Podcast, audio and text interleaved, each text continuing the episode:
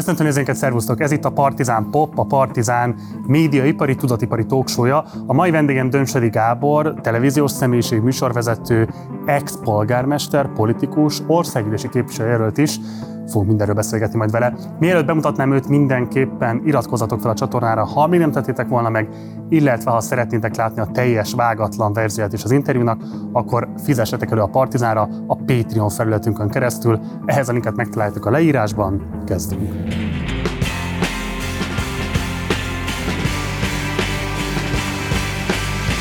Szeretettel köszöntöm Dömsedi Gábort a stúdióban. Szervusz Gábor, köszi, hogy elfogadtad a meghívást. Én is köszönöm, meg hát ezeket a jelzőket is köszönöm, egy kimaradt a bukott mindegyik elől, tehát azért végül is mindegyikben egy kicsit megbuktam, tehát mindegyik területen, de nincs ezzel semmi baj, tehát, tehát vállalható. Előre szaladtál, fogunk majd erről beszélni. Hála, Miért gondolod hogy ez egy bukás lenne egyáltalában? De mielőtt még oda elérkezünk, hát a legelején kell kezdeni. Gábor, neked mi az ősélményed az autóval, illetve az autózással kapcsolatban? Tényleg ennyire, ennyire rajtam maradt ez az autó, mint fül. Van egy, van egy ősélményem, apukám gépkocsi vezető volt, amikor én két éves voltam, mert hogy, mert hogy nem írta alá a Kádár eskütő, katonatiszt volt. Igen. Nem írta Később alá. belépett a pártba. Később belépett a pártba, hogy anyámtól mit kapott ezért, azt nem mesélném el. Tőled mit kapott? Tőlem semmit. Én, én nem vetetted meg érte? Ne, nem, mert, mert az engem akkor nem érdekelt. Akkor még nem érdekelt, de ennél sokkal rosszabb a helyzet, akkor zárjuk le, tehát a pártot elmondjam, és utána mondjam a vezetési élményt? Nem, mindenképpen az ősi élménnyel kezdjük. De a pártot azért elmondom, hogy én ezt hogy éltem meg. Ezt. Utána majd azt is. Tehát mi volt a vezetéssel, vagy autózással kapcsolatban? Tehát gépkocsi vezető volt, hajnaltól éjszakáig dolgozott a Tefunál, egy garant típusú. Tefu? Tefu, az a volánnak az elődje, teherfuvarozását. Logikus neveket adtak akkor még, és aztán később lett volán tefu, volán terfuvarozás, és akkor a Máva útból is lett volán távolsági buszjára. Hát ilyen régi szép idők voltak és két éves voltam 1959-ben, amikor kaptunk egy három ajtós diószekrényt valakitől, egy rokonunktól, hogy a lakásunkban ott díszelegjen ez a három ajtós diószekrény, és ezt apám a Garant teherautóval hazahozta a Kruspér utcába, 11. kerület, Buda, hazahozta, és engem két éves gyereket beültettek a vezetőfülkébe. Akkor még a Kruspér utcában aszfaltburkolat sem volt, és egyetlen egy autó sem volt és sebességbe tette az autót. És nem, ő, nem ő, ő, ha sebességben hagyta az autót, és levette a gyújtást, és én beindítottam, és kiment a szekrény alól az autó. És hát ugye, ahogy az autó ugrott egyet, ők megszedték le a szekrényt, tehát megkönnyítettem a szekrény leszedését, nem tört össze, nem tört össze, ők frászt kaptak, és én erre a képre emlékszem. Tehát ez az agyamban megvan színeiben, hogy hol ültem, hogy csináltam, ez a két másodperc megvan, ez döbbenetes, hogy ilyenek rögzülnek. Ezzel a szekrényel egyébként volt egy jó történet, ez egy drága szekrény volt, és amikor kaptam egy playboy ajándékba, akkor kiraktam a kihajtható képet az oldalára, és felragasztottam Technokor Rapiddal a politúra, úgyhogy soha többet nem lehetett leszedni az 14 éves koromtól ott volt 28 éves koromig, amíg el nem készültünk, és ez Ursula Andreszt ábrázolta ez a, ez a kihajtható poszter, és én később Ursula Andresszel két órát töltöttem el a Lugas étteremben, kettesben, és már úgy untam a végén, hogy azt elmondani nem tudom neked. Tehát, hogyha valaki azt mondta volna, hogy ezt a nőt én egyszer unni fogom, de hát ez már később volt. És ő 60 éves volt akkor, amikor, amikor a Lugas étteremben összejöttünk. A televízióval kapcsolatban mi az ősélményed? A televízióval kapcsolatban az, hogy a szomszédban volt egy tévé, és oda jártunk átnézni, és eh, a Zsuzsikáékhoz, hú, és a vezeték nevét is kéne tudnom, hogy milyen Zsuzsi, de nem tudom, de a földszint kettőben laktak, a másik udvarban, és 10-12 eh, ember volt ott, és átjártunk oda tévét nézni. Ez az első televíziós élményem. A második televízióval kapcsolatos élményem az, hogy megvesszük a televíziónkat, egy Duna típusú televíziókészülék volt, itt nincs, mert örököltünk, abból vettünk egy mosógépet, egy centrifugát, egy televíziót és egy Warburg típusú személygépkocsit, 110 ezeret örököltünk, sok pénz volt, és a harmadik televízióval kapcsolatos élményem az, hogy Mátra Szent Imrén nézzük a Táncdal Fesztivált, ahol Kovács Kati megnyeri a döntőt, és a nagyanyám azt mondja, hogy hogy dagadnak a nyakán az erek. Ez a három első televíziós élményem. És utána minden vitrai. Mit mikor láttad először? Személyesen? Tévében. Nem tudom, nem tudom. Anyám imádta, hát mindig, hát, tehát amióta televízión volt gondolom, mert, mert ő akkor már televíziós volt. Azt, hogy, azt, hogy mennyire... Mi volt az első tudatos reflexiód arra, hogy amit ő csinál, az valami kivételes teljesítmény? Hát ezt nem nagyon tudom megítélni, mert engem anyukám szellemisége nagyon befolyásolt, és, és nem is mertem vele vitatkozni. Tehát például Alfonzót nem szerette, és én meg szerettem az Alfonzót, nekem tetszett, amit Alfonzó csinált. Ő a, a Markos Gyurinak a papája volt, egy, egy humorista, nekem, nekem tetszett, de nem mertem megmondani, hogy tetszik. Nem mertem anyámnak ellentmondani, később aztán már igen. Egyedüli gyerek vagy? Egyedül, hát nem látszik. Tehát később már ellent mertem neki mondani. Hány, hány éves korodtól kezdve? Mikortól mertem ellent mondani? Hát velem nagyon sok probléma volt, mert engem már általános iskolából is kirúgtak. Tehát az általános iskolában az első osztályban két hét után azt mondták, hogy menjek át egy másikba. Tehát így az A-ból átkerültem a B-be. Tehát mit tudtál te művelni 7-8 évesen? Szerinted beszél. Hát kérdezem. Hat, e- egyrészt hat évesen, mert én augusztus 1 vagyok, és szeptemberben már iskolába mentem. Hát beszéltem, hát beszéltem, és mindenről volt véleményem, határozott véleményem. Tehát szerint... Órát tartani melletted nem lehetett? Hát mellettem lehetett, csak nekem nem. Tehát én folyamatosan beszéltem. Tehát gyakorlatilag hányos korodtól kezdtél el beszélni? Azt nem tudom, de azóta nem nagyon hagytam. Mi volt az első szavad? Mit tudom én? Nem tudom, mi volt az első szavad? Hát honnan tudnám? Hát ott én voltam. tudom. Hogy mi volt az első szavad? Sajátomat. Hát mert azt mondták a szüleit, hogy, hogy ez hát, amit, az amit ők érzékeltek, hát ők voltak akkor hát mi erről nem beszéltünk. Tehát soha én, nem kérdeztem meg, hogy volt az első szavad? Soha nem kérdeztem. Sok, én sokkal fontosabb dolgokat nem kérdeztem meg. Például mit? Például nem kérdeztem meg őket, például nem tudom azt, hogy apám mit csinált a második világháborúban, hogy hogy került román hadifogságba.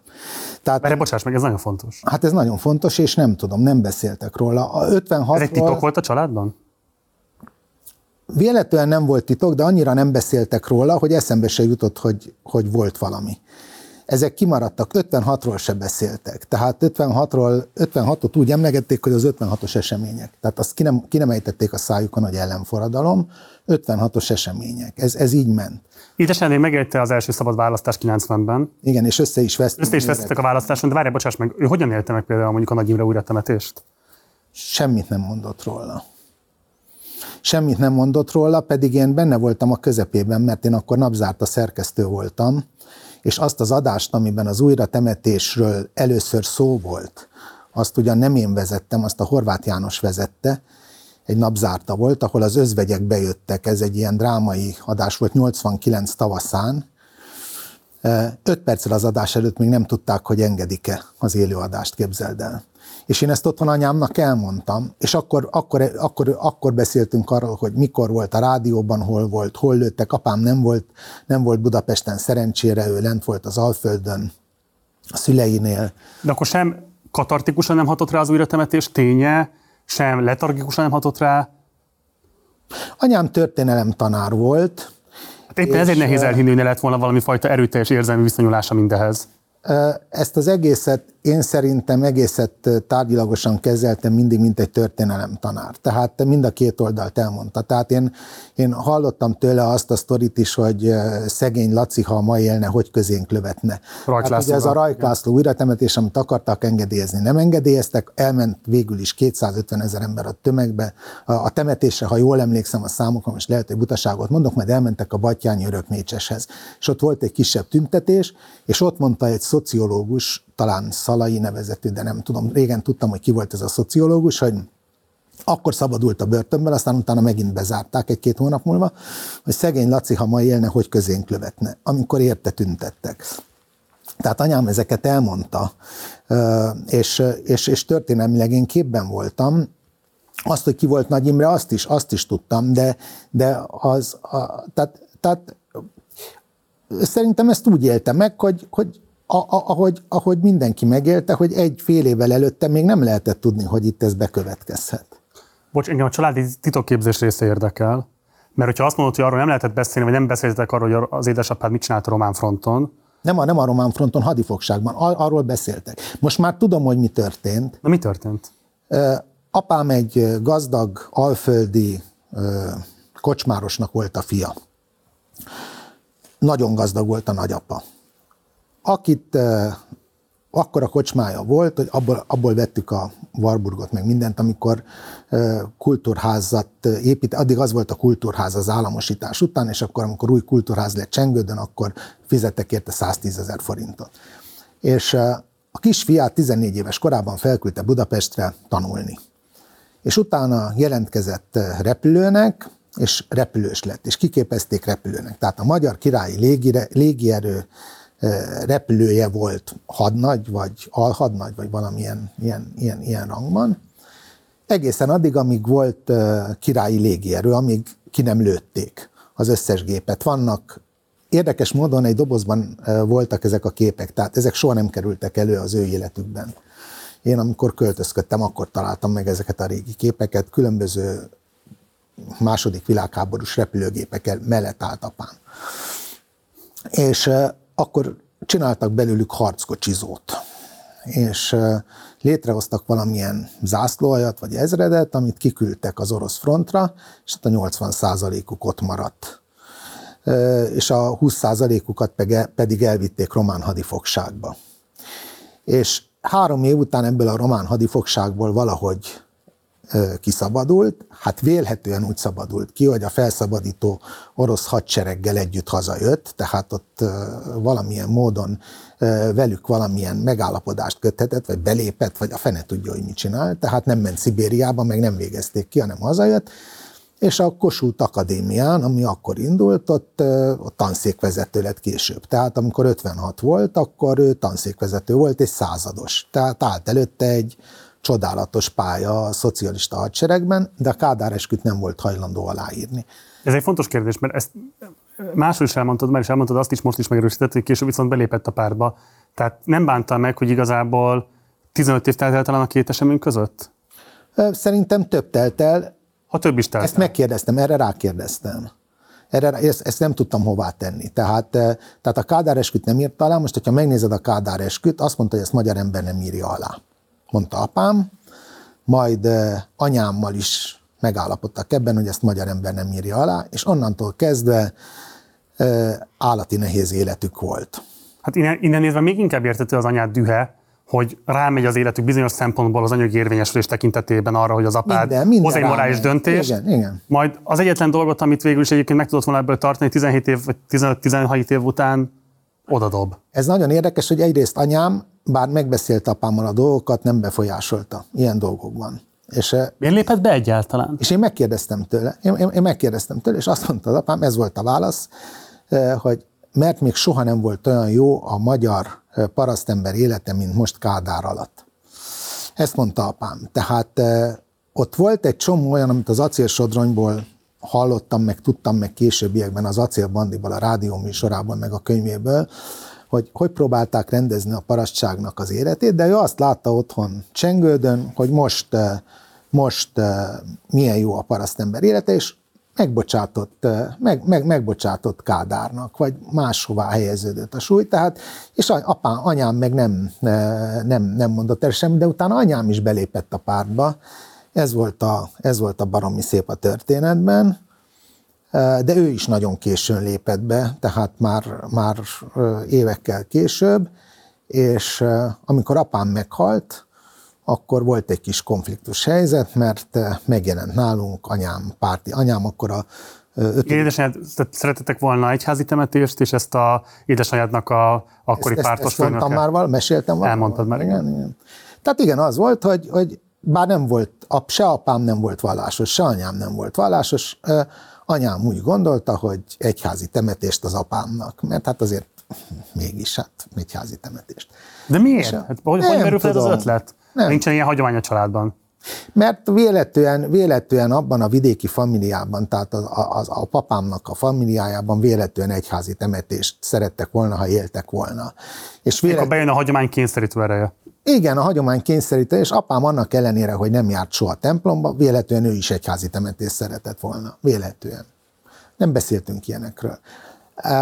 Az hogy, az, hogy én is járhattam volna templomba, a legjobb barátom hittanra járt, és ez engem vonzott, de, de nem beszéltek le róla, nem beszéltek rá, és akkor én úgy döntöttem, hogy én nem hiszek Istenben, én ateista vagyok, a legjobb barátom meg nem, nem ateista, és jártam, és mai napig a legjobb barátom.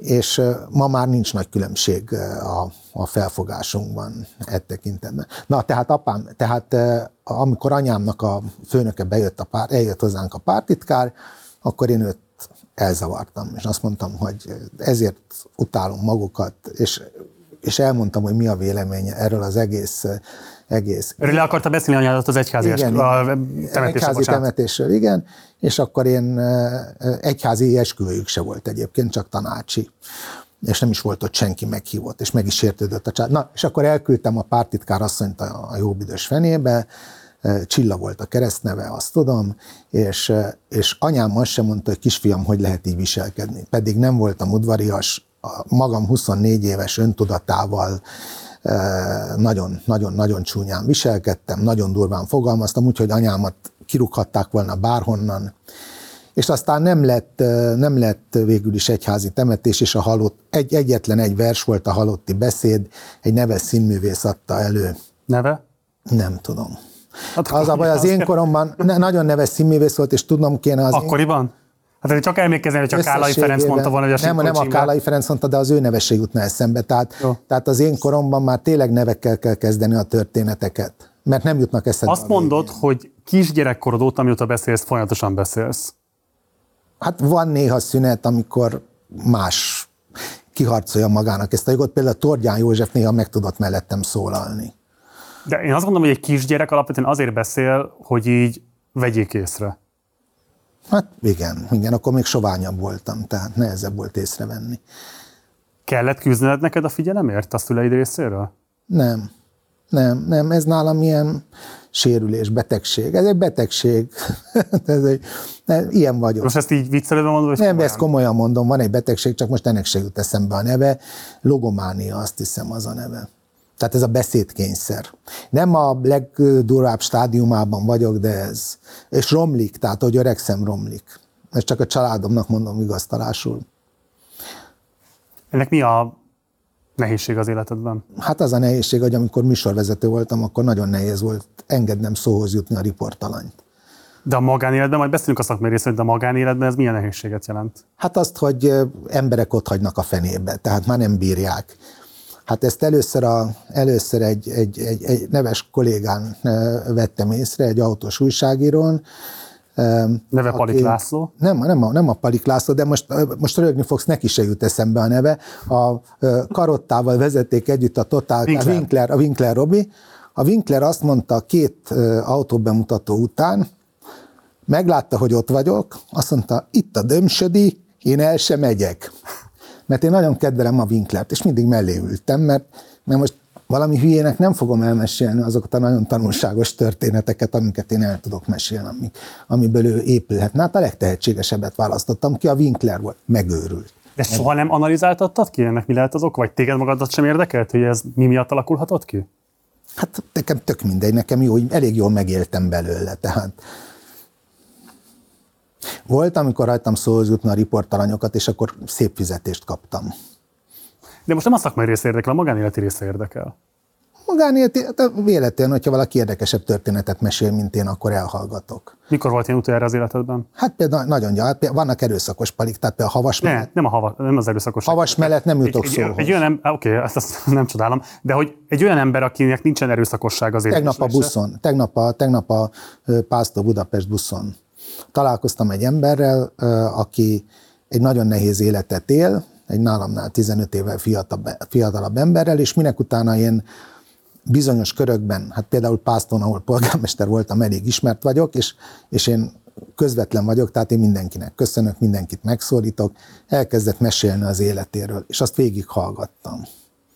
Azt végighallgattam, az nagyon tanulságos volt, és nagyon megdöbbentő.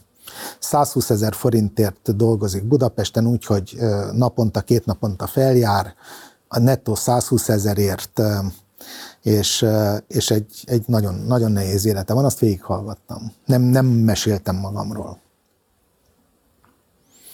Tehát, hogyha plusz információt kapok, akkor azért csendben maradok. Ezt valahogy úgy, úgy érzem.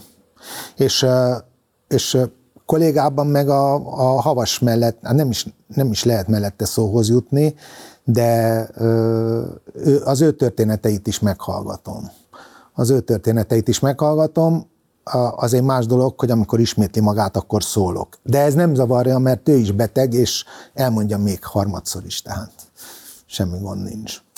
Visszatérő az ősélményekhez, hogy milyen reflexióra készítette azt, hogy igazából a 20. század két nagy találmánya, talán a két legnagyobb találmánya, voltak mások is, de ez a, talán a két legnagyobb találmánya a gépjármű, a belső égésű motoros gépjármű és a televízió készülék.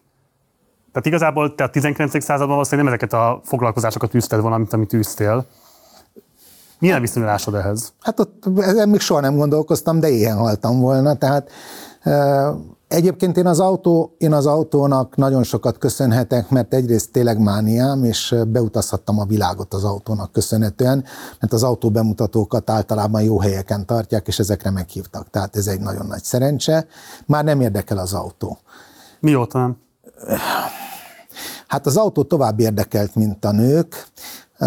Nagyon, már, már évek óta nem érdekel, 5-6 éve egyáltalán nem érdekel, de lehet, hogy 10 éve. És a televízió, értem, hogy az megváltozott a szerepe a társadalomban, de mit gondolsz arról, arról a médiumról, ami igazából a te karrieredet is megépítette, és ami nélkül igazából elképzelhetetlen volt a második világháború utáni, nem tudom, euróatlanti nyilvánosság alakulása? Hát én a, én, a, én, a, én a televíziót azt imádom. Tehát az, Miért? Hát mert ez nekem miért ez, ez érdekel legjobban. Nem, nem tudom, hogy miért. Nem vagyok olyan okos, hogy ezt el tudjam mondani, hogy miért. Most biztos, hogy másért szeretem mint, mint, mint korábban. De mert professzionalizálhatod a narcizmusodat, vagy valami más oka is van ennek? Mit mondtál? Professzionalizálhatod a narcizmusodat? Igen. Erre készültél? Ezt leírtad magadnak? Vagy, nem, ez vagy ez, olyan volt, mint a hasz, ez olyan volt, mint a hasznos hülye, hogy csak úgy jön? Ezt nem így akartad mondani, Márton. De ezt pont így akartam mondani. De időt nyertem, hogy gondolkozzam. Igen, tehát, nem, de tényleg, tehát, hogy miről szól neked a tévé azon kívül, hogy... Professzionáljam a náci... Professzionalizáld? Ez erről. De már nem. Már nem. Már, már nem tévézel? Már nincs náci. Amit tévéztél azon kívül, hogy láthatóvá válsz és hallhatóvá Nem érdekelt, nem érdekelt. Én Semmi más? Magam nem, magam nem érdekeltem. Nem a narcizmusom miatt tévéztem. Én a, én a hatása miatt tévéztem, amit, amit el lehet vele érni. Hát de az is a narcizmus része. Nem, nem, nem, nem, nem. Az a, az a, az a, az a köz, közért val, közzel való törődés része. Tehát engem, engem nem az érdekelt, hogy engem felismerjenek és szerepeljek. Van, vannak ilyen kollégák. Tehát például a, nem, nem fog megsértődni, mert egy neves kolléga, Just László, aki nekem közvetlen munkatársam volt, ő, ő nem bírta ki, hogy nem ismerték meg elment három napra Bécsbe, és két nap után hazajöttek. Most ez lehet, hogy nem igaz, de én így mesélem. Két nap után hazajöttek, mert nem ismerte meg senki. Tehát van, van egy közös operatőrünk, aki valami történetet mesélt. Tényleg, tehát ő, ő, ő szerette, hogy megismerik, és hogy sztár is ismert. Engem ez nem érdekelt. Tényleg nem érdekelt. Soha? Soha. Soha. A, a, a, azt hazudnék, ha azt mondanám, hogy amikor rádiós lettem, akkor nem adtam volna oda a, a nem adtam volna oda néhány évet az életemből azért, hogy autogramot kérjenek tőlem. Mikor kértek először autogramot tőled? Fú, nem tudom. De nem nagyon sokat kértek autogramot tőlem. Én kialakítottam egy olyan technikát, hogy úgy megyek, hogy nem nézek senkinek a szemébe, nem, a, a, a, akkor, amikor ismert voltam. Amikor ért valamit az autogramom, akkor, akkor húztam. Most, hogy, most meg már nem kérnek. tehát, tehát most már nem ér semmit. Nem tudom, hogy mikor kértek tőlem először autogramot. Egy nagyon jó történet volt egyébként. Én már tévés voltam, a Friderikus még nem. És, és hát bár ő volt az elismertebb újságíró, mert élet és irodalomban jelentek meg a cikkei, meg 168 órában is sokkal több riportja volt, mint a... Mint még nekem. a rádiós műsorban. Rádiós műsorban, igen, ahonnan kitiltották rádióból, televízióból. Én viszont híradós voltam, híradó riporter, és engem megismertek, és megcsináltuk a Dömsödi és Friderikus Produkció Kft-t, és bementünk a Fotexhez, és áfás számlát kértünk. És a kislány írja, hogy, hogy milyen Kft? Mondom, Dömsödi és Friderikus, de ott állt a, a Sanyika is, és mellettem, de hát én vittem a szót. Azt mondja, a Dömsödit azt tudom magát ismerem, de mi ez a Fride izé? És előpattant, és azt mondta, hogy az én vagyok, Friderikus Sándor, és ezt a, biztos, hogy letagadná, pereljen beérte, de ő nem perelős. Ez én vagyok, ezt a nevet meg fogja ismerni hamarosan az egész ország, sőt az egész világ. Köpni nyelni nem tudtam, de tényleg perelne, hát ez De ő nem perelt, ő semmiért, ő semmiért nem perelt. A Péter barátom perel, de vele meg újra jóban vagyunk. várj, várj, most nagyon Meg is hatódtam. Igen, figyelek. Um, Szerintem egyébként a te pályádat közelről... Szóval nem a narcizmus, nem a narcizmus, a tenni akarás, esküszöm neked, jól hangzik, a társadalmi érdeklődés, a tenni akarás, mi az iskolában is ez volt, ezért rúgtak ki mindig én, én szót emeltem a többiekért, hogy tegnap színházban voltunk, nem tudtunk készülni, ne írjunk dolgozatot. Általános iskolából azért kellett elhozni hatodikban, mert egy társamat megvédtem, hogy a tanár úr hazudott, a, a Pozler tanár úr, ő volt a gyakorlati tanár, és akkor azt mondták anyámnak, mint egyik pedagógus a másiknak, hogy jobb lenne, ha ezt a gyereket elvinné innen. Hm. Így kerültem át a Szemere utcába általános iskolába, tehát ez bennem volt ez az érdekvédő, ez az érdekvédő funkció. Ha akarták, Jó. ha nem, megvédtem az érdeküket, de nem akarták, de én megvédtem. Fogunk erről is beszélni még. Ugye, tehát, hogy a pályádat felületesen ismerők számára lehet, hogy meglepetés lesz, hogy te igazából a Magyar Rádióban kezdted a munkádat. Hát ott lehet megtanulni ezt a szakmát. Rangos Katalint is ott ismerted meg. Őt is, de őt, őt kikerültem rögtön. Miért?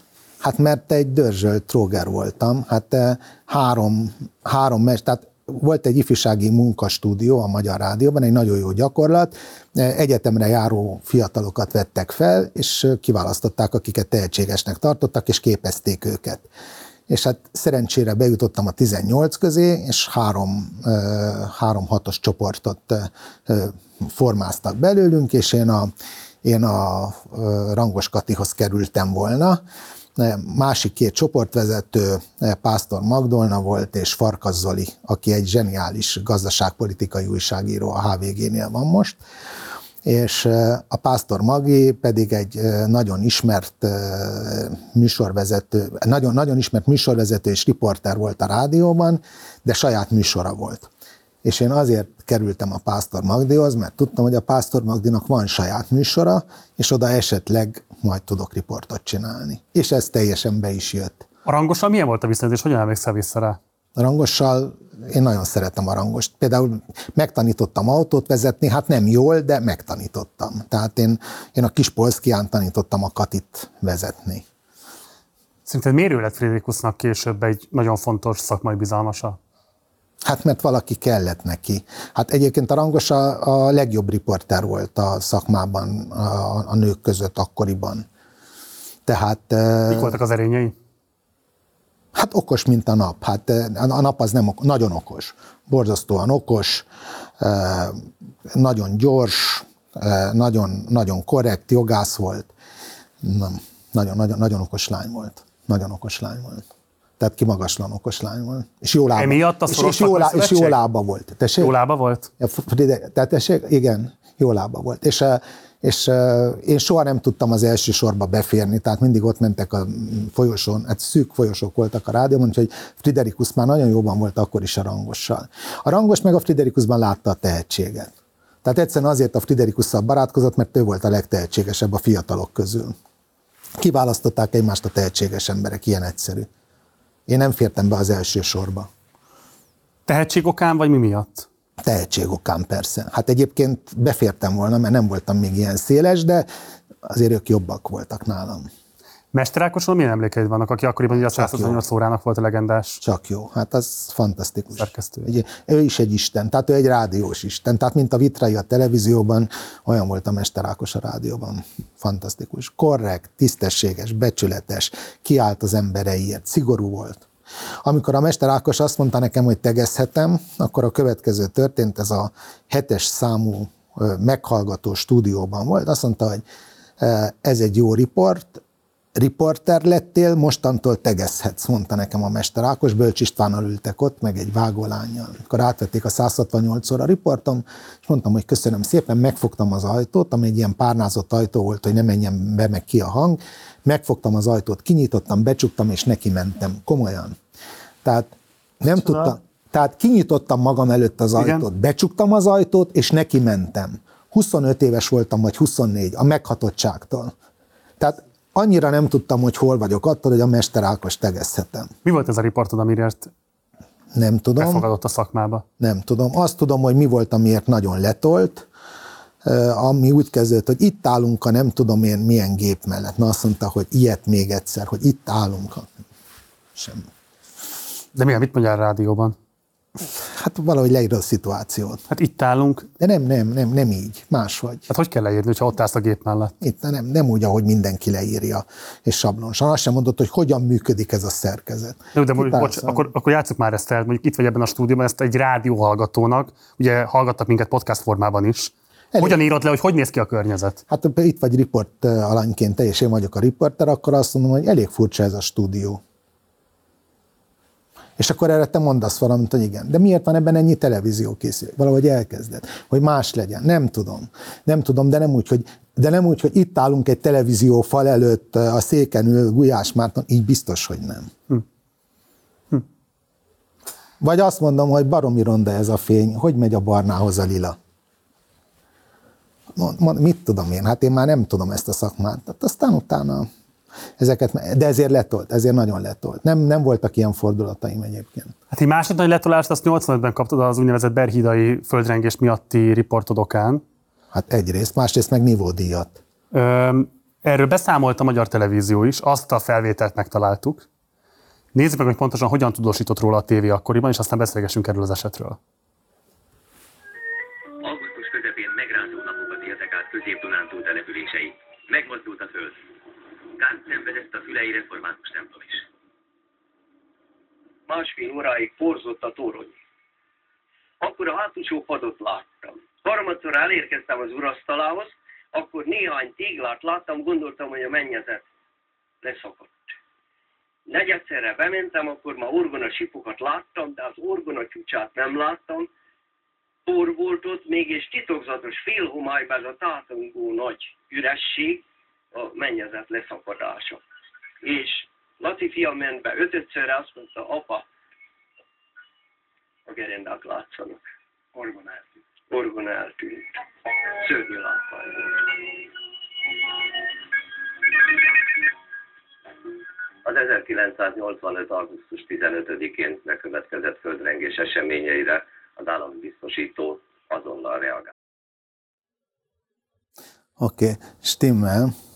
Ah. A nézők kedvéért, tehát ugye azt lehet tudni, hogy ez egy azért is rendkívüli természeti katasztrófa volt, mert leleplezte azt, hogy az állampárt mennyire nem képes igazából az államot, mint olyat működtetni. Tehát ahogyan reagáltak az egész katasztrófára, egyáltalán, a katasztrófa védelem működött akkoriban, az, az minden képzeletet alulmúlt. És hát ugye az erről beszámoló riportok miatt például Bayer Ilonát fölfüggesztették a Magyar Híradónál, és lehet tudni, hogy téged is a Hás Istvánnak kellett az akkori rádióelnöknek megvédenie. Az nem ez volt, az egy másik botrány volt. Igen? Igen. Ez ugye, ugye egy református templomról volt szó, ebben a térségben nagyon sok református templom volt, és ezek megrongálódtak. Ennek későbbiekben lesz jelentősége, de itt most augusztus 15-én volt ez a földrengés, amikor 85-ben, amikor én a drága későbbi feleségemmel Horvátországban nyaraltam. És hazajöttem, és azt mondta anyukám, annyira jellemző ez rád, kisfiam, hogy ebben az országban 56 óta most történt valami, és te akkor is nyaralsz. Mondta nekem anyám, hogy lemaradtam a berhidai földrengésről, de csak így, így ilyen kicsit, kicsit gúnyosan. És ez úgy bennem maradt, hogy a fene meg erről lemaradtam, nem tudósítottam, nem voltam itt, ez van. És amikor egy hónap eltelt a földrengéshez képest, tehát szeptember 15-én, de lehet, hogy csak két hét, nem tudom, hogy mennyit telt el, akkor fogtam magam, beültem az autómba, és lementem Berhidára. És megnéztem, hogy elmúlt-e minden. És azt képzeld el, hogy miközben a tanácselnöknek hívták talán akkor a polgármestert, miközben csináltam vele a riportot, volt egy három és feles utórezgés akkor. És hát akkor kiderült, hogy, kiderült, hogy nem, hogy nem állították helyre a károkat, hanem azóta is utórezgések vannak, és hogy leszerepelt a teljes polgári védelem, mindenki, az egész magyar állam, a segítő, minden, mindenki.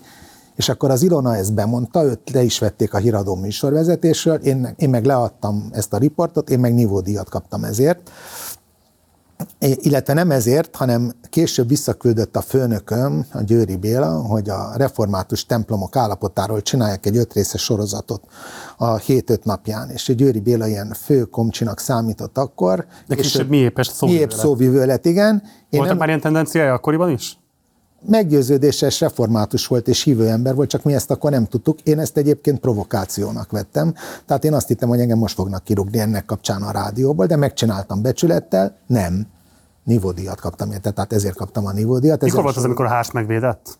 A hárs, amikor a művesi állomásokról volt szó. A hárs a Schulteisszel szemben, a Mester Ákossal álltunk a Schulteisz egészségi miniszter szőnyegének a szélén, Mester Ákossal a főnökömmel, és nem adtuk ki az informátort, és mondta Schultei Szemil, hogy Isten nyugosztalja, hogy mesterelvtárs akkor a, utasítsa a kollégáját, hogy mondja meg, hogy ki az informátor, és akkor a Mester Ákos azt mondta, hogy nem utasítom, és akkor felhívta a hárselvtársat, hogy a hárselvtárs utasítsa a mesterelvtársat, és akkor a hárselvtárs azt mondta, hogy nem utasítom. Tehát a Hárs István az egy ilyen rendes kommunista volt, ő egy igazi meggyőződéses kommunista volt, és a Mester Ákos ilyen MSZMP tag volt, ilyen karakán és ilyen tisztességes. Hm. Úgyhogy, úgyhogy ne általánosítsunk, hogy pártagok. Tehát nagyon sok becsületes ember volt pártagként is.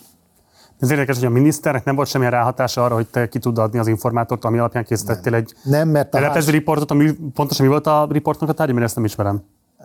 Felhívott, én voltam az ügyeletes a 168 órában, és felhívott egy beteg, hogy halnak meg a művesek kezelésen a betegek, mert rossz szűrőkészüléket vettek. Akkoriban hasi dialízis volt, tehát nem ez a korszerű dialízis volt még, mint most, hanem hason keresztül, egy nagy lyukon keresztül ment a művese kezelés, tehát tisztították a beteg vérét, és azt talán három hónapig lehetett csinálni. De már volt ez a korszerű dialízis is, ami, ami ma van, és ami jól megoldott az országban, és én voltam az ügyeletes, és elkezdtem ezzel foglalkozni. És ez a férfi transplantációra várt, és tényleg egy vagy két hónap volt hátra az életéből, és amiatt, hogy nem e, a megfelelő módszerrel csinálták a, a vérének a tisztítását, ezért e, tudta, hogy meg fog halni. Nem, nem érkezik meg addig a vese, amíg ez az egész kitart, és akkor én ennek utána mentem, és kiderült, hogy már akkor is kenőpénzek, meg umbulda, meg két konkurens cég volt, az egyik ajánlatát fogadták el, a másikat meg se nézték, a, a, a mintadarabokat meg sem vizsgálták, ott vannak a minisztérium pincéjében, és akkor én ebből csináltam egy tisztességes anyagot, 168 órában, amit le is adtak. És elmentem a, a, annak a klinikának egy Balog nevezetű úr volt a nagyon nagy hírű professzor, elmentem hozzá, fogadott a klinika vezetője, most nem fogadna, és azt mondta, hogy igenis, mi minden nap halálos ítéletet mondunk, amikor döntünk arról, hogy melyik beteget kezeljük. És Belemondta a kamera a mikrofonokba? A mikrofonba, igen, igen, igen, igen, igen. De ezt, ez, ez tényleg érdekes, mert ezt valószínűleg nem lehetne megcsinálni. Ez volt az utolsó mondat, ezzel zárult a riport. Hogy ez megbánta szerinted? Ő nem, mert ő, ő csak az igazat mondta, tényleg halálos ítélet. Az világos, de tisztában volt szerinted? Volt benne szerinted médiatudatosság, hogy mit jelent egy ilyen mondat nem. a rádióban? Nem. Nem. De akkor még volt hatása a rádiónak, mert behozták ezeket a szűrőket, az egészet rendbe rakták, utána kiadták vállalkozásba Rolitronnak, aki megépítette a művesekezelő állomásokat a Brownnal együtt, és ez az ember, aki engem informált, ez megkapta az új veséjét olyannyira, hogy azt hiszem, hogy kézilabdázóként paralimpián részt vett versenyeken, és még hosszú éveken keresztül élt. Hm. Úgyhogy, úgyhogy azért voltak ilyen történetek az életemben, és, és ez ma nem történhetne meg. Ez ma nem történhetne meg, mert már a főszerkesztőt se adná le a, a, a rádió. Nem, hát ott kezdődött, hogy nem adna neked interjút a kórházigazgatója. Megcsináltam volna akkor is. Tehát a, a, a lényeg, ez csak az egészet megemelte, drámaivá tette. Tehát ez egy, ez, egy jó, ez egy jó cím volt, ami miatt mindenki rákattint. Csak hát ott a végén volt. Akkor nem de, kattintottak, de, de igen. De nem, de nem kattintottak, mert 1,2 millió hallgatója volt szombat délutánonként a 168 órának. 1,2 millió véleményvezér. Tehát, hogy ott elhangzott valamilyen a következménye volt. Ott nem volt az, hogy eltusolták, ott, a, ott, az, ott az elvtársakról kiderült, hogy rossz elvtársak, akkor az elvtársak. Miért állt az érdekében akkoriban a pártnak? Úgy értem, a 168 órának a létrehozatala miért volt ez megengedve a párt részéről? Azért, mert ezek az emberek, akik akkor az én főnökeim voltak, és a rádiósok voltak, ezek baromi becsületes, tisztességes újságírók voltak, és folyamatosan tágították a határokat. És ez nem a párt érdeke volt, a párt nem tudott ellene mit tenni. És ők tágították a határokat, az egész ország tudott sorok között olvasni, és percről percre És aztán eljött egy pillanat, amikor például kimondták azt, hogy, hogy amikor a Posgai kimondta, amikor bá, nagyon bátran, amikor nem volt itthon, azt hiszem a Grósz, az orosz Józsinak, hogy népfelkelés. Tehát úgy, úgy de az újságíróknak óriási szerepe volt ebben. Tehát azért ez az az időszak, amikor a Györfi Mikiék a Fajjeren megcsinálták a Bagoly című éjszakai műsort, amiben olyan dolgokat mondtak el, politikai dolgokat, meg sok mindent, amit korábban nem lehetett. Valaki felé... még egyszer, nem látszik hogy miért áll ez érdekében. Nem állt az érdekében a pártnak, baromira nem állt az érdekében a pártnak. Csak akkor, tehát egy diktatúráról beszélünk, az egy párt, pártállami diktatúráról. Majd mégsem képes elérni azt, hogy az egyetlen szem rádióadójában milyen műsorok mennek le politikai szempontból? Egy Acél György volt, egy Acél György volt a Demeter Szilárd, most nem tudom, hogy ki a kultúra vezetője, tehát azért az valaki volt. Tehát volt egy értelmiségi, volt egy értelmiségi összetartás azért még a pártemberekben is. Ők nem, nem, nem figyelj, hát akkor miért nem, miért nem arról beszélünk, hogy miért, volt, miért, miért engedte meg a párt azt, hogy végbe menjenek a demokratikus választások, és kialakulhasson a több pártrendszer. Én ezt közelről csináltam végig, ennél a TV2-nél, ahol szerkesztő műsorvezető voltam, és a napzártát is szerkesztettem és vezettem. Ez elindult 89. január 1-én egy szórakoztató műsornak, és a politikai rendszerváltás műsora lett. És, és én megismerhettem a német Miklóst, aki miniszterelnök volt, és szerintem a német kormány egy borzasztó becsületes szakértői kormány volt, és egy nagyon jó kormány volt Magyarországon, és elméletileg semmi érdekük nem volt abban, hogy őket utána elzavarják mindenhová, mert ezek viszonylag tisztességes emberek, mert, mert tisztességes emberek, jó szakemberek voltak, és addigra rájött arra a, a, a párt is, hogy kellenek a szakemberek. Tehát kevés az, hogy, hogy, hogy valaki mondja a betanult szöveget, tehát kevés az, hogy valaki német Balázs legyen, és azt mondja, hogy én azért az egy perc, tíz másodpercet vállalom a felelősséget, amit én elmondtam. Tehát ilyen emberekkel nem lehet eh, egyről a kettőre jutni. Ezt a, én nézem a műsoraidat, azért utalok vissza erre, tehát rájöttek arra, hogy értelmes embereket kell ö, fontos pozíciókba rakni, mert máshogy nem működik a dolog. És ez úgy szépen kiforta magát. Tehát nem, nem az a kérdés, hogy az miért ment, mert az egy teljesen normális fejlődési folyamat volt, az, hogy ami most történik, az miért megy. Mert ugye mi a, gazdas, tehát mi a meghatározottság, mindenek gazdasági meghatározottsága van. És akkor a, én 83-ban léptem be a rádióba, és 86-tól voltam televíziós, addigra már kiderült az, hogy hogy a szocializmus, mint gazdasági rendszer működésképtelen. Tehát az nem működik, hogy ne ráfordítás arányosak legyenek az árak. Tehát az nem működik, hogy hatósági ára legyen a benzinnek, a csirkefarhátnak, a cukornak, a 2,8-as tejnek, pláne annak a tejnek, amelyik elrakható hosszú távra. Tehát most megveszed és elrakhatod két évre. Tehát, hogy ez nem működik, erre rájöttek, hogy az alumíniumnak hatósági ára van, hogy ezt nevezték cserearányromlásnak, hogy, hogy amit mi adunk, az kevesebbet ér, mint amit, amit megveszünk, és hogy, hogy romlik a cserearányunk, tehát kevesebb árut kapunk ugyanannyiért. És rájöttek, hogy ez nem működik, tehát értelmesebb emberek kellenek. Tehát ez egy teljesen logikus folyamat volt. A szocializmus, a szocialista gazdaság az, az mint olyan életképtelen, az finanszírozhatatlan. A vívmányai azok nagyon jók, tehát hogy minden melós eljut egy kockás abroszos étterembe minden hónapban legalább egyszer, meg eljut szotüdülőbe, meg kap orvosi ellátást mindenki, meg hogy az oktatás az rendelkezésre jár, minden, ezek nagyon jó dolgok, ezek a szociális vívmányok, csak gazdaságilag ezt nem tudták fenntartani. És akkor elment minden abba az irányba, hogy egy, egy piacgazdaság, szocialista piacgazdaság, piacgazdaság legyen. Én azt nem értem, hogy ez most hogy rendeződhet vissza. Tehát a mi mai gondjainknak a 80%-a az, hogy belenyúlnak az alapvető közgazdasági folyamatokba, tehát a piac működésébe.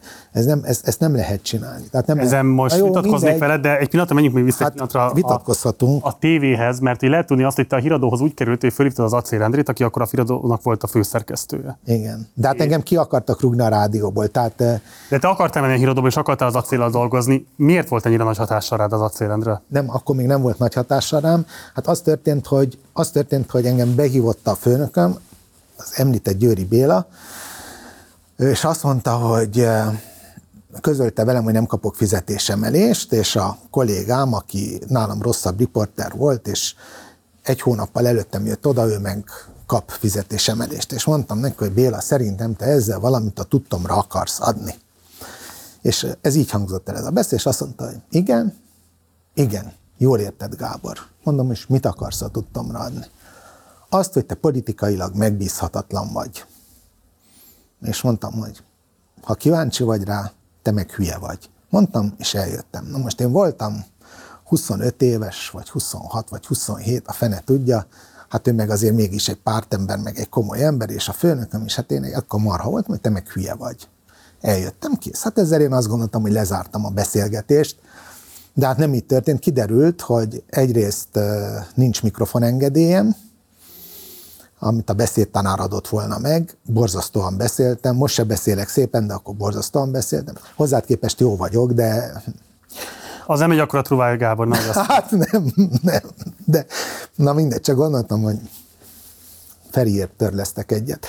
Szóval nem volt mikrofon, és akkor... dk vagy még? Nem, én nagyon rövid ideig voltam. 2020-ban beléptél? Meg ki. Tehát mint egy ilyen forgóajtón be és ki. Mint a Hrabál, az, eh, hogy ugyanazért léptem be, amiért kiléptem. Na jó, a mikrofon A mikrofon, nem volt mikrofon engedélyem, meg akkor kiderült minden, hogy én, nekem mi nincs, hogy, hogy ezt rosszul, azt, hát halára piszkált a Béla, és akkor bementem, és mondtam, hogy Béla, érzem ezeket a finom célzásokat, ja nem kaptam prémiumot, meg nem, nem fizették ki a túl, meg mit a minden, hogy belém kötött, mondom, hogy Béla, értem ezeket a finom célzásokat, megígérem, hogy keresek magamnak egy munkahelyet és azt mondta, hogy jó. De mondom, akkor addig hagyjál békén, két hét. Oké, okay. tartotta magát hozzá, nagyon korrekt volt. Nem piszkált, és én meg megállapodtam, hogy megyek az ötödik sebességhez reggeli műsort vezetni, ami szakmailag egy ugrás lett volna, mert műsorvezető, de ebben a hierarchiában visszaesés, mert a politikai adások főszerkesztőségéről kikerülsz, és az volt a szakma csúcsa, a PAF, politikai adások főszerkesztősége. És ültem otthon, hogy két hét múlva kezdek az ötödik sebességnél, akkor indul, nem, reggeli csúcs, reggel, nem az, ötödik, az ötödik sebességei bevezetett, reggeli csúcsnál. Petőfin, ifjúságnak szóló reggeli műsor. És ott kezdek, és néztem a híradót, és hát volt benne egy-két Penetra report, tehát valami egészen elképesztő. És akkor másnap felhívtam az Acél Bandit, és mondtam, hogy én Acél Endrét keresem, kapcsolta a titkárnője, Dömsödi Gábor vagyok a rádióból miben segíthetek, mondta az acél.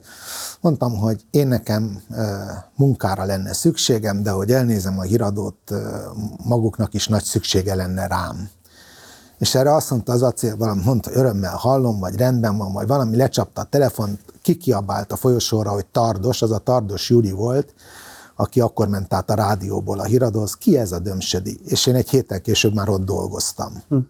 Tehát felvett. Mit gondoltál végül egyébként az ő szerepéről a Kis László ügy kapcsán? Hát én tudom a részleteket, mert te elmesélték. Elrontotta és belehalt. Várj, ő, bo- bocsáss meg, hogy... Ezt ő nagyon elrontotta. Hogy ezt, ebbe halt bele? Hát szerintem ebbe. Szerintem erre ment rá. Hát ő ezt, ő, ezt, ezt, ezt teljesen teljesen tönkretette őt lelkileg. Én, eh, én egy, eh, egy családi barát elmondásából eh, tudom a történetet, és nem vagyok feljogosítva rá, hogy elmeséljem. Ő kapott egy információt, amit ő igaznak vélt, és ennek kapcsán rögtön leírta a véleményét a dologról. És kiderült, hogy az az információ az nem, az hamis volt. Kitől kapta? Nem tudom. Egy ismerős, egy ismerős elmesélte ezt a történetet. De miért nem mondta el, hogy bocsánatot kérek, hamis információk alapján hoztam egy döntést? Azt, hogy ő ezt miért nem mondta el utána, azt már nem tudom. Azt már nem tudom. Itt annyira megviselte, az Szerintem azért kapott igen. kritika, hogy Szerintem, belerokkant? Szerintem igen. Szerintem igen. De én, a, én, a, én, az, én az Acél Bandiról egy rossz szót nem tudok mondani. Ez egy, ez egy, ez egy hülyeség volt. Ilyen hibát elkövet, sajnos, sajnos elkövet mindenki. Általánosában mit gondolsz a MeToo-ról? Ezt azért is kérdezem, mert... Miről a MeToo-ról? Igen, mert dolgoztál politikában is, dolgoztál médiában is, és azért mindkét területen nagyon erőteljesen jellemző az, hogy a hatalommal nagyon könnyű visszajönni azok irányába, akik nem rendelkeznek hatalommal. Hát én most egy megdöbbentő dolgot fogok mondani, én ilyet nem, nem tapasztaltam, se a rádióban, sem a televízióban. De hogy nem tapasztaltál? Te mondtad el például azt, hogy a Friderikus Show kapcsán mennyire alul voltak fizetve a munkatársak. Hát az is egy típusú hatalommal való visszaélés. Na jó, de bocsánatot kérek, a, a, a MeToo-nak az valamilyen... Uh, Most tágabban kérdeztem. Mindenki alul egy... volt fizetve, mindenki alul volt fizetve. Hát az egész szocializmusban alul voltak fizetve a munkatársak, hát a, a Friderikus ahhoz képest még jól fizetettek voltak, mint a, mint a televízióban.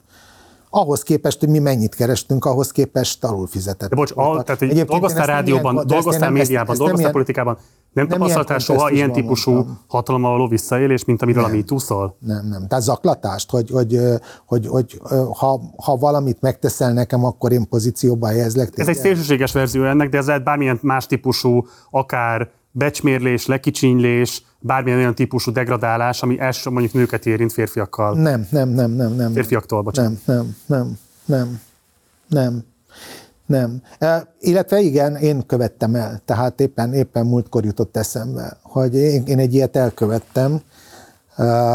Volt egy kolléganőm, egy, lehet, hogy ismered a nevét, Jakubcsek Gabrielának hívják. Ismerősen cseng. És ő szerkesztő asszisztens volt nálunk. Ő színművészetére járt egy vagy két évet, nem tudom, és kimaradt, akkor már a Máté Gábor volt, azt hiszem a férje, és akkor már talán megvolt a gyerek, valami, mind a kettő vagy, vagy egyik, és, és kimaradt a főiskoláról, és jött ebbe a legendás TV2-be szerkesztőnek. És én nem tudtam megjegyezni a nevét, te ezt, hogy Jakubcsek, és és az, az maradt meg a nevéből, hogy Kupcsik. És én őt úgy hívtam, hogy szép, a szép lábú Kupcsik. Na most ilyet nem lehet ma már.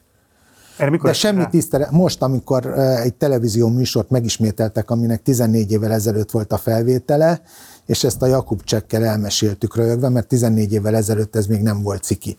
Ez ma már ciki. De nem ez vélemény miatt ciki, vagy a te saját meggyőződésed miatt ciki? Azért, mert átértékelődtek a dolgok. Tényleg?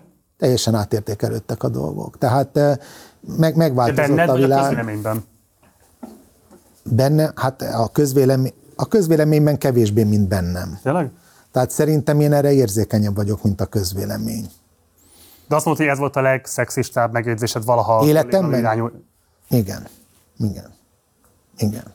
Hát illetve én a feleségem úgy ismertem meg, hát ezt ezzel is kezdjél valamit, hogy a Tihanyi strandon csináltam riportot, és, és volt, rendezvum volt, és a, a lány, akivel rendezvum volt, nem jött el. És én mindenhová vittem magammal a riporter magnum, hogy hát, ha történik valami. És a lánynak megérkezett a férje, sajnálatos módon, és ezért nem jött el a rendezvúra, elváltak azóta. És uh, nem jött el a rendezvúra, és én ott, ott ültem, és észrevettem, hogy monokiniznek a lányok. Ez az a klub Tihany volt, ami most NER közelbe került, ha jól hallom. És uh, Gondoltam, hogy én erről csinálok egy riportot, hogy megjelent a monokini a magyar strandokon.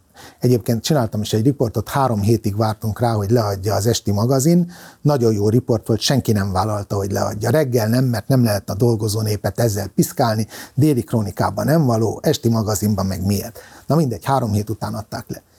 És, hol?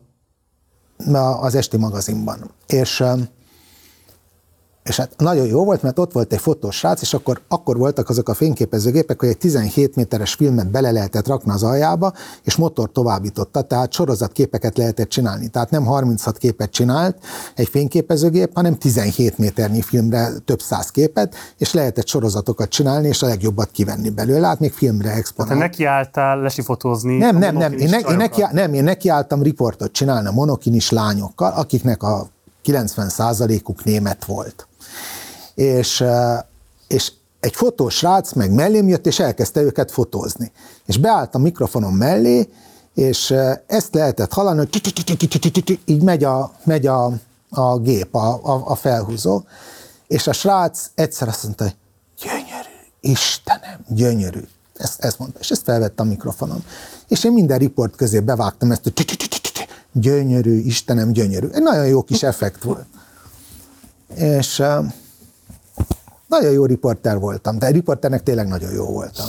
Tehát műsorvezetőnek nem, de riporternek marha jó voltam. És eh, ezt megcsináltam, és, és egy, egyébként ezt a fajta szerkesztés technikát, ezt a Friderikusztól tanultam. Tehát, hogy hogy lehet egy, egy, egy monoton riportot feloldani ilyenekkel, mert ezt ő csinálta. Tehát ezt tőle tanultam. És, és, és megcsináltam, és oda jutottam a feleségemhez, aki fürdőruhában volt ugyan, de elég barna volt. És mondtam neki, hogy ez megvan az első beszélgetésünk szalagon, hogy ön a legbarnább itt a strandon. Nem jutott eszébe, hogy levegye a melltartóját? Mire azt mondta, hogy nem. És kérdeztem tőle, hogy miért nem? mert jól érzem magam így. Mondta a feleségem, és ott hagyott a fenébe. Na most, hát ez is egy zaklató szöveg. Ma már. És ebből hogy jutottatok rá odáig, hogy végül a feleséged lett?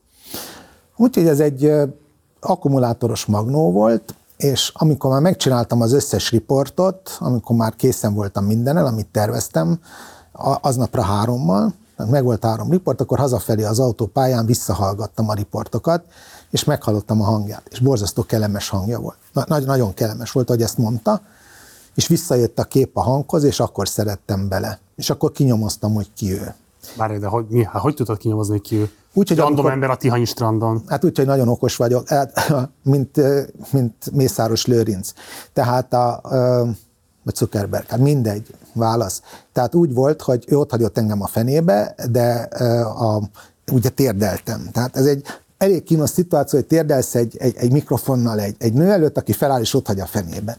És ott még feküdt egy, egy hölgy a, a pokrócon.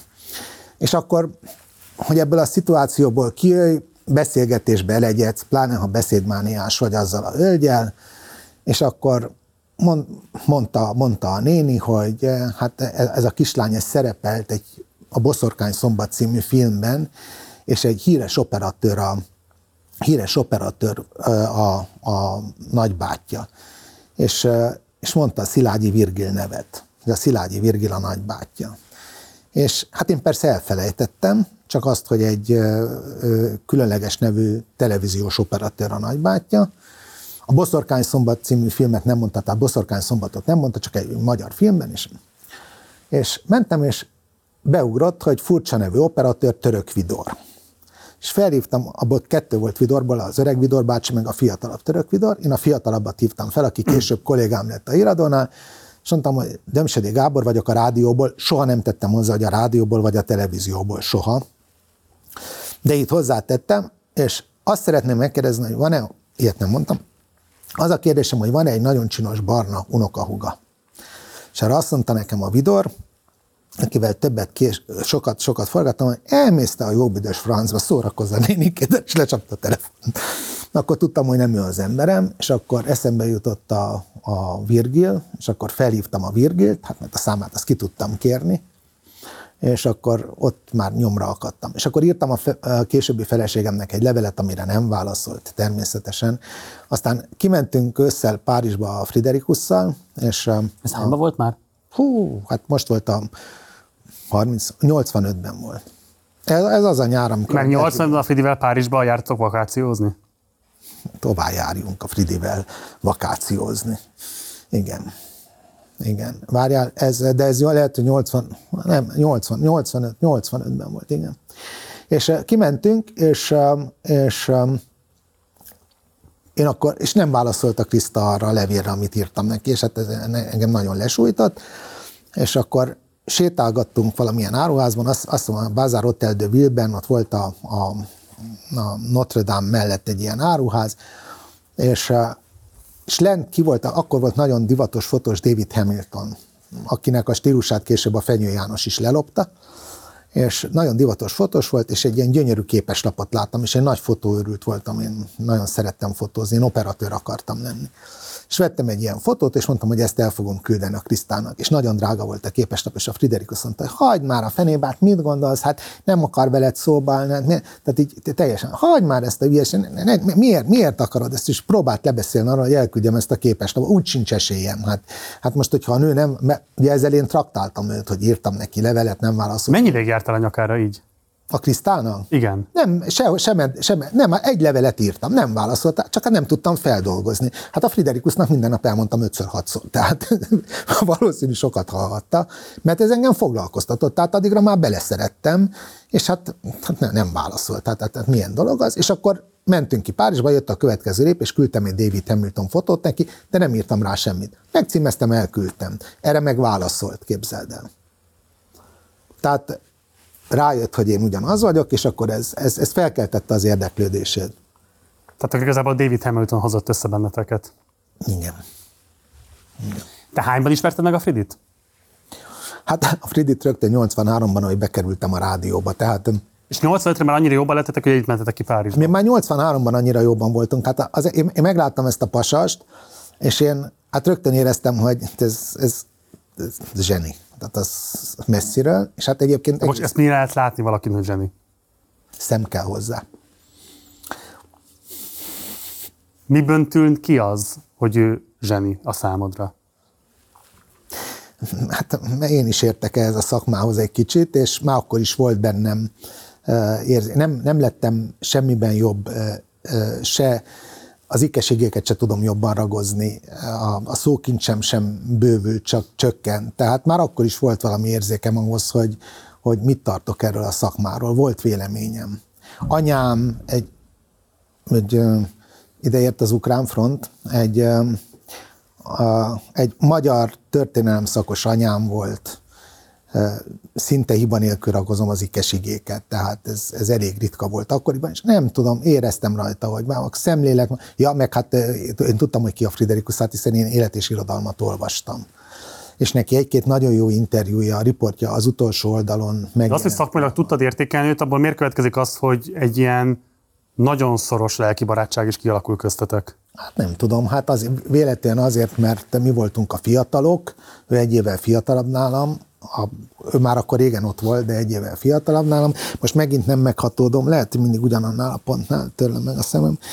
De, másrészt meg hasonlóan gondolkoztunk mindenről. Tehát politikáról, erkölcsről, szakmáról, az idolokról. Mind, Mi gondoltál az ő királynős könyvéről? Miről? Királynős könyvéről?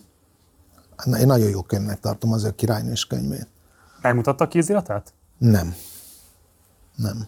De, de elmesélte az egészet. Tehát miközben írta, miközben lement, hogy, hogy, hogy, hogy, hogy mi hogy történt, hogy azt hiszem, hogy a könyvemben is benne. ez a Molnár Csilla, Molnár Csilla tragikus halált halt első magyar szépségkirálynő története. Igen, igen, igen. De egy nagyon, nagyon... egy korszakos könyvet írt. Szerintem, azzal... szerintem az. Szerintem korszakos könyv. Ja, az nem kérdés.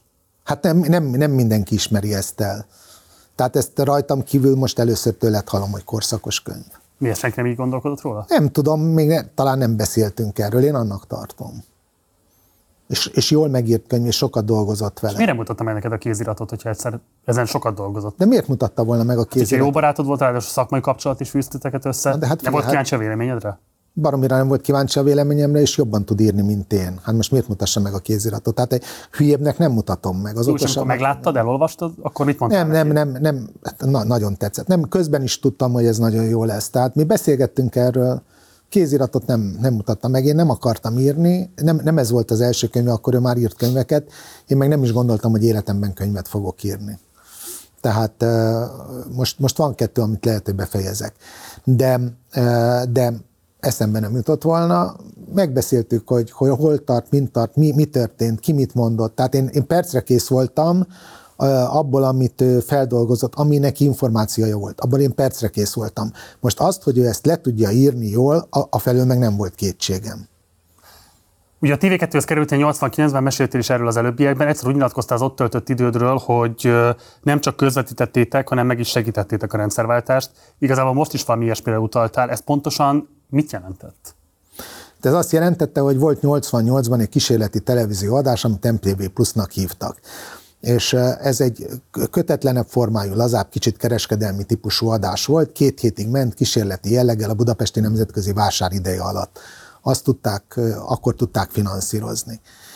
Abból, hogy a hirdetők, akik a nemzetközi vásáron megjelentek, elhelyezték a hirdetéseiket a kereskedelmi csatornán. Ez a Bayernek, aki a kereskedelmi igazgatónak, meg a Bayernek, meg a Román Péternek, meg a Horváth Jánosnak, meg még sokaknak volt a, a közös gyermekük, és ide engem meghívtak műsorvezetőnek. Életemben először itt vezettem élőadást, Sugarágival kettesben.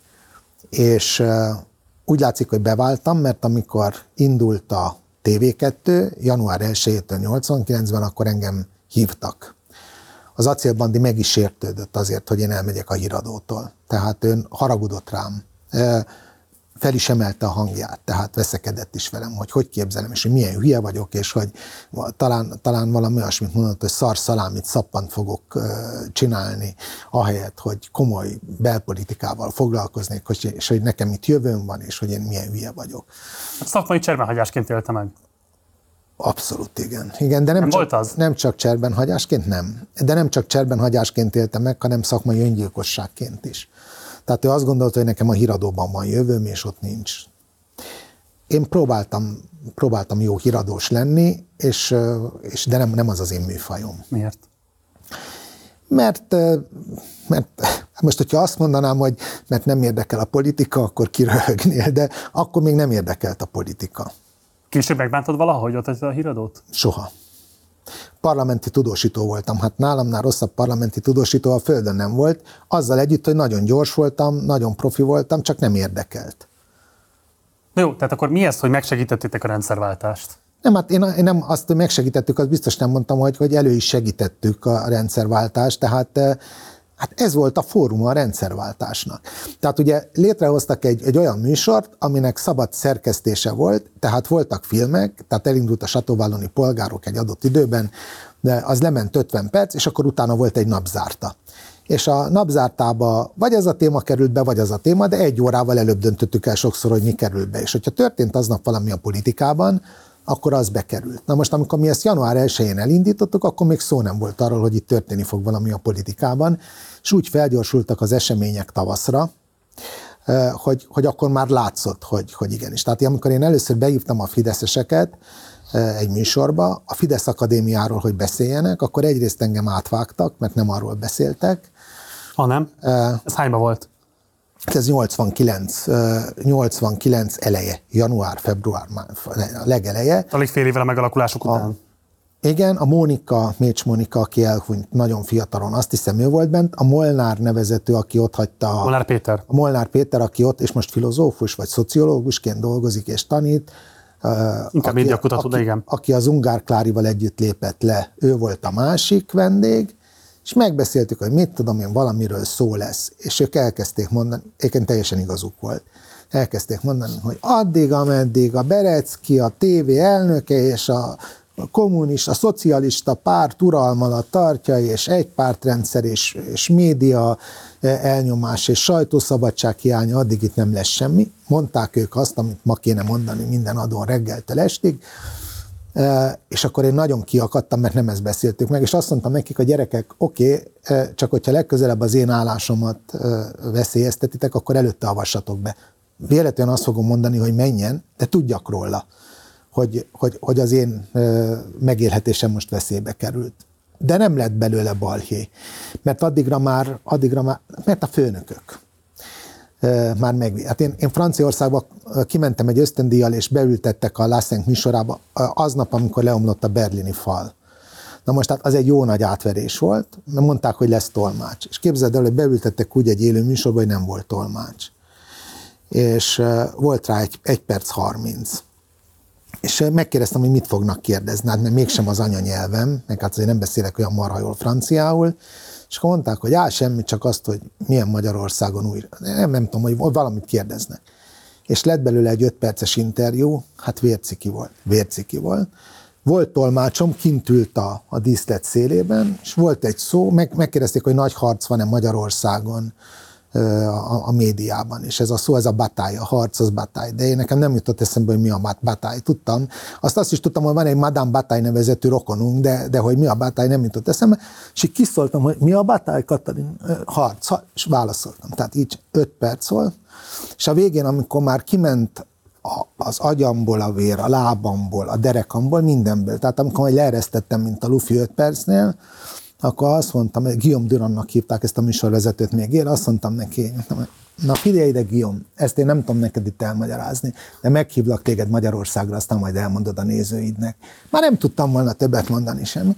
Képzeld el, másnap megismertek a Sanzelizén. Franciák.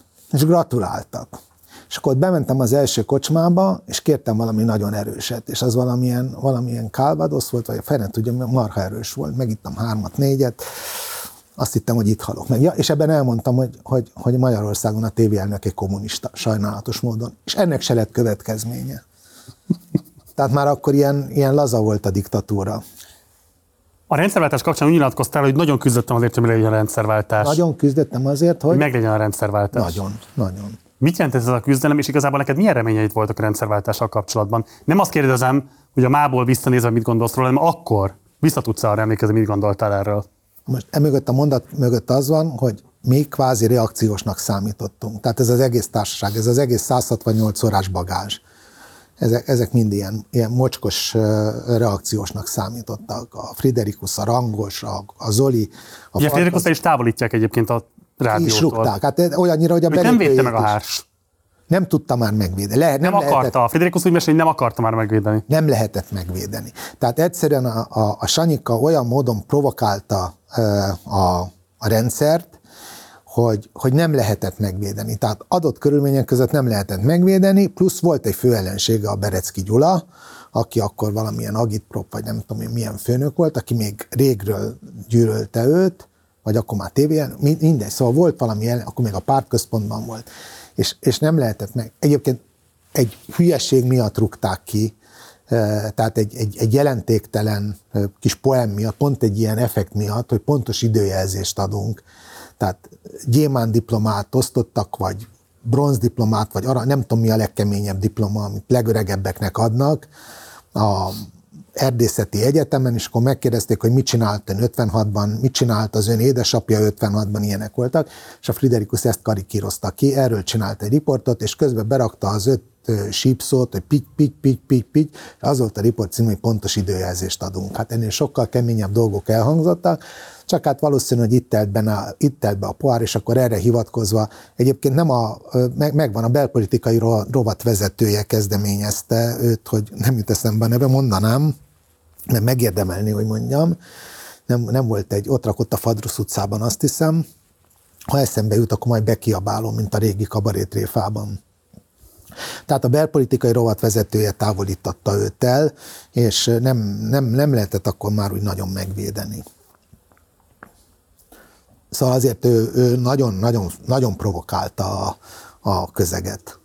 Visszatér a rendszerváltáshoz.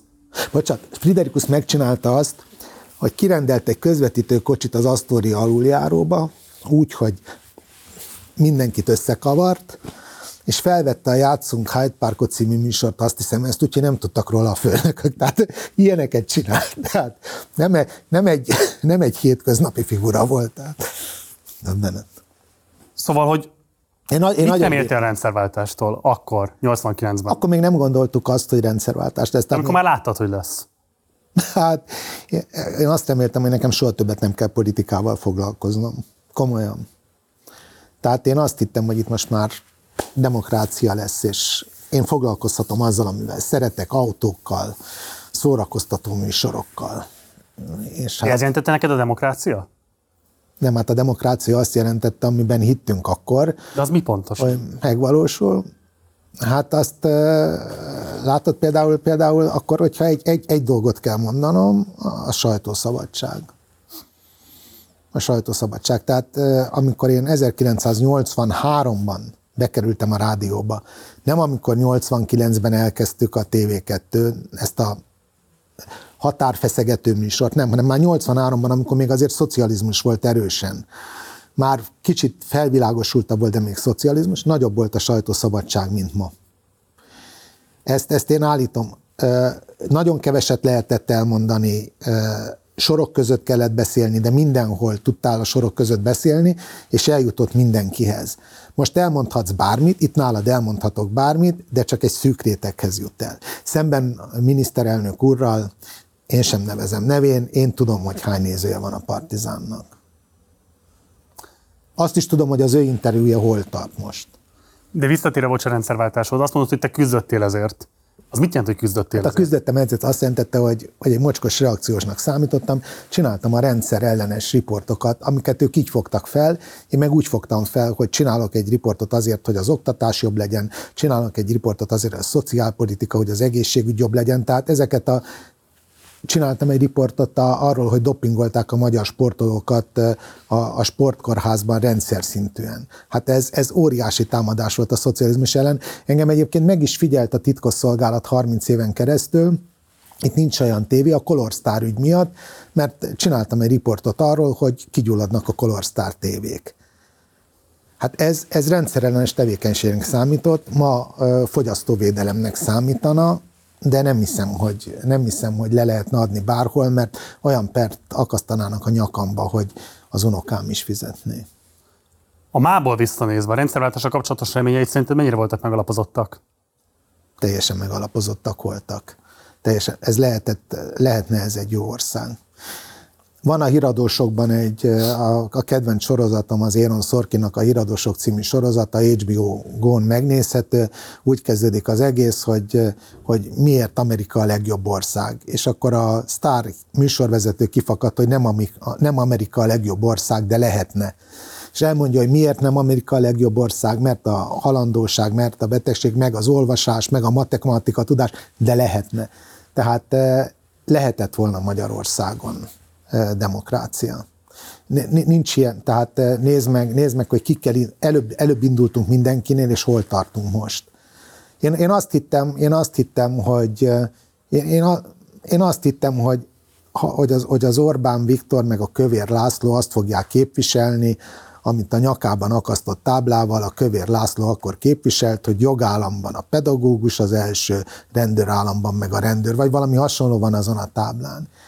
Én, én ezekben a fiatalokban bíztam, ezek, ezek a gyerekek fiatalabbak nálam, a kövér is fiatalabb nálam, az Orbán is fiatalabb nálam, ott voltak a tapasztaltabb SZDSZ-esek, ott voltak a, az általam nem nagyon kedvelt MDF-esek, a, a, a, a kereszténydemokratákról, meg a kisgazdákról akkor ne, ne beszéljünk, tehát azért az MDF-en belül eléggé, eléggé nagy volt a tagoltság. Szóval Szoz, Szozdemek, hát mekkora botrány volt a Szozdemeknél. Hát a, nagyon, úgy, úgy nézett ki, a Szozdemek lesznek a, a, a kormányzó párt. Tehát a Rutner volt a Szozdem és akkor jött a Petra Sovics Anna, és akkor a Rutnert elzavarták, aki, aki most meg már nem ügyvéd. Tehát eh, ez egy nagyon, ez egy nagyon érdekes időszak volt, és én, én ezekben bíztam, ezekben a fiatalokban. Tehát én a, pont ebben a fideszes generációban bíztam mérhetetlenül. Hát nézd meg, hogy miket mond az Orbán Viktor, hát minden szavával egyetértünk, hogyha maradt volna annál, akkor itt ma demokrácia lenne. Ezen múlt csak, hogy Orbán Viktor nem tartotta a szavát? Hát azon múlt, hogy ezt mindenki hagyta, hogy minden. Hát a teljes, a te, a te, tehát jó, akkor, akkor megpróbálom megfogalmazni, lehet, hogy rossz lesz, és lehet, hogy emiatt fogok életem hátralévő részében magyarázkodni. De, de azt hittük, hogy ezek becsületes emberek, akik politikusnak mentek.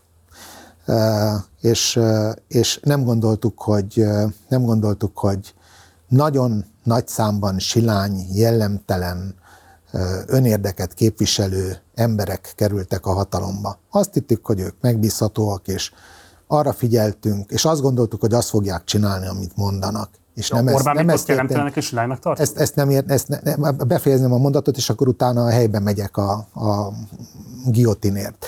Tehát, e, tehát mi azt hittük, és ezért az értelmiségnek az a része, amelyik e, nem akart e, olyan nagyon politikus lenni, elengedte a politikát, és rájuk hagyta. És kvázi kontroll nélkül hagyta őket. És én most azt mondom, hogy amit mondtam öt évvel ezelőtt is, és vérig sértettem ezzel minden politikust az ATV-ben, hogy nem csak a kormánypártokat kéne leváltani, hanem a komplett ellenzéket is. Én nekem ezt azóta a fejemhez vágták néhányszor, de szemben mosolyogtak, majd amikor egy tört lehetett döfni a hátamba, akkor beledöfték például miatt a mondatom miatt. Tehát nem csak a, nem csak a kormánypártal van mérhetetlenül nagy baj, hanem a, a politikusokkal úgy általában nagyon nagy baj van. Mi, mi a véleményem Orbán Viktorról? Mit kérdeztél? Silány jellemtelen figura? Hát nem ez lenne az első két jelző, ami eszembe jutna róla. Akkor mi az első két jelző, ami eszembe jut róla? Okos,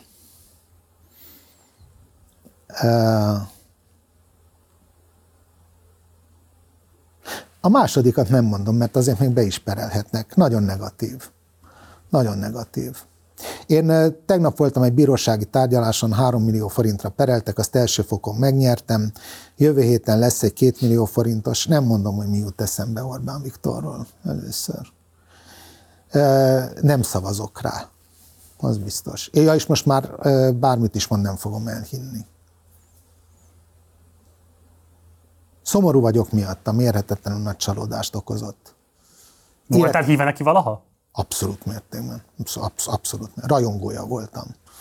Rajongója voltam. Voltam Fidesz szavazó az elején, persze. Egyszer még találkoztam is vele egy bulin. Hol? Hát a, a Fidesz kampányváróján. Egyébként egyetlen miniszterelnök, akivel nem beszéltem egy szót se. Szevasz, szevasz ez volt. Tehát ennyi, ennyit beszéltem vele akkor még kétfordulós volt a választás. Na mi a véleményem a demokráciáról? Tehát legyen kétfordulós a választás egy. Mi a véleményem úgy általában a gazdaságról? Legyen többszintű az adórendszer. Tehát ilyen alapok vannak, amikkel, amikkel én nem értek egyet a jelenlegi gyakorlattal. És az első forduló utáni kampányváró bulin szembe jött velem egy lakásban az Attila úton, ahol be voltak ütve a sörök a fürdőkádba. És mondtuk egymásnak, hogy szevasz, szevasz, akkor én voltam az ismertebb. Az 98-ban volt? 98-ban, nem, 90-ben a választás. A, választás, a legelső választás. A legelső választás első fordulójának a napján. Tehát az eredményváró vasárnap. És akkor sört ittatok? Én nem ittam semmit, mert én a feleségemmel voltam, oda mentünk és elmentünk. És a kocsival voltam, és nem ittam semmit. De ők sört ittak. Még egy dologra emlékszem, hogy akkor láttam életemben először Körmendi Ékes Juditot, és megállapítottam, hogy milyen szép nő. Aztán később láttam, mint funkcionárus, és megállapítottam, hogy milyen okos. Megvan még ez a név, hogy Körmendékes Judit? A név megvan, de arcot nem tudnék. Média tanácsnak volt a, az elnöke. Hát valahol ott kezdődött az, hogy, hogy demokratikus intézményrendszerből elfordult egy kicsit rossz irányba ez az egész. A Fidesz vezérkarban volt más, akivel jó barátságban voltál, vagy jó viszonyban? Hát senkivel nem. Tehát a, a, mondom Orbán Viktorral, tehát szevasz, szevasz. Az összes miniszterelnökkel tegeződtünk, a Lázár Györgyel nem, de hát a Lázár György is tudta, hogy ki vagyok, és onnantól kezdve az összes miniszterelnökkel, Grossztól kezdve Német Miklóson át tegeződtünk, a Bajnai Gordonnal egy asztalnál is ültem, mondom Orbán Viktorral ennyit találkoztam, hogy szevasz, szevasz, a kád, két másodperc. A, kíváncsi vagyok, hogy ő emlékszik rám. A, a, nem, nem, ö, Fidesz vezérkarból talán nem is ismerek senkit. Talán nem is ismerek senkit. A kövér, kövérrel nem nagyon vagyunk jóban, mert írtam egyszer neki egy személyes hangú levelet. Jó, de az nagyon későn volt már, az 2017. Az későn volt, igen, nem, nem. 90-es években senkivel a Fideszből? Senkivel senki, semmi, nem, nem érdekelt a politika semmilyen politika nem érek. Engem a fideszesek elhívtak, amikor Nógrád megyébe költöztem, két, 90 valahány, 98, két, 98, 94-ben költöztem oda, akkor vettem a házam, elhívtak egy, egy rendezvényre, és be akartak léptetni a, a, a Fideszbe. És akkor egy nagyon értelmes fiú volt a Nógrád megyei elnök, aki később üzleti pályára lépett, és ott hagyta a politikát teljesen és én mondtam, hogy köszönöm szépen, nem akarok belépni, mindenhová be akartak akkor léptetni. Tehát a, e, az SDS azt hitte, hogy SDS, tehát mindenki azt hitte, hogy a másik pártnak vagyok a rajongója, és próbáltak meggyőzni arról, hogy legyek az övék. De akkor már legközelebb talán az SDS-hez álltam, de, de kezdetben meg a Fidesz volt a favorit. Fidesz-SDS. Tehát emlékszem, hogy a 90-es választáson listán az SZDSZ-re szavaztam, és egyéniben a Fideszre. Nem, for, vagy fordítva. Vagy fordítva. Azt nyilatkoztad egyszer, hogy a médiaháború kiváltó oka, és egyben az ősbűn a le nem adott Antal interjú volt. Hát a félbeszakított, ahogy én tudom. Ez ahogy én tudom, ezek ilyen városi legendák, tehát sajnos már nem élnek akik, akik ezt a Baló Gyuri már sajnos nem él. Baló Gyuri biztos, hogy pontosan tudnána, hát aztán ő is egy Isten volt. Azzal együtt, hogy mi nem voltunk jóban, tehát ő nem szeretett engem. De ugye az volt, Értem. hogy a... Nem tudom. De, de arra vagyok a legbüszkébb, hogy behívott a Négy szem köz Balóban című műsorba, mármint polgármestert, oktatással kapcsolatos ügyben, mert én természetesen néztem a kormányinfót, és elsőként tiltakoztam valami ellen, ami a, az oktatást hátrányosan érintette, vagy az önkormányzatokat, és a baló beívott este, és ez megvan ez a felvétel véletlenül, sehol nincs fent a neten, nekem megvan a rögzítőmön, tök véletlenül, és, és végignéztem, és álltam a sarat, nem kimélt, kaptam tőle rendesen, nem kimélt, és álltam a sarat, és, és, és jól válaszoltam, erre vagyok talán a legbüszkébb. Mert te mibe kérdezett bele, vagy mivel talált meg? Bocsánat? Mibe kérdezett bele, vagy mivel talált meg? Semmi, hát a, a Baló a saját tempójával baromi felkészültem, mondta, mondta, mondta a kérdéseket, konkrét kérdéseket, belekérdezett, és mindenre tudtam válaszolni. Uh-huh. Tehát, tehát partner voltam. Partner voltam. Ez Balónak partnerének lenni szakmai kérdésben, azért az valami. Tehát, de kérdezte előtte valamit, amit persze már elfelejtettem. Médiaháború, de átvezek onnan egy másik ja, igen, témára. nem, tehát, tehát őket kéne megkérdezni, de én úgy tudom, hogy az Antal beszélt, Antal egy eléggé hiú ember volt, és, és lekeverték, mert egy másik helyszín volt. És nem a baló tehetett róla, csak a baló volt ott a helyszínen, és az Antalban úgy rögzült, hogy a baló az. Talán a Feledi Péter volt az, aki a, az, az adásvezérlőben volt, és hát a, a Feledire nem haragudott, meg a Antal a balóra meg igen, de lehet, hogy ez csak egy ilyen városi televíziós legenda. De olyanoktól hallottam, akik szerintem ezt jól tudták, de nem esküszöm meg rá. Ugye beszéltünk már Friderikusról, és hát van egy ilyen mintázatati kapcsolatotoknak, hogy nagyon sokszor dűvel, haraggal beszélsz róla, máskor meg ilyen rajongói elragadtatással testvérednek írva le őt. De nincs ezzel semmi baj. Hát ez... Jelenleg milyen a viszonyotok? Semmilyen. Ilyen, hogy attól függ, hogy melyik történetet mesélem, hogyha olyan történetet kérdezzel, akkor valószínű, hogy dűvel, haraggal fogok róla beszélni, ha ö, meg azt kérdezed, hogy hogy jó újságíró, akkor dicsérni fogom, hogyha azt kérdezett, hogy milyen volt a viszonyunk, akkoriban testvéri volt, tehát ezek, ezek mind van, ez, ez egy ilyen dialektikus. Sok más ember van az életedben, aki ennyire szélsőséges érzelmeket mozgat meg benned? Hát nincs több Friderikus az életemben, eh, hála a jó Istennek, tehát nem, nem, nem, nincs. nincs. Tehát nincs is ilyen, nincs is hozzáfogható személyiség, tehát az ismerőseim közül. A mából nézve kijelenthető, hogy a Friderikus és Hajdú Serpely voltam című köteted, az egy bosszú kötet? Hát ez nem jelenthető ki nem jelenthető ki, mert egyáltalán nem bosszú kötet. Én ezt úgy definiáltam akkor, hogy, hogy bulvártan könyv, valami ilyesmit mondtam. Egyébként meg, hogyha valami negatív dolgot akarsz az orromra húzni, akkor, akkor mi, mi, mi ez? Önterápia. Tehát az, hogy önterápia, az, az, az ki bosszúról szó nincs. Tehát bosszúról szó nincs. Önterápia. De elégtételt akartál azért ezzel? Abszolút, abszolút. Mert elégtételt is vettem. Abszolút. Ez meg is történt. Tehát azzal, hogy leírtam, figyelj, Hajdúval ezt tisztáztuk, mi a Hajdúval most jó barátságban vagyunk, ezt tudom, hogy meg fog döbbenteni. Legutóbb most... Döbbent neked tele volt vele a sajtó. Na jó, de most azt, hogy tele van vele a sajtó, attól még lehet, hogy nem igaz. De, de most szombaton beszéltem vele, vagy igen, szombaton beszéltem vele, mert volt egy rendezőnk, akire megemlékeztünk, a Kunzsuzsi, akit mi nagyon szerettünk, egy televíziós rendező és egy emlékműsor. Minden évben tartunk egy emlékműsort, és én voltam a műsorvezető, és a Péterrel közös műsorunkat rendezte, és felhívtam a színpadról a Pétert, és eh, mi, mi jóban vagyunk a Péterrel. Tehát ha, ha én Budapesten laknék, és ő neki nem lenne kisgyerek, akkor még össze is járnánk és dumálnánk.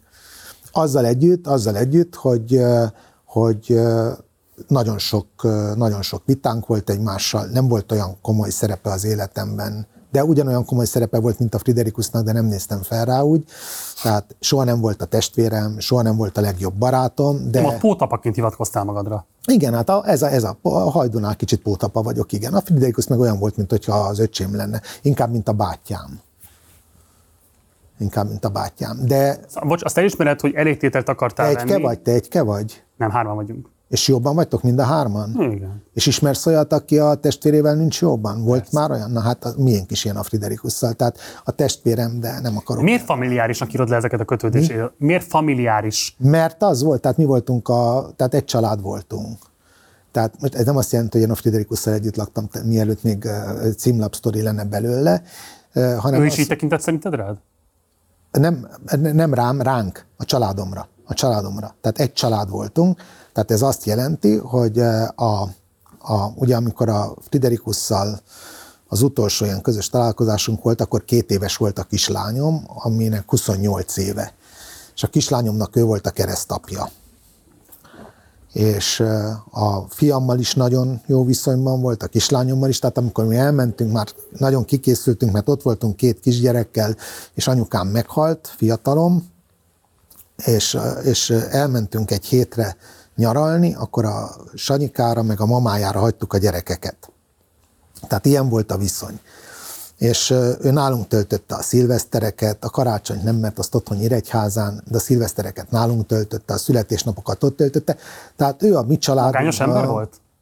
Maga, nem, nem, nem, hogy lehet magányos az, akinek ennyi e, rajongója van? Az lehet csak igazán magányos. Á, akkor még nem, akkor még fiatal volt. Most lehet, hogy az, akkor nem, nem, nem volt magányos, mert mindig valamilyen rendezvényen volt, meg itt, meg ott, meg amott. Az bocs, de a családja az létezik. Voltunk.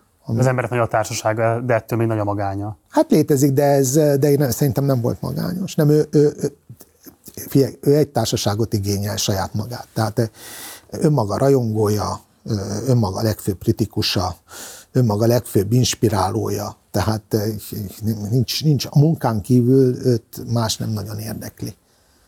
Erre mikor jöttél rá? Hát a, a, amikor megismertem az első percben. Tehát a 83... Ezzel együtt rajongtál érte, vagy pedig pont ezért rajongtál érte? Hát azt, hogy rajongtam érte, az túlzás, tehát most így utólag mondom azt, hogy rajongtam érte, elismertem. Soha nem rajongtam érte, elismertem. Tehát én nem mondtam, hogy jaj, de jó. Vagy én azt mondtam, hogy ez hülyeség, ez rossz, ez nem, ez sok. Ezt nem lehet. Én, én voltam a, a, a józan énje. Én, én, én nagyon konzervatív vagyok, én rángattam vissza sokszor politikában is próbáltam kontroll, tehát én nem, nem, nem, nem rajongóként voltam ott mellett. Ott hol kellett kontrollálni őt a politikában? Hát őt mindenben kontrollálni kellett, mert hajlamos volt túlzásokra. De nem lehet, tehát őt se lehet olyan nagyon, csak finom. a politikában miért kellett kontrollálni őt? Hát mert már, már nem, nem lehetett kontrollálni, mert végül kirúgták, hogy ne rúgják ki de arra nem emlékszem, hogy azt mondtam volna, hogy, hogy ez sok, inkább, inkább ilyen ízlésbeli dolgokban mondtam azt, hogy sok. Uh-huh. Tehát politikában nem, mert politikában mind a ketten próbáltunk elmenni a falig, csak ő bátrabb volt. Tehát ő nagyobb erővel menne ki a falnak, én meg tehetségesebb is volt. Én, nem azért volt velem kevesebb baj a hatalomnak, mert nem, nem ugyanazt gondoltam, hanem azért, mert kisebb volt a súlyom.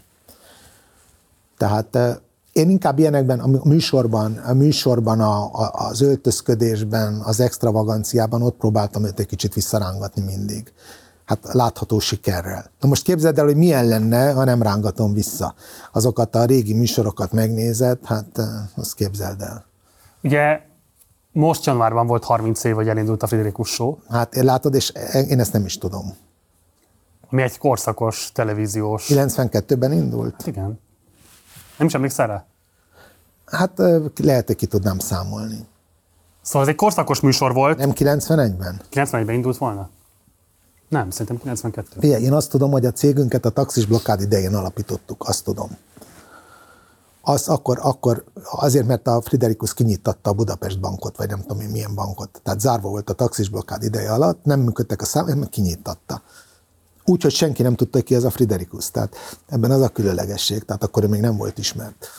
Készült egyszer egy verkfilm igazából a Friderikus sóról. Igen. Amiből most szeretném, hogy megnézzünk egy részletet, azt, azt Benne vagyok? Erről. Benne vagyok?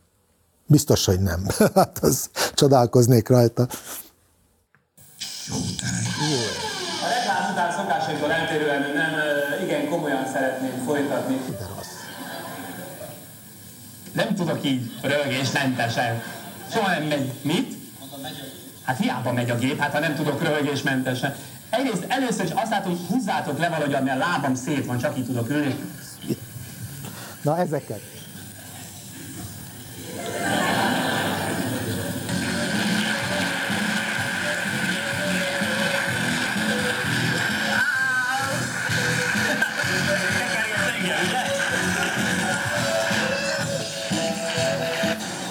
Borzasztó nehéz mellett. Kunzsuzsa, őre emlékeztem. De ugyanannyit vár el tőlünk, mint amennyit ő teljesít. És ezt a, szóval addig, ameddig az ember ezt látja, addig húz. Szóval így nincs mese. Mondhatnám, hogy csöndes, halk, szelíd, toleráns, nem igaz, nem az. Ö, vérszívó kapitalista. Ez akkor volt felújítva, na valamennyi alatt, ez nagyon komolyan mondom, meg fogom érzni. Koszosak és foltosak a faj. Ez a magyar televízió Jó, légy szíves, csináljátok ezt. Keverjetek már kezdjétek Nézem, hogy kik berúg bele.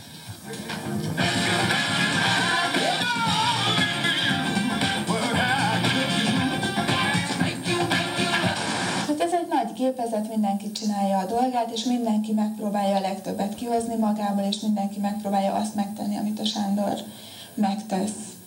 Ezek a konnektorok ugye nem így fognak ételenkedni alatta. Hát, nem lehet valahogy elrendezni, nézd meg ennek a... Hát akkor meg kell visszakítani, de ez a mérhetetlen harmónia, amit dúl, bejövök és ezzel fogom kezdeni takarítózni, ezt nem fogom hagyni. Ami nagyon furcsa, hogy nem vagyok fára. Hát nem. Tehát, Jézus vagyok. Kezdek arra gyanakodni, ez a legújabb gyanúm, hogy valamelyik nap olvastam egy Jézus, tudományos vagy féltudományos cikket az ufókról, meg az ufonautákról, hogy tán, tán ufonauta vagyok.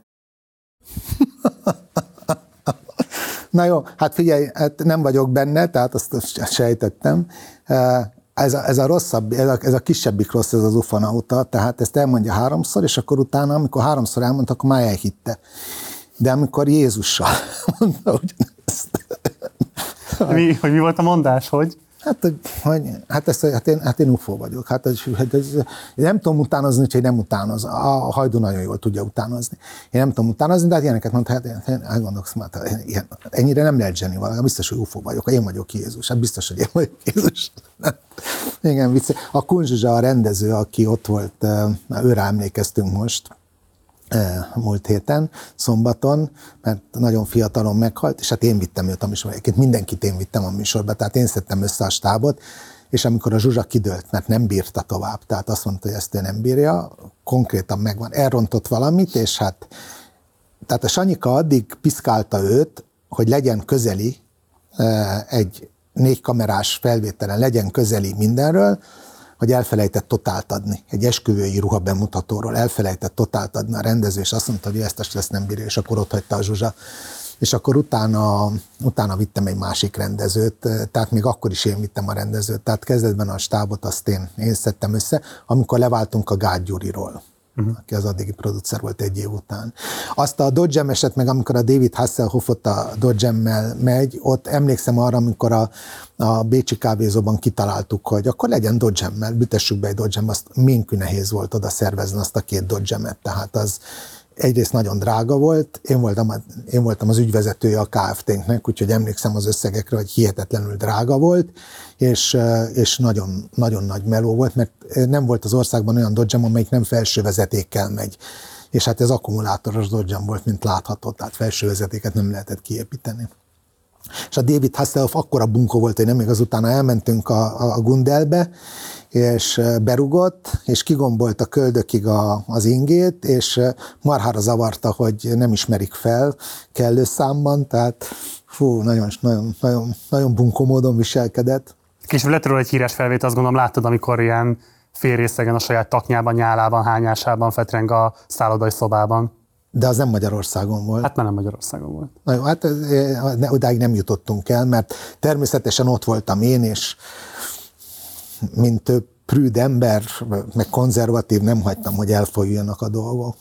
Szóval, aki nem ért szerintem akkor, amikor ment a Friderikus az el tudja képzelni, hogy ennek mekkora hatása volt a magyar társadalomban. Szerintem nem volt az elmúlt 30 évben még egy olyan médiatermék, ami ilyen szinten tudta volna tematizálni, meghatározni, formálni emberek gondolkodását, ízlését, témaválasztását, érzékenységét és így tovább. Tehát, hogy elképesztő hatásotok volt, hatása volt a Friderikusnak, fizikusúnak. Ezt mikor éreztétek meg, hogy ez mekkora hatalom valójában a magyar társadalom fölött? Hát e- e- először is ezzel nem értek egyet, hogyha megengedsz egy ilyen tiszteletlen megjegyzést. Bármit. Tehát nem a Friderikus sónak volt ilyen hatása, hanem a televíziónak volt akkor ilyen hatása.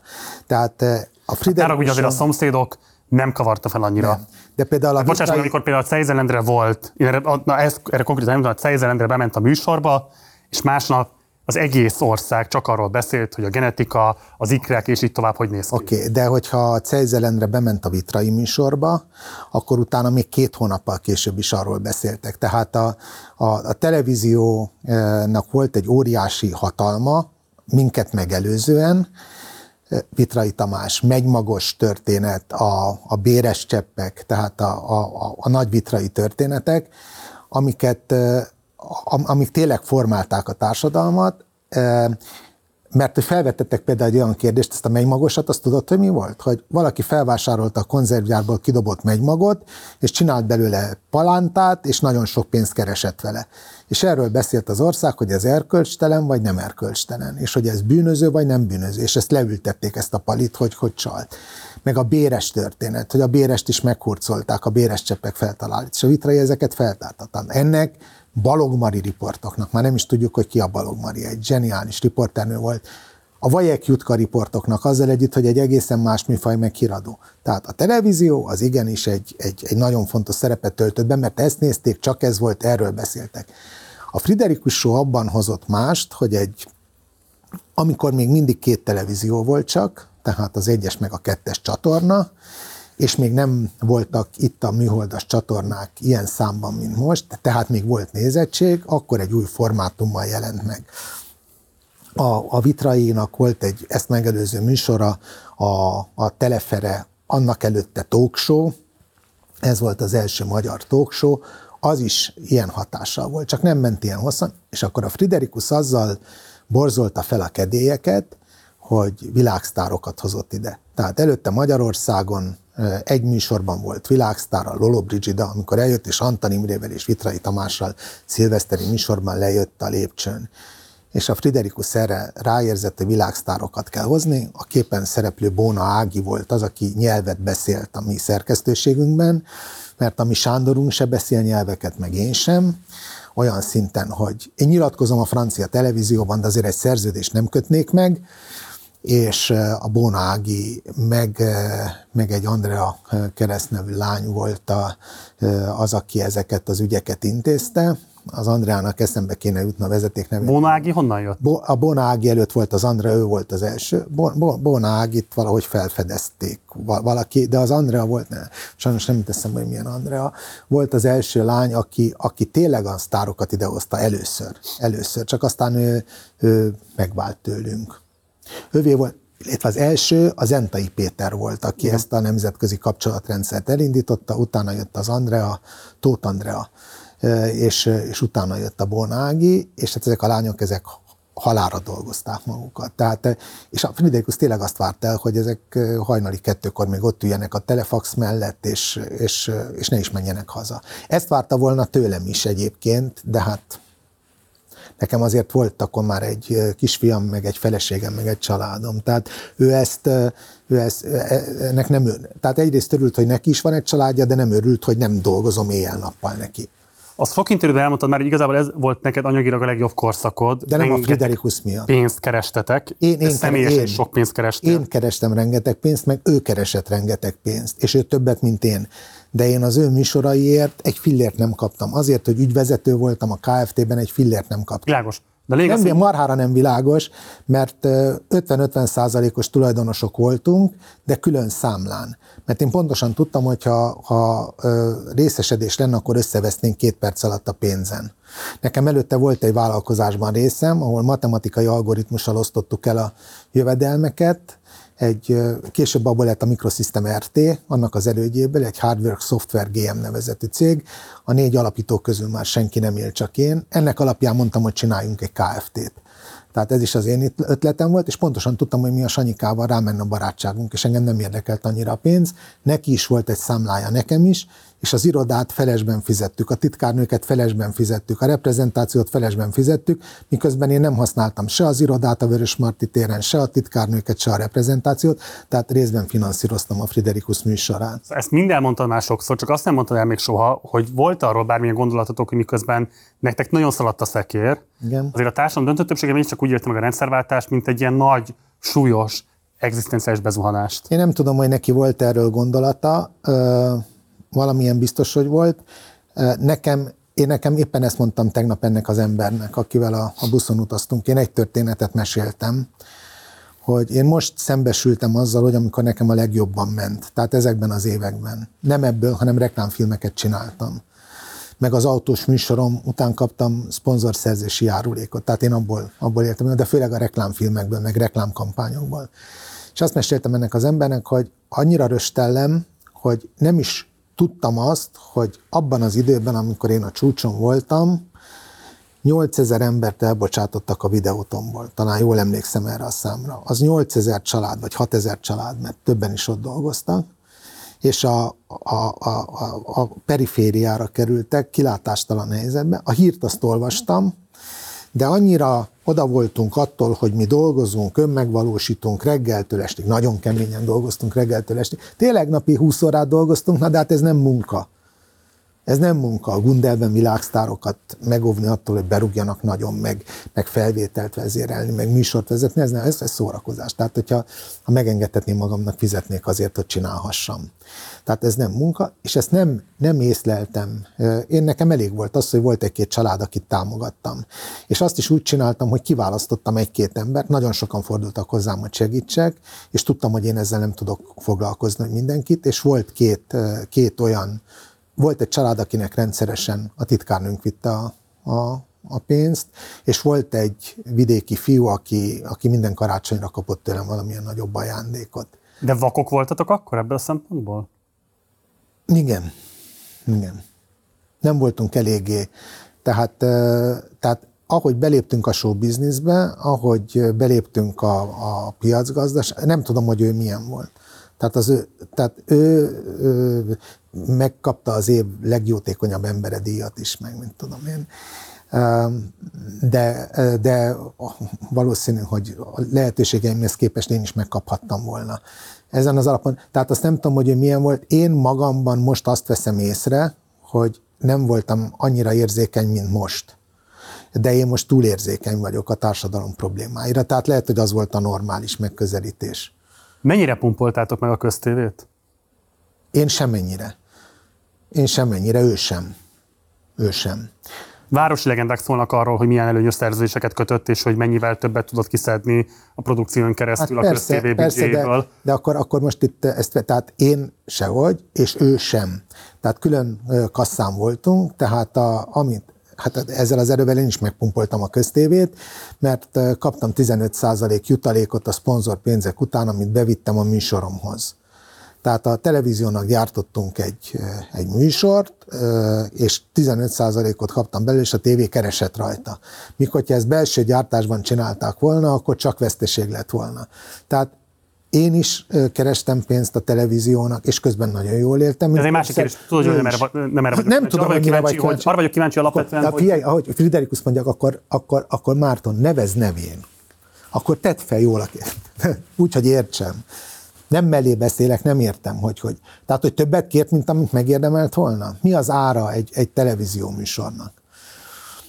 Hogyha jól emlékszem, akkor három millióért adták a műsorpercet a szünetben, és a, az akkori törvény rögzítette, hogy hány perc lehet. Nem, én arra gondolok alapvetően, hogy az élet is irodalomban jelennek például cikk arról, hogy a Fiderikus megvett tévésorozatokat, amelyeket a beszerzési költségén jóval felülárazva háromszor, négyszeres áron értékesítette a magyar televízió részére. Vagy például, hogy kiszámlázott egy bizonyos összeget műsoráért, majd pedig más típusú szolgáltatásokért szintén Igen. kiszámlázott ilyen típusú összegeket. Jó, én e, ez, ezeket, e, ezeket városi legendaként ismerem, tehát olvastam mondjuk én is valahol, és nem, nem jegyeztem meg, egyet jegyeztem meg, ami nagyon jól hangzik, azt, azt megjegyeztem, de e, mi külön váltunk egy pár év után, tehát a, a Dömsödés Friderikus produkcióból e, lett, e, hú, hogy az ő cégem mi lett, azt nem tudom, az enyém meg a második produkció Kft. Tehát körülbelül három vagy négy évet voltunk együtt, és ez már abban az időszakban volt, amikor nem voltunk együtt. Tehát a Friderikus show elején együtt voltunk. Az egy más kérdés, hogy volt, amikor visszahívott, hogy segítsek neki, amikor már nem voltunk együtt akkor is, és tapsoltattam a nézőtéren, és ő súlyt fektetett arra, hogy mutassa a kamera, hogy én ott ülök, és hogy én neki dolgozom. És filért nem kaptam azért sem természetesen. De, de szívesen csináltam. Igen, mert... mert Lelki lekötelezettség? Tessék? Lelki Nem, nem, nem, nem, ez szakmai, szak, szak, szak, hát egy marha jó műsor volt. ez, ez, ez szakmai alázat. Tehát, hogyha egy ilyen jónak a része lehetsz bármilyen módon is, akkor, akkor oda mész. Ugye a Federico az is... Várjál, de mondom, de tudok válaszolni a kérdésedre, ez a szinkronát. Az a, az, a, az a legnagyobb történet, vagy igaz, vagy nem. De hát szerintem igaz, hogy behozott egy sorozatot, megvett valamilyen sorozatot, és elküldött öt epizódot a, a, a szinkron stúdiónak, és kötött velük egy szerződést, nem tudom én hány részre. És hát mondtak egy árat, majd a, mint tudom én, tizedik résztől bejött még 30 új szereplő és maradt a szerződés. Most hát ez vagy igaz, vagy nem igaz.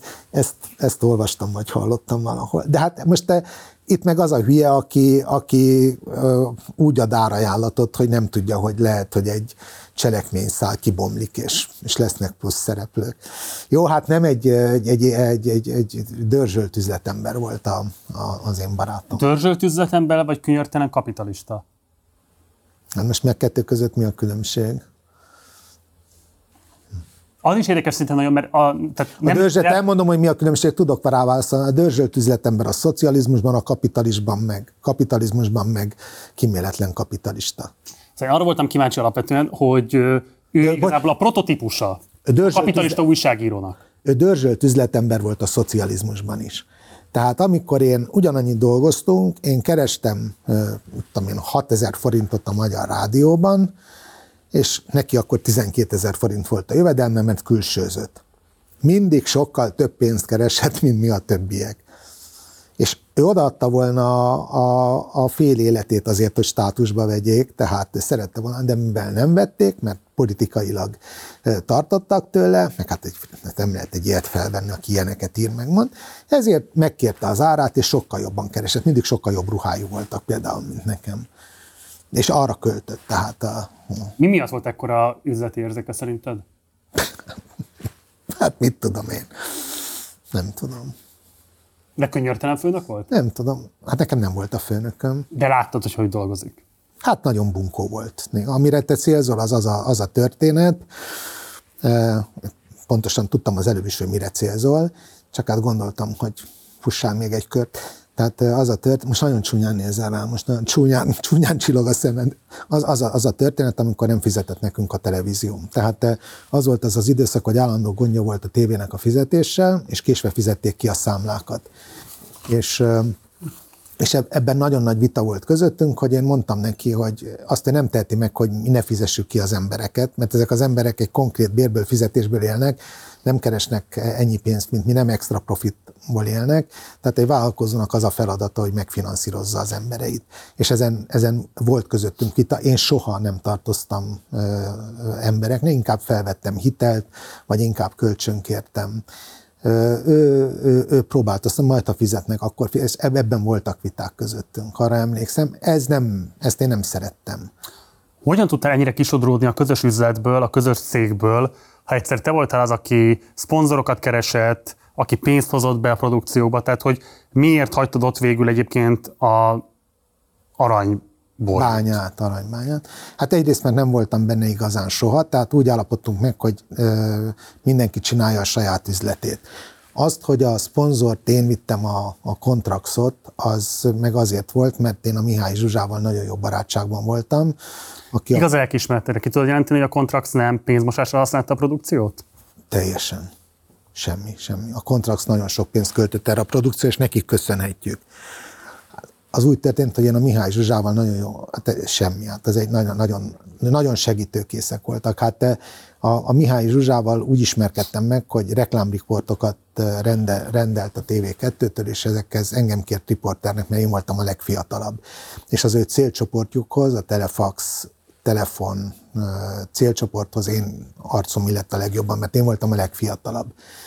És összebarátkoztunk, olyannyira, hogy együtt jártunk nyaralni. Tehát a, a Kontraxnak két tulajdonosa volt, a Dicső Gábor és a Mihály Zsuzsa, és mi együtt jártunk nyaralni úgy, hogy kölcsönadtak nekünk egy autót, az ő autójukat, mert a Mitrabantunkkal nem lehetett volna elmenni Horvátországig, és a Zsuzsa autójával mentünk mi, akkor már a kisfiammal, meg a feleségemmel, és a, a Gáborék megjöttek a Gábor autójával, tehát milyen viszonyban voltunk, és amikor kellett pénz az első díszletre a Friderikus showhoz, 14 millió forint volt a díszlet, azt hiszem, amivel el kellett volna indulni, akkor én próbáltam mindenféle módon pénzt szerezni. És nekem a legjobb barátnőm, a, tehát az egyik legjobb családi barátunk és az egyik legjobb barátnőm, akkor a Budapest Banknak volt a vezérigazgató helyettese nagyon fiatalon, és mindenféleképpen próbáltam pénzt szerezni, és onnan is tudtam volna pénzt szerezni, de közben az OTP-nél volt egy jobb javaslat, de kellett hozzá egy készfizető kezes, és ez lett a Contrax.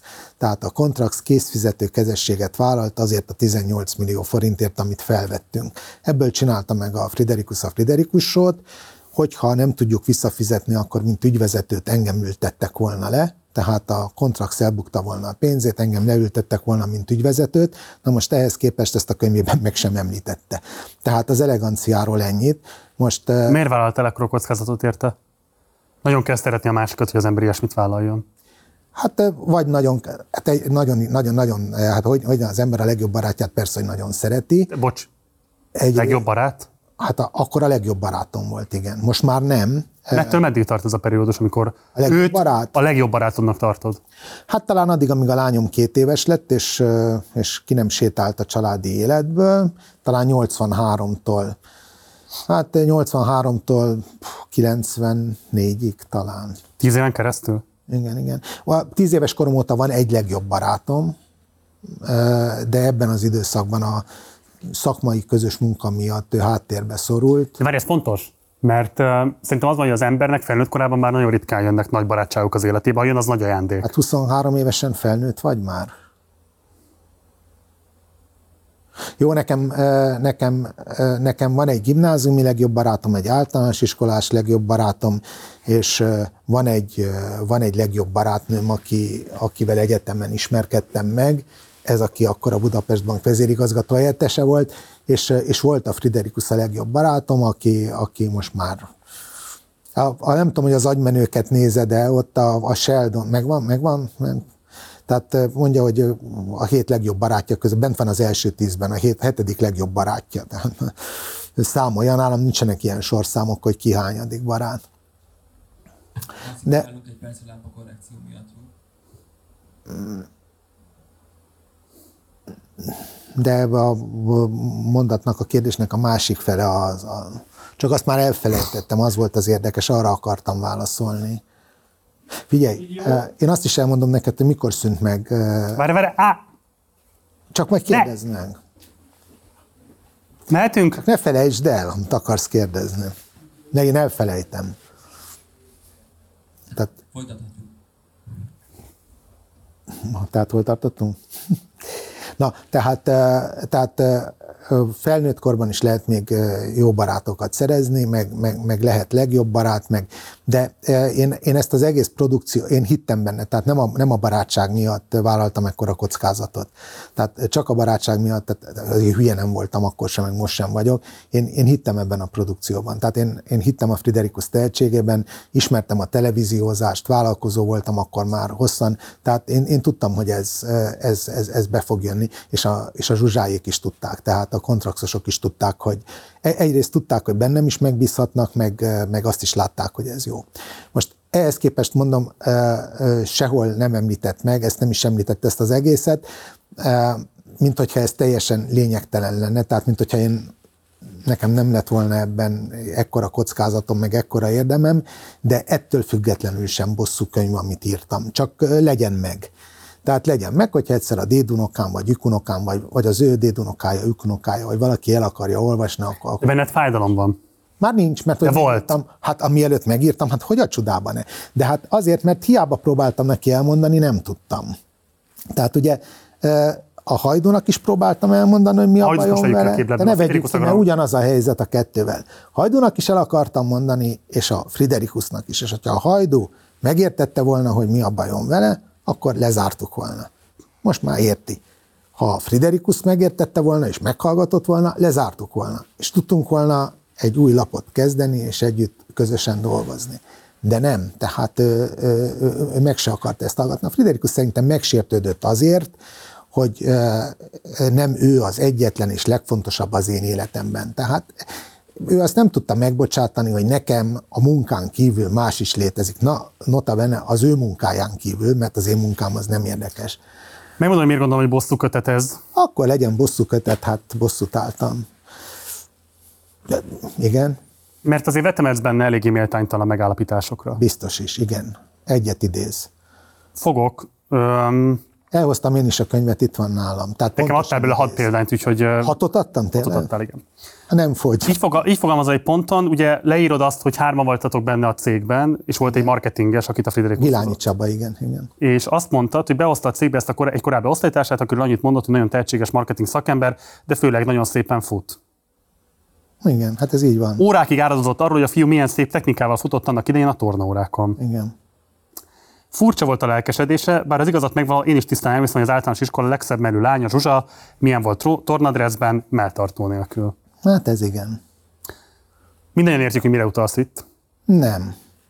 Nem. arra Gábor, mindannyian utalok- értjük, hogy mire utalsz itt, én csak azt akarom mondani, hogy ez egy, Nem, ö, nem, ez nem. egy nagyon durva, ez egy nagyon Nem. durva dolog, abból a szempontból, hogy te bizalmas vagy ennek az embernek, és Nem. megerősítesz, és lebegtetsz egy olyan plegykát vele kapcsolatban, amihez nekünk semmi közünk. Na, akkor álljunk itt meg. Álljunk itt meg. Tehát itt arról van szó, hogy a szexuális, bár, nem, hogy mi a szexuális identitása valakinek. Mondjuk a Friderikusnak. Fogalmam nincs róla, és nem is érdekel. És marhára nem is Erről írsz, érdekel. és erre utalsz És a, a Gilányi Csaba, akiről szó van, egy nagyon tehetséges, marketinges fiú volt. És nagyon nagy baj volt, hogy nem maradt ott a cégben. De ő nem azért hozta oda a Csabát, mert tudta, hogy egy jó marketinges, hanem azért, mert szerette őt. Régről, mint barátot, mint kollégát. És ez teljesen antagonikus, antagonisztikussá tette az együttműködésünket, mert szimpátia alapon ment, és nem szakmai alapon. De azt érted, Gábor, hogy te itt azzal élsz, Értem? hogy egy a Friderikus Értem. személyét övező évtizedes Értem. városi legenda és plecska kapcsán értem, értem. inszinuálod őt? Értem, így, így, hát ez igen, ez, ez, Ezen bosszú? tessék? Hát elég szemét mondat, igen. Elég szemét mondat. Megköveted? Ezért a mondatért? Hát ezért a mondatért megkövettem, én sokkal elegánsabb vagyok, mint ő. Tehát én, nekem ez, ez, eh, ezt, ezt, ezt, ezt nem kellett volna leírni, ezt az egész történetet egyébként. Egyébként a hajdúval kapcsolatban sem kellett volna leírni. Igen? Egy csomó dolgot, igen, igen, igen. Tehát most nem írnám meg.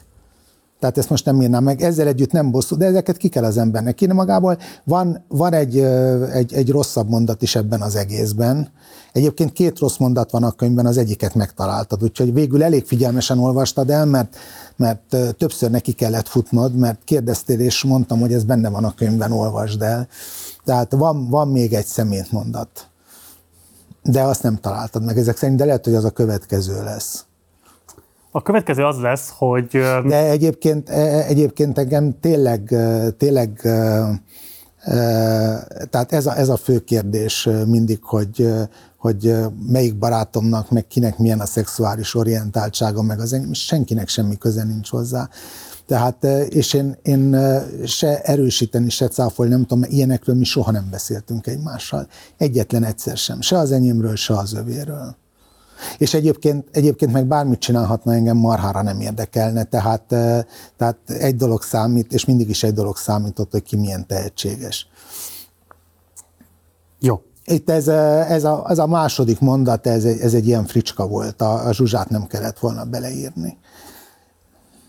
A legnézettebb Tehát show az, az e- volt, a, a, a mondat első részével nincs baj, a második része azt nem kellett volna beleírni, igen. a legnézettebb show az volt, amikor elhoztátok az akkor éppen futó Dallas egyik nagy sztárját, Larry Hagman. Igen. És ott valóban megmutatkozott a te reklám szakemberi kiválóságod, mert megérezve a lehetőséget, képes voltál rávenni Larry Hagman-t arra, Nem, ő vette rá, ő vette rá. igen, nem, nem, nem, ez nem a te ötleted volt? Az ötlet az enyém volt, de a Larry ő vette rá. Na jó, a lényeg az, hogy Larry Hagman beállt a MOL reklámarcának. Nézzük meg most ezt a felvételt, hogy hogy is nézett ez ki, és aztán muszáj elmesélni, hogy ezt hogy tudod létrejönni. Ez egy zseniális film. Magyarországra kellett jönnöm, hogy egy ilyen jó minőségű olajat találjak. Kránic Lajos. Carrier Maximol 99, a MOL RT gyártó, és ezért ilyen kiváló.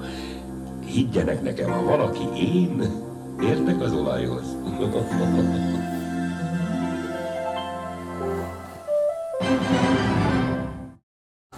Hát Na várj, állj! Egy. Mennyit kapott ezért a Larry Hagman? nem mondhatom meg. Ugyan már eltelt már ennyi idő. Nem mondhatom meg, megmutatom neked a szerződést, ott van nálam, az eredeti példány. Jó, 10 ezer dollár Valamilyen- fölött? Nem tudom. Ugyan már. valamilyen, valamilyen Gábor, semmilyen üzleti titkot nem sértesz. Tényleg nem el. tudom, hogy mennyi. 30 éve történt. Esküszöm neked, hogy nem tudom, forintban tudom, hogy akkor, Akkor azt meg. volt. Nem, azt tudom, hogy mennyit kaptunk a reklámfilmért, azt el tudom mondani. Na, mennyit kaptatok? Nem tudom, hogy üzleti titkot sértem. Biztos, hogy nem mert- 30 év telt el az. Jó, én azt tudom, hogy két millió forintot kerestem rajta, és, és a Larry Hagman többet kapott. Akkor volt mennyi mondjuk 150 nem forint egy tudom, hogy dollár? mennyi. Ö, ö, olyan, olyan, olyan, úgy emlékszem, hogy, hogy minimális volt a költségvetése a, Hát az mit látszik? a, a filmnek. Na jó, hát az, azért ahhoz képest, hogy hogy, hogy készült, tehát minimális volt a költségvetése, jó pénzt kapott, de, de, de a, a, a, tehát a, a, ahogy készült az a, szerintem egy zseniális reklámfilm, tehát 14-szer ment összesen a magyar televízióban, mert levették, 14 sugárzás után. Na most azt, mint reklám szakember, azt, vagy reklámhoz értő ember tudott, hogy 14 sugárzás az nulla, tehát az észre. De miért vették le? Mert, mert nem volt érdek a, a új ügynöksége lett a, a molnak, és annak az ügynökségnek nem volt érdeke, hogy ezt a filmet sugározza, nekik az volt az érdekük, hogy ők új filmet. Hát ezt személyesen a Palik László furta meg? hát most, hogy így rákérdezel, lehet, hogy ő volt az ügynökség vezetője utána. Nem tudom, hogy kifurta meg, de azt hiszem, hogy a parikék lettek az ügynökség. Gábor. Azt, hogy kifurta meg, honnan tudom? Figyelj, én sorra vesztem a rágalmazási pereket, hát ne vicceljen már. Nem tudom, hogy kifurta meg. Úgy emlékszem, hogy amikor levették, akkor, akkor egy HP alapnevezetű ügynökség volt a molnak az ügynöksége. És a, Akkor nem a Palik László, ezt nem tudod megerősíteni. Hát, hogy kifurta meg, azt nem tudom, de hogy a HP alap az a Héderé volt, meg a Paliké, azt tudom. A Héder meg nekem jó barátom volt. Héder Barna korábban. Na, szóval ez a, ez a reklámfilm, ez, ez úgy készült, de tényleg nem volt érdekük. Hát lehet, hogy én is levettem volna. A, a, a, a molnak a helyében most, most leadnám a mostani olajjal át, átmontírozom. Megvan a muszter, a teljes felvétel. Ez úgy készült, hogy megállapodtam a MOL egyik vezetőjével, tehát megérkezett a Larry Hagman meglepetésszerűen. És Prágából. Prágából. És mert a Friderikus hetente, vagy nem tudom én, ezt a könyvében részletesen leírja, ezt onnan kell kiolvasni annak, akik érdekel, tehát le nem szálltak róla az Andreával. Tehát az Andrea állandóan hívogatta az ügynökségét, hogy jöjjön, jöjjön, jöjjön, jöjjön. Le nem szálltak, és egyszer csak megérkezett meglepetésszerűen, és küldött egy táviratot, hogy jön. És akkor vártuk repülőtéren, vasútállomáson, szállodákban, és megtaláltuk és már felvettük a sót, újra összeraktuk a díszletet, ezért mérhetetlen pénzbe került, és eljött felépni a sóban. És akkor találtam, hogy meg kéne csinálni a molnak egy reklámfilmet. És mondtam a Fridinek, hogy együtt vacsorázik a Larryvel, mondja el ezt neki.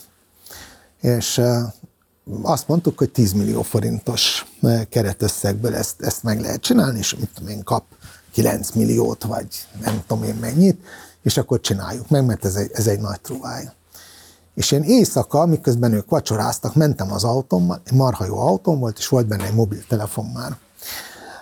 Az akkori legdrágább, meg legmenőbb mobiltelefon, de két nappal előtte lett meg, és hívogattam este 10 órakor a MOL főnökét, mondta a felesége, hogy otthon a lakáson, és mondta a felesége, hogy barátaival van egy kocsmában, oda mentem a kocsmába, onnan már közben eljött, akkor a lakásán felhívtam fél tizenegykor, és elmondtam neki, hogy lenne egy ilyen lehetőség, 10 millió forintot tud erre a MOL adni, és akkor megcsinálnánk ezt a reklámfilmet a Larry Hagmannel. És azt mondta, hogy, hogy, hogy azt gondolja, hogy igen, oké, jó, hívjam fel holnap, másnap reggel. Másnap én 9 órától 10 órai című műsort vezettem, vagy 10 órától a magyar televízióban. Reggel hívom ezt a, hívom ezt a pasast, és azt mondja, hogy nem, ez, nem, ez két nappal előtte volt, na mindegy. És mondtam a Sanyikának, hogy mondja meg a Larry Hagmannek, hogy lenne ennyi pénz, és hogy megcsinálja. Mondta, hogy megcsinálja. Jó.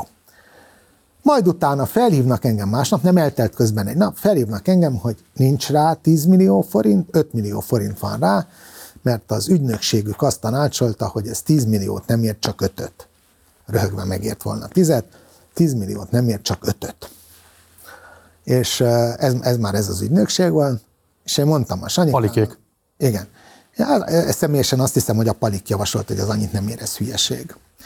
Így mesélték nekem, de mindegy, hát nem voltam ott, nem tudom. És uh, hívom a Friderikuszt, hogy baj van, uh, mondja le a Larry mint azt ez nem úgy van, találkozzunk a, az irodában, a Vörös Marti téren. Találkozunk az irodában, elkezdtünk hívogatni mindenkit, aki, aki, akinek, akivel esetleg meg lehetett volna csinálni, hát volt még a Shell. A, a, a Molon kívül, talán a Mosonyi Gyuri volt a, a vezérigazgató, na most jellemző, hogy akkor egy riporter ezeket a vezérigazgatókat így ismerte, és tudta az otthoni számukat, meg a céges számukat, és elérte őket. Tehát egy, egy más világon, Mosonyi Gyurit is valamilyen fogadáson értem el minden, és azt mondták, hogy nem, körbe ment az olajos szakmán belül, hogyha a MOL nemet mondott rá, akkor ők sem. Tehát nem akartak szembe menni a mollal. A se. És akkor itt bezárult a kör, és mondtam a Sanyikának, hogy kész vége, nem, nem csinálunk meg a reklámfilmet, kár, mert tök jó ötlet lett volna. És este együtt vacsorázott a Larryvel, és mondta neki, hogy hát nem lesz reklámfilm. Miért nem? Hát mert hogy nem fizet MOL ezért, és akivel akartuk csináltatni, nem fizetik. És ő begurult, és azt mondja, megcsinálom ingyen.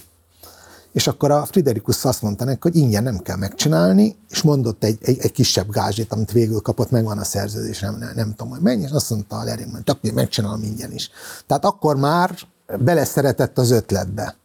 De bocs, miért akart ingyen megcsinálni reklámfilmet? Nem tudom. Egy nagyon érdekes pali volt, egy nagyon intelligens, nagyon tájékozott. De pláne akkor miért akart adni ingyen az arcát? Jól érezte magát itt. Hát Igen? mondta, hogy megcsinálom ingyen is, csak azért, hogy betartson nekik, nem tudom. Tehát Dafke, nem tudom. De, de aztán végén egy tisztességes összeget mondott a, a, a, a, Sanyika, de sokkal kevesebbet, mint amennyit szántunk rá.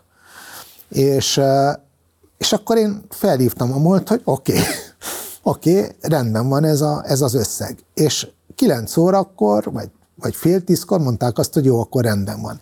De bemondásra, tehát se szerződés, se előszerződés, semmi bemondásra, forgatókönyv nélkül, storyboard nélkül, minden nélkül, hogy megcsinálok a Larry Hangman egy reklámfilmet. Tehát a Dömsödi Gábor szavára azt mondták, hogy oké. Okay. És a Dömsödi Gábor miközben 10 órait vezetett valakivel, valamelyik műsorvezető lányal, Közben elkezdtük gyártani a reklámfilmet, amit egy órakor forgattunk. Délben lett vége a tíz órainak. Honnan szereztétek a limuzint? A, a limuzint azt fél tizenkettőkor szereztük, mert akkor jutott eszembe, hogy az egyik kölcsönzőnél, autókölcsönzőnél láttam egy ilyen limuzint, úgyhogy a gyártásvezető elrohant a limuzint kibérelni, és hoz, hozta Lőrincre, a Ferihegyi repülőtérhez vezető úton volt ez a Molkut, ahol forgattuk. A Márton Pisti volt az adásrendezője, ő lett a reklámfilm aki az adásnak a vezető operatőre volt, ő volt a reklámfilm operatőre. A Kránic Lajost elértük, aki a hangja volt a Jokinak, rámondta, és a zenét, ezt a zenét, az pedig Babos Gyuszi játszotta rá a meg, megvágott reklámfilmre improvizálva egy ilyen kis szintetizátoron a stúdióban.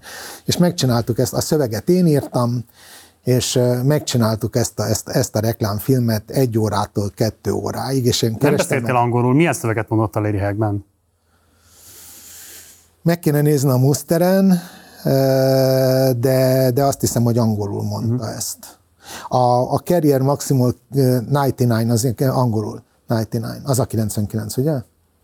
Hát mégis beszélek angolul, látod? De azt egyébként magamból mondta, hogy akkor le, ezt, ezt a kenőanyagot most már mutassátok akkor be? Hát ez volt a, tehát ez volt a reklám. Én akkor a, hát a molnak én adtam a nevét, tehát a cégnek én adtam a nevét. A molt én neveztem el molnak.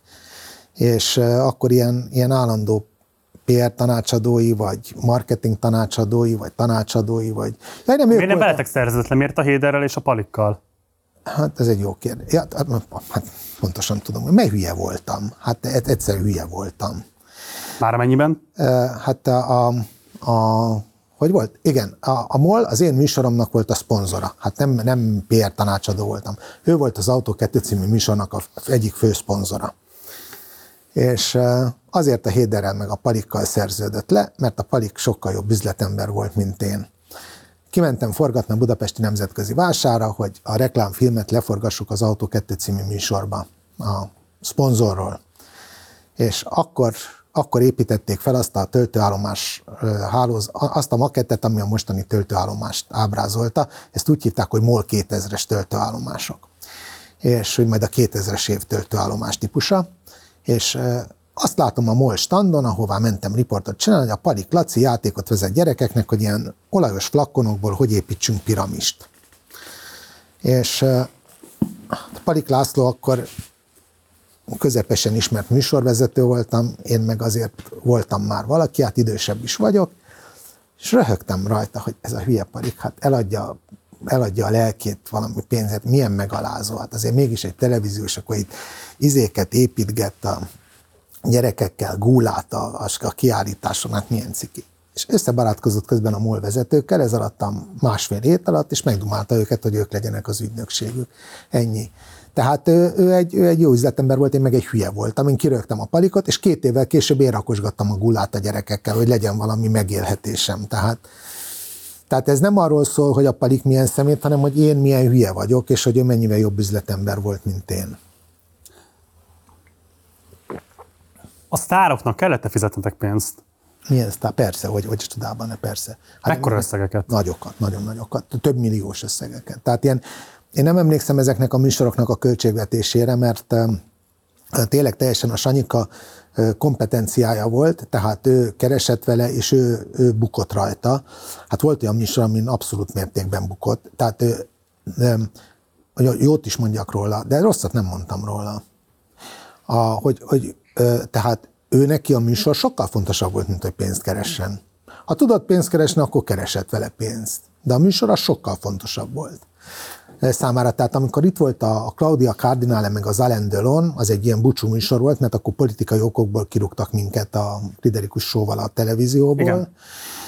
Az, az egy totál bukta műsor volt, azon több tízmillió forint bukás volt. Mert meg akart... egykori néprajzi múzeumban vették. Néprajzi fel. múzeumban, meg akarta adni. Ilyen mondját, tűzijáték rakéták voltak tűzijáték a, volt a végén. Kossuth téren, hogy vonult ki a parlament előtt a Sándor. Képzeld, mibe került. És a Néprajzi Múzeum is, és az Alain Delon meg a Claudia marra sokba kell. De az, amit ami bukott 10 millió forintot, vagy 15-öt, vagy a jó Isten tudja, hogy mennyit, lehet, hogy csak 11-et, de, de azt mondta, hogy el akar. Tehát nem őnála, őnála nem, a, nem a pénz volt a motivum, hanem tényleg az, hogy, hogy, hogy, hogy jó műsort csináljon. A színfalak mögött ő mennyire volt bejáratos kormányzati körökben, milyen típusú viszonyt ápolt, akár az MSZP, akár a Fidesz kormányokkal, vagy top politikusokkal? Hát gondolom, mint én, nem tudom.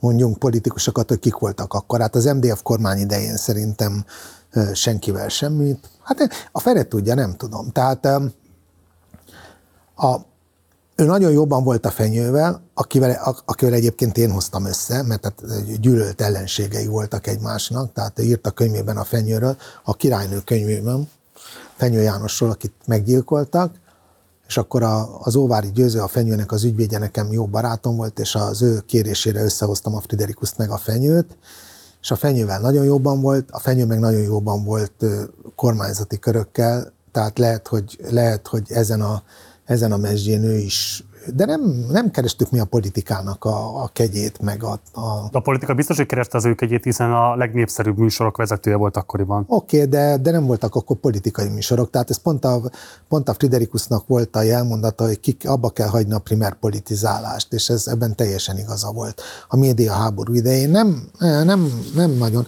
Egy, egy, egy dolog, én, szerintem tudom, hogy mire gondolsz a Horn interjúra, azért én nagyon kiakadtam. Az egy, azt, az, azt az Andrási úton vettük fel, egy ilyen, az, az nem volt egy jó interjú. Miért? Azért nem, mert nem volt elég kemény a Hornal, és, és hagyta menekülni a, a kemény, kemény kérdések elől is. Tehát Hornak az volt a híre, hogy sokat iszik, és, és ezt úgy kérdeztem meg, hogy az a hír járja, hogy nem veti meg az ítókát. De nem, nem ezt mondta, ennél természetesen intelligensebben kérdezte, és akkor a Horn azt mondta, hogy hát egy-egy fröccsöt vasárnapi ebédnél a pörkölt után megeszem, és akkor ezt úgy hagyta. Tehát azért ott kellett valami egy kérdés, hogy de hát akkor miért, miért járja ez a, ez, ez a hír. Tehát ahogy te engem nem hagytál az előbb kimászni valamiből, úgy neki, és azért ő egy elég jó riporter, tehát őnek is se lett volna szabad hagyni. Sajnáltad, hogy nem lett belőle Friderikusból TV elnök? Sajnáltam, igen. Igen. Jó tévéelnök lett volna. Miért? Hát mert ért hozzá. És az, ez a szívügye, és, és De képes, megmondom miért, mert, mert az nem kérdés, hogy nagyon ért a tévézéshez. De az kérdés szerintem, hogy képes-e mondjuk másoknak is teret engedni, hiszen a több mint három évtizedes pályafutás alatt igazából nincsenek utódai. Nincsen Friderikus iskola, nincsenek riporterek, akik valamilyen módon hozzákötődően nevelődtek volna ki, mint mondjuk mint a Mester Ákos esetében azért lehet mondani ilyeneket, és most másokat is tudnék mondani. Tehát miért lett volna jó tévéelnök, tudott-e volna szerinted másokat helyzetbe hozni? Abszolút, persze, persze. Persze, és, és nekem nagyon sok vitám van vele, de a szakmáról és a, a, a, a demokráciáról vallott kérdésekben nincs vitám vele. De akkor miért nincsenek neveltjei, miért nincsenek tanítványai? Hát valószínű, hogy sokkal önzőbb annál. Nem érdekli más, csak a saját produkciója és a produkció. Tehát hát akkor tessék, nem érdekli. hogy lehet jó tévéelnök az, aki csak a saját produkciója érdekel? De hogyha a produkció a tévéelnökség, az egy másik helyzet. Akkor az a produkció. Uh-huh. Ez na- nagyon nagy különbség. Ő benne nincs meg az az alázat, ami, ami bennem megvan, mert hogy tehetségesebb, mint én. Tehát eh, én nagyon örülök annak, hogyha egy Friderikus showban úgy szerepelhetek, hogy nem jelenek meg csak a főcímben, ami most már az ismétléseken nincs fent persze, hogy Dömsödi és Friderikus produkció, azért ez is kiszerű. Tehát eh, ehhez képest én nagyvonalú vagyok, mert szóval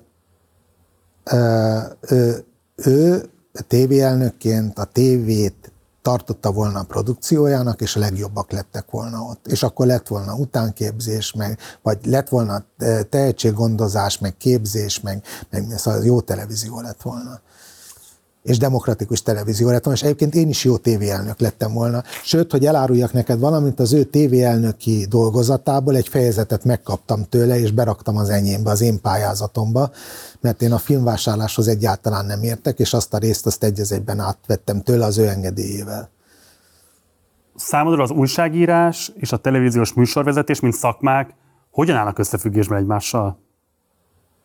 Hát köze nincs a kettőnek egymáshoz, mert én például újságírónak egyáltalán nem vallottam magam hosszú időn keresztül, és nem is tudtam írni.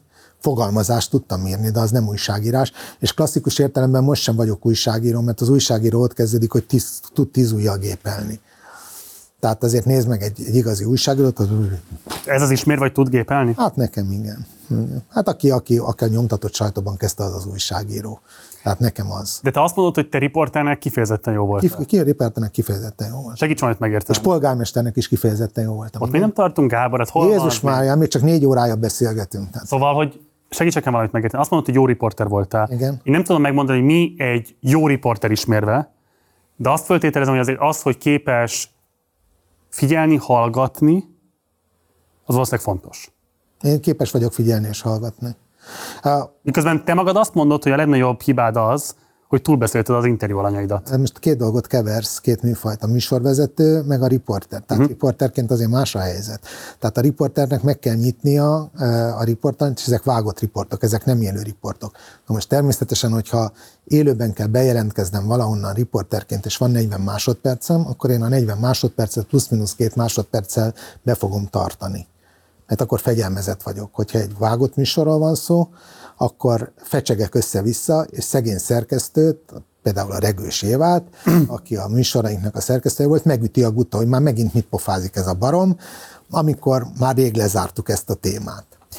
Tehát ez a, ez a riporterség. És akkor a riporterségen belül is van, hogy vágott riportot készítesz, vagy élőt. Én élőben is jó voltam. De hogyha riporterként, bocsáss, hogy tudod tartani azt, hogy figyelemmel vagy az interjú annyi irányt, és nem beszéled túl, akkor műsorvezetőként erre miért nem vagy képes szerinted? Hát műsorvezetőként is képes vagyok, csak... csak most csak a te szavaidat vetítem igen, igen, igen, csak tehát fogok rá válaszolni, csak most már nincs hozzá kedvem, ezért nem vezetek műsort. Tehát most már lassan azt vettem észre, hogy sokkal jobban érdeklem magam, mint a riportalany, és akkor meg nem csinálok műsort, mert az rossz. Tehát én érzem azt, hogy rossz, és ezért nem vagyok műsorvezető. Tehát én lehettem volna műsorvezető, meg csinálhattam volna műsorokat, és abba hagytam, mert azt vettem észre, hogy rossz vagyok, mert, mert rólam szól, és nem a, nem a riportalanyról, és nagyon sok kollégám van, akik valamikor zseniálisak voltak, és most azt veszem észre, hogy róluk szól a beszélgetés, és nem arról, akit kérdeznek, és akkor nem szabad csinálni. Ezt tudom kívülről nézni. Látsz olyan magyar vagy nemzetközi műsorvezető tévés személyiséget, aki szerinted idős korában is képes volt azzal a típusú érzékenységgel vagy figyelemmel, lehet, hogy más formában, de mégis továbbra is érdeklődéssel fordulni a szakma és az interjú iránt, mint ahogyan megismertük fiatal korában? Hát most, hogyha, hogyha külföldieket akarsz, én külföldieket nem nagyon ismerek, egy, egy francia híradóst ismerek, ez a PPDAP, azt hiszem, hogy az volt a neve, aki egy ilyen francia legenda, ez a Poir Patrick Darbor, azt hiszem, hogy az a neve, de nem tudok olyan jól franciául, hogy ezt, ezt meg tudjam ítélni. Mhm. Angolul meg pláne nem, orosz tévét meg nem nézek. Tehát a magyarok között abszolút. Tehát aki, Hát figyelj, most mondok egy olyat, akire nem mondja, a Baló az evidencia, tehát az, az fantasztikus volt, amit művelt. De mondok egy már Horváth János. Tehát a, a, ha megnézel egy régi Horváth János riportot, akkor az ugyanolyan sallangmentes, ugyanolyan korszerű 50 évvel ezelőtt a termelési riport a hajógyárban a riporter kerestetiken, mint, mint, mint amivel ma egy jó riporter tudna operálni. Tehát azért, azért, azért vannak nagyon jók, vannak, vannak vannak kedvenc. Írásban is mások a kedvenceim, televízióban is vannak kedvenceim, az most nem nagyon jut eszembe. Hogy... Fiatalabbakat nézed? Bocsánat, nézem, igen, igen. igen. Weisser Alindát például? Weisser Alinda például egészen, egészen lenyűgöző, mint, mint, mint műsorvezető. Én, én nem vagyok Weisser Alinda rajongó, de főleg amikor még régen a, a magyar televízióban voltak ezek a késő esti műsorok. Az áróra az áror, az nem tudom, mi volt a címe. Ott az volt a döbbenetes, hogy, hogy olyan embereket, akiket, akik engem egyáltalán nem érdekeltek, nem is tudtam talán, hogy kik megszólaltatott, és két mondat után ott maradtam, és végighallgattam az egészet. Tehát a Weisser Alinda zseniális, a Szilinóra ugyanez írásban. Tehát ő is, ő is zseni. Tehát, hogy a, hogyha amikor sokkal jobb leszel a végén, mint amilyen vagy. Youtubereket nézel? Hát ez mit jelent? Téged nézlek, de egyik műsorban szebben artikulálsz, másikban kevésbé. A miniszterelnök úrral szebben artikuláltál, mint a német Balázsral. Kik vannak youtuberek? Hát nem nézek, nem. Nem. nem. nem. Hosszú kadarkait, kadarkait szoktam korábban nézni, ő egy nagyon tehetséges fiú, de, de most már nem szeretem nézni, mert pedig, pedig kéne, mert jók a beszélgetései, de nekem... Hát akkor miért nem nézed? Mert modoros, és nem... nem Ugyan, nekem, mi az, hogy modoros? Nekem, hát a modoros az modoros. Nekem az mit jelent? Az egy ilyen nagyon gumifogalmak tűnik nekem. Hát azt a gumi, én nem szeretem a gumit, nem. Aha. A, a, a manirokban, manirok vannak benne. Friderikus is modoros nekem például. De modoros az... Őt se nézem. Őt se nézem. A modoros az igazából azt jelenti, hogy karakteres? Nem, a karakteres az más. A modoros az mesterkélten karakteres. Uh-huh. Mesterkélt. Friderikus se nézem. Az utolsó, amit megnéztem a Vitraival, az interjúja volt, és mindenki oda van tőle, és, és elájult tőle, hogy micsoda beszélgetés volt, és szerintem nem. És, és ezt mondtam a Vitrainak is, hogy szerintem nem. Nem volt jó beszélgetés. Mert nem szembesítünk valakit egy egyórás beszélgetésben 20 perc, nem, nem lovagolunk azon, hogy milyen öregnek lenni. Hát majd meglátod, ha eljutsz oda, édes barátom, hogy milyen öregnek lenni. Nem az a, nem az a kérdés számomra egy Vitrai Tamásnál, hogy milyen öregnek lenni, hanem az, hogy hogy lehet ilyen szellemi frissességben, fizikai jólétben lenni azután, hogy kitöri a nyakát, mert megcsúszik a lépcsőn, és elmúlt 80 éves jócskán. Hát ez, ez, ez a kérdés, és nem az, hogy milyen, milyen szaröregnek lenni. Ne, ne hülyéskedjünk már. Tehát azért, mert egyetlen egy dologban vagyunk jobbak egy vitrainál, hogy fiatalabbak vagyunk, hát akkor ezt azért ne hangsúlyozzuk. Tehát az volt az utolsó, amit megnéztem, őt se szeretem, de, de ez az én ízlésem, tehát én nem nézek filmdrámákat sem, tehát csak vígjátékot. Az agymenőket megnéztem 217-szer, azt hiszem, a jó barátokat megnéztem 3415-ször, azt szeretem. Az autóimádzatot kapcsán lenne egy kérdésem, hogy ha jól értek, igazából azt mondod, hogy a te politikai érzékenységed idősebb korodra érkezett meg. és hogy nyilván követed azt a diskurzust, ami a klímaválság kapcsán kialakult, hogy a foszilis üzemanyag használata, hogyan foszilis energiahordozók használata. Így el nem tudnám mondani, igen. Hogyan járul hozzá a klímaváltozáshoz. És hát nyilvánvalóan a gépjárművek ilyen szempontból egy kiemelt környezetszennyező tevékenységet végző gépek, és engem nagyon érdekelne, hogy például változott-e az autókhoz való viszonyod a klímaválsággal összefüggésben. Na hát a klímaválsággal összefüggésben nem változott az autókhoz való viszonyom. A szociális érzékenységemről meg annyit, hogy nekem mindig megvolt a szociális érzékenységem, csak én azt mondtam, és lehet, hogy rosszul fejeztem ki magam, mert nem vagyok a szavak embere. Ez egyébként vitrai eredetileg, a Friderikus használta, hogy nem vagyok a szavak embere, és hát én is erre, erre utaltam. Tehát valószínűleg rosszul fejeztem ki magam, tehát én, én azt mondtam, hogy nekem mindig megvolt a szociális érzékenységem, csak egy időben, amikor nagyon jól ment, megfeledkeztem arról, hogy nem vettem észre azt, hogy mekkora bajban van az ország pont a rendszerváltás idején. Azért, mert nekem akkor volt munkám, meg felfelé ment, és az országnak meg akkor ment lefelé. Én erre céloztam, hogy, hogy ezt nem vettem észre. És ezzel többet kellett volna akkor foglalkozni, és ez most egy dokumentumfilm kapcsán, ami a videóton privatizációjáról szólt, és a elbocsátásokról. A Schifferpár A Schifferpár filmje. Itt, itt jöttem, hogy az, a szentség itt neki, ebben a korban ott éltem, és ez, ez számomra nem, nem jött át. Nem, nem volt, és, és, és nem tettem érte ellenesen, érted? Tehát ezt a filmet most néztem meg egy éve, de a szociális érzékenységem meg volt, csak nem figyeltem arra, végeztem a dolgom, autó.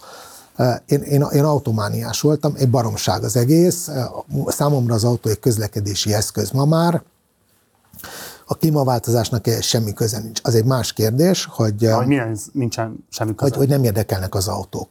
Az egy más kérdés, hogy elektromos autómániás lennék, ha érdekelne az autó, meg ha megtehetném, hogy elektromos autót vegyek, de nem vagyok róla meggyőződve, hogy a, a, az ökológiai lábnyom egy elektromos autó esetében kisebb, mint egy másik autó esetében. Yes, nincsenek adatok, nincsenek adatok, bármilyen, tehát, tehát ugyan, ugyanaz, mint egy statisztika, vagy egy megkérdezés, attól függően, hogy hogy, fesz, hogy teszel fel egy kérdést, lehet, hogy más választ kapsz. Ja, persze, nyilván itt a szénhidrogén használat a kérdés. Meg, hogy, meg, hogy, meg, hogy, hogy hol, hol, hol megy az elektromos árammal az az autó, ott, ahol szélenergiából, persze. vagy tengeri energiából, vagy szénből. Így van. Hogy készül az az akkumulátor? Az az akkumulátor, az miből készül? Annak, annak, annak mekkora lábnyoma? Fogalmam nincs róla de már nem, nem érdekel az autó. Tehát nekem az autó az egy ilyen, hát egyrészt mint forma érdekelt, másrészt mint, mint, mint sebesség. De ez az érdeklődés, hogy veszed ki belőled, vagy milyen, milyen élmények hatására? Hát az első az volt valószínű, hogy nem volt pénzem. Tehát a, én akkor szoktam le a gyorshajtásról, amikor elromlott az autómnak az automata sebességváltója, és megmondták, hogy 1 millió 200 ezer forint, és nem volt éppen akkor 1 millió 200 ezer forintom, és azt mondtam, hogy akkor most erre vigyázunk addig, amíg összegyűjtöm az 1 millió 200 ezer forintot, és közben leszoktam a gyorsajtásról.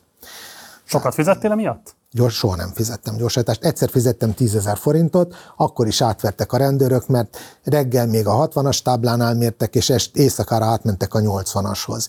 És én a 80-as, tehát a 60-asnál már 60-nal mentem volna, de a 80-asnál még 180-nal mentem, és már ott fékeztem.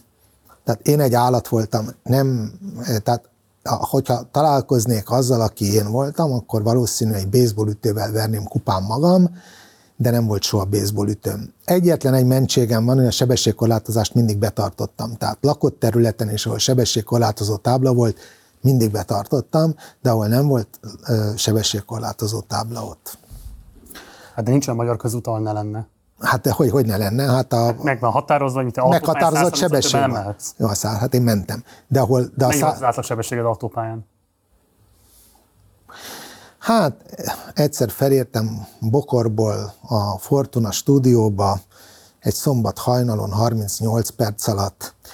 Ez az út nekem most két óra. Tehát ez, nem tudom. Autópályán mennyi volt az átlag sebességem? Amennyit az autóm ment. Tehát Autópályán egyébként nehéz magas átlagsebességet elérni, mert, mert jó, én úgy vezettem gyorsan autópályán, hogyha volt valaki az úton, egy autó, akkor lelassítottam. Tehát mentem mondjuk elévült, mentem mondjuk 250-nel, akkor lelassítottam. 250-nel, igen, akkor lelassítottam 180-ra, ha, ha egy autó ment. Ha két autó ment egymás mögött, akkor lelassítottam 140-150-re, mert ott bármikor kijöhet az egyik, hogy megelőzze a másikat, anélkül, hogy indexelne. Hogyha volt valahol egy 110-es tábla, akkor én a 250-ről lelassítottam 110-re. Itt is, itt is a 80-asnál már elkezdtem fékezni, csak ott mértek. Akkor 10 ezer forintot fizettem. Állt előttem egy Ferrari, nem, szerencsére. Állt előttem egy Ferrari, nyitott tetővel, és azt mondja, gratulálok, Gábor mondja nekem a rendőr, ma, ő a re- ma este ön a rekorderünk. És mondtam neki, de az a Ferrari most csak 120-szal ment.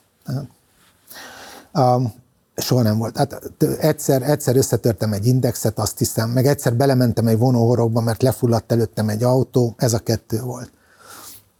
Nem szerencsére, de hát én tényleg, tehát tényleg óvatosan mentem. Nem, én észrehajtottam gyorsan. Erről környezetem mást mond, de de az, az, azért mondtam 250-et, mert nem ment többel az autó, tehát ez volt a végsebessége. De volt olyan autóm, ami 265-öt ment, és például azzal sem mentem gyorsabban 250-nél. A könyvben úgy írsz a Hajdú Péterre való megismerkedés. De ez 20, ez 20 éve volt utoljára, vagy 25. Tehát most, most 130-nál soha nem megyek gyorsabban autópályán, és általában 90 százal. Tehát aki ott poroszkál a, a jobb sávban 90 százal, az én vagyok, és ráadásul most egy olyan autóval járok, amelyiknek rossz a sebességváltója, és csak három sebesség van benne, tehát nem is tud 70-80-nál gyorsabban menni. Igen? Es, esküszöm. A feleségemé, neki, neki meg elég, ő nem megy gyorsan. Szóval a könyved úgy írsz a Hajdú Péterre való megismerkedésedről, hogy jön a Gessler Dorottyával együtt, és a Gessler Dorottya úgy hivatkozik a Péterre, mint hogyha ő az unoka, unoka öccse lenne. Így volt. És ebben az a nagyon szép, hogy a, a, a Dorottyának a akkor válófélben lévő férje engem gyanúsított azzal, hogy a, a Dorottyának udvarolok, mert én nagyon szerettem a Gessler Dorottyát, és lakást keresett magának, és mentem vele nézni a, az albérleteket, hogy mit lehet kivenni, és a férje az megfigyeltette, és azt hitte, hogy én vagyok a, én vagyok a, a csábító. Miközben azt implikálod, hogy ez valójában a Hajdu Péter volt? Hát, hát a Hajdu Péterrel találkoztam, akit bemutatott, mint az unokaöccsét. Igen, és jött utána mindig egy fehér Volkswagen Golf, de szerencsére gyors autóm volt, és az első sarkon már lemaradt. Hajdu Péterről nagy érzelmi elragadtatással tudsz beszélni, pótapának nevezed magadat az esetében, de igazából szakmailag soha nem láttam tőled olyan nyilatkozatot, amiben bármi nem elismerést is tudnál neki tulajdonítani. Miért kötődsz akkor mégis hozzá? Volt, volt tehát például a humorát, azt a humoráról jót írtam, tehát van humora, és arról jót írtam, és, és vannak jó. Ez nem egy szakmai erény. Tessék? Ez nem egy szakmai erény. A műsorvezető esetében, hogyha vicces show műsort vezet, hogy ne lenne. Hogy Jól tud poentírozni, azt mondod? Helyenként igen, időnként, és most ismétlik a névsorokat, 13-14 évvel ezelőtti névsorokat, és most, ahogy nézem, egész jó műsor, akkor nem néztem meg, nem tudtam megnézni. Tehát rosszul voltam magamtól. Miért? De nem, nem szerettem ezt a, ne, nem, nem, nem éreztem jónak, most jónak érzem. Miért ültél be, hogyha nem volt komfortos? Pénzt keresni, pénzt De keresni. producerként is keresettél volna pénzt. Nem, akkor sehogy. Akkor nekem ez az egyetlen egy lehetőségem volt már. De az MTV nem hagyott mást? Nem volt más, nem, nem, nem, nem volt rám igény. Tehát ez volt az egyetlen lehetőségem, nem volt más lehetőségem, és én ezt így éltem meg. Ahelyett, hogyha akkor okosabb vagyok, akkor a Pétert nagyon fel tudtam volna húzni, és egy nagyon sikeres műsor lehetne akár még ma is. Hát most megnézem, nagyon jó részek vannak benne, és látom, hogy én hol hibáztam. Mondok neked egy példát, azzal kezdte a beszélgetés, most ismételték a múlt héten a, a, az egyik színésznőnek mondta, hogy te egyszer bepisültél a színpadon. Na most én ettől kiakadtam teljesen. Így kezdődött az egész műsor, te bepisültél a színpadon, lehet, hogy van egy jó sztori, ami ezzel kapcsolatos, de ezt meg lehet úgy kérdezni, hogy te nagyon röhögős vagy, és akkor elmeséli magától, hogyha, hogyha el akarja. Ha meg nem, akkor nem, nem hozzuk ilyen helyzetbe, és ahelyett, hogy én ezt utána megbeszéltem volna a Péterrel, és elmondtam volna, hogy ez miért nem jó, és hogy hogy kéne, én megsértődtem. Rögtön a műsor elején. És láttam magamon az egész műsoron, hogy haragszom emiatt rá. Érted? Na most nem, hát ez nem, nem, nem így kell ezt csinálni. nem így kell ezt csinálni. Kényszerpárosai voltatok egymásnak? Egy időben kényszerpárosai voltunk, volt egy rövid időszak, amikor nagyon jól tudtunk együttműködni, és akkor a végén, amikor politikailag e, e, szembefordultunk egymással, tehát a politika miatt, Mert? akkor megint kényszerpáros voltunk, mert ö, ö, átpártolt a, a Fidesz-KDNP oldalra, én meg maradtam ellenzéki. És, és ez, ez szült... Ez hányba történt? Hát mikor, 2000, akkor mondom, hogy mikor történt, az EP választások előtt, amikor beívta az ATV műsorba az Orbánt. 2009-ben? Hát nem tudom, hogy ha 10 előtt vagy 10 után? 10, 10 előtt, persze, 10 előtt. 10 előtt, és én ezzel nem értettem egyet. Én ezzel nem értettem egyet, de egyébként most már máshogy látom ezt is. Tehát, hát, hogy látod? Nem, nem, nem azt látom, tehát nem, a, nem, nem az Orbánt látom máshogy, hanem az én rajongásom tárgyát látom máshogy. Tehát akiért én akkor rajongtam, azért most már egyáltalán nem rajongok. Annyit segítek, hogy nemrég volt a vendéged, és Márkizaj Pétert egyetlen egyszer sem szólította nevén. Tehát hogy segítsek Gyurcsány Ferenc. Tehát én, én nagy Gyurcsány rajongó voltam a hajdon. Nem. Én, én, én onnantól kezdve voltam nagy Gyurcsány rajongó, hogy láttam egyszer, talán éppen a Friderikus csinálta vele a riportot egy reggeli műsorban, karácsony táján, még, nem, még sportminiszter se volt, vagy éppen akkor lett sportminiszter, és meghallgat, mint ez, ez zseniális, ez a pasas, és akkor utána elmentem egy kampánygyűlésre, szintén az özönvíz előtt, Újpesten volt, és, és jól beszélt, jól poentírozott, ültek a poénok, kivárt, hát mondtam, hogy ez zseni, igaza volt mindenben, minden közgazdasági kérdésben, és akkor én annyira rajongójává váltam, hogy, hogy én nem vettem észre azokat a hibákat, amiket elkövettek kormányzás közben, most ma azt is látom. De átértékelődik a dolog, mert amennyire én nem voltam Antal Józsefnek a tisztelője, meg rajongója, most már az vagyok, mert, mert olvastam sokat, átértékelődik az akkor, megértek dolgokat, amiket addig nem értettem. Nekem a Gyurcsány egyszer azt mondta, hogy én mindig rossz politikai döntéseket hoztam, erre én azt választottam meg, hogy ezt pont te mondod, Feri. Itt nem loptam be magam a szívébe, de igaza van. Hányba mondtad neki?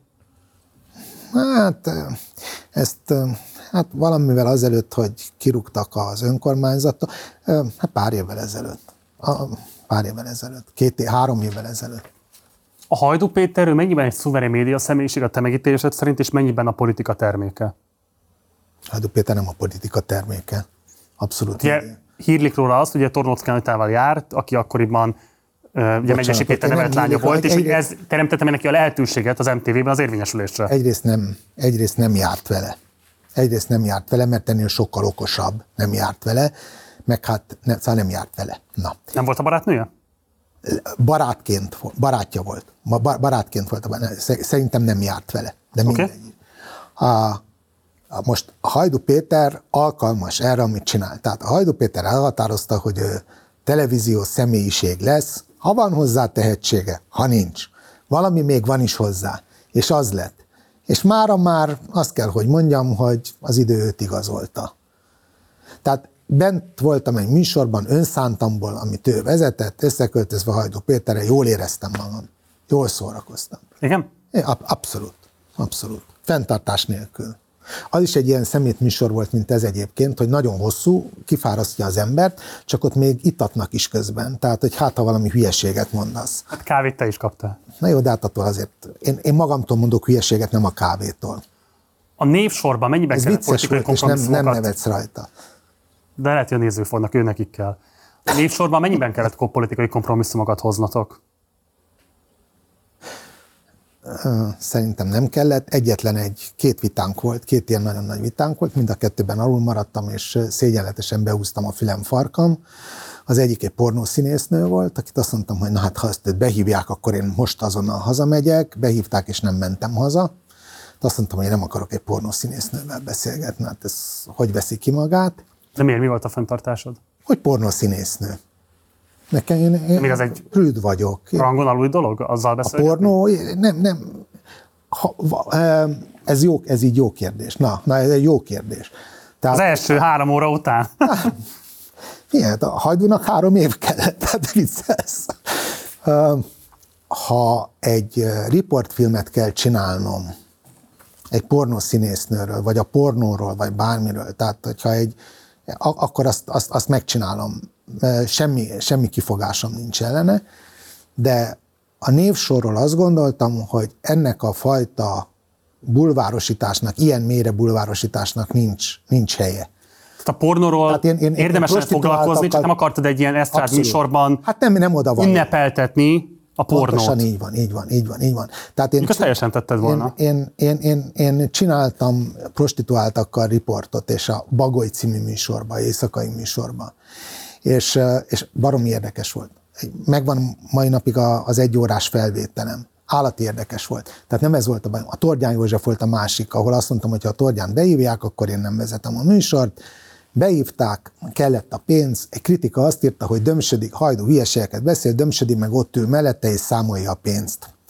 És ez teljesen igaz volt. Ez egy élet és irodalom kritika volt. Sajnos jól látta a kritikus, Dömsödi ott ült, és szóval na most eddig ennyit kerestem, még ki kell bírnom másfél órát, és akkor talán megvan a gázszámlám. Tehát aztán utána megszerettem a torgyámat, és akkor ezt azzal intéztem el magamnak, hogy elmondtam, hogy maga nem politikusi minőségében van itt, hanem humoristaként. Utaltam erre arra, ezzel arra a csurka mondatra, amikor a csurka nem politikusként volt antiszemita, hanem írói minőségében, és akkor ezzel elintézték, hogy, hogy a csurka lehet antiszemita, mert hát nem politikus most, hanem író és írói szabadság van. Tehát, és, és, és, akkor is ilyen kompromisszumot kötöttem, úgyhogy, de hát figyelj, még gyerekeket, tehát még nem, tehát így is, így is a kislányomnak dolgozni kellett az egyetem mellett, hogy, mert nem tudtam kifizetni azt, hogy egyetemista legyen, tehát így is túl hamar mentem az elveim után.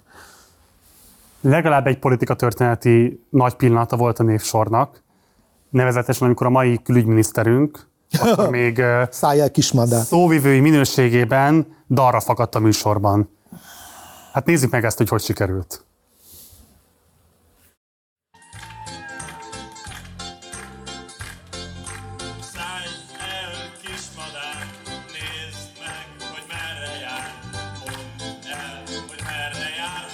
De én ezzel nem leszek rajta, kivágtak belőle.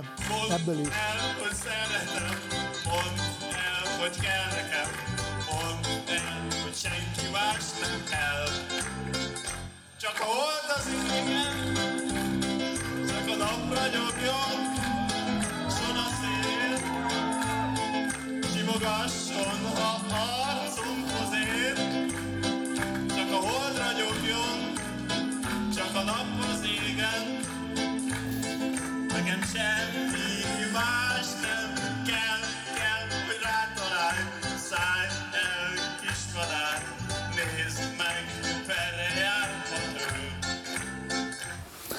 Ja, hát most, most hát minden politikai értékítélettől mentesen, de miért kell ezt csinálni egy emberrel?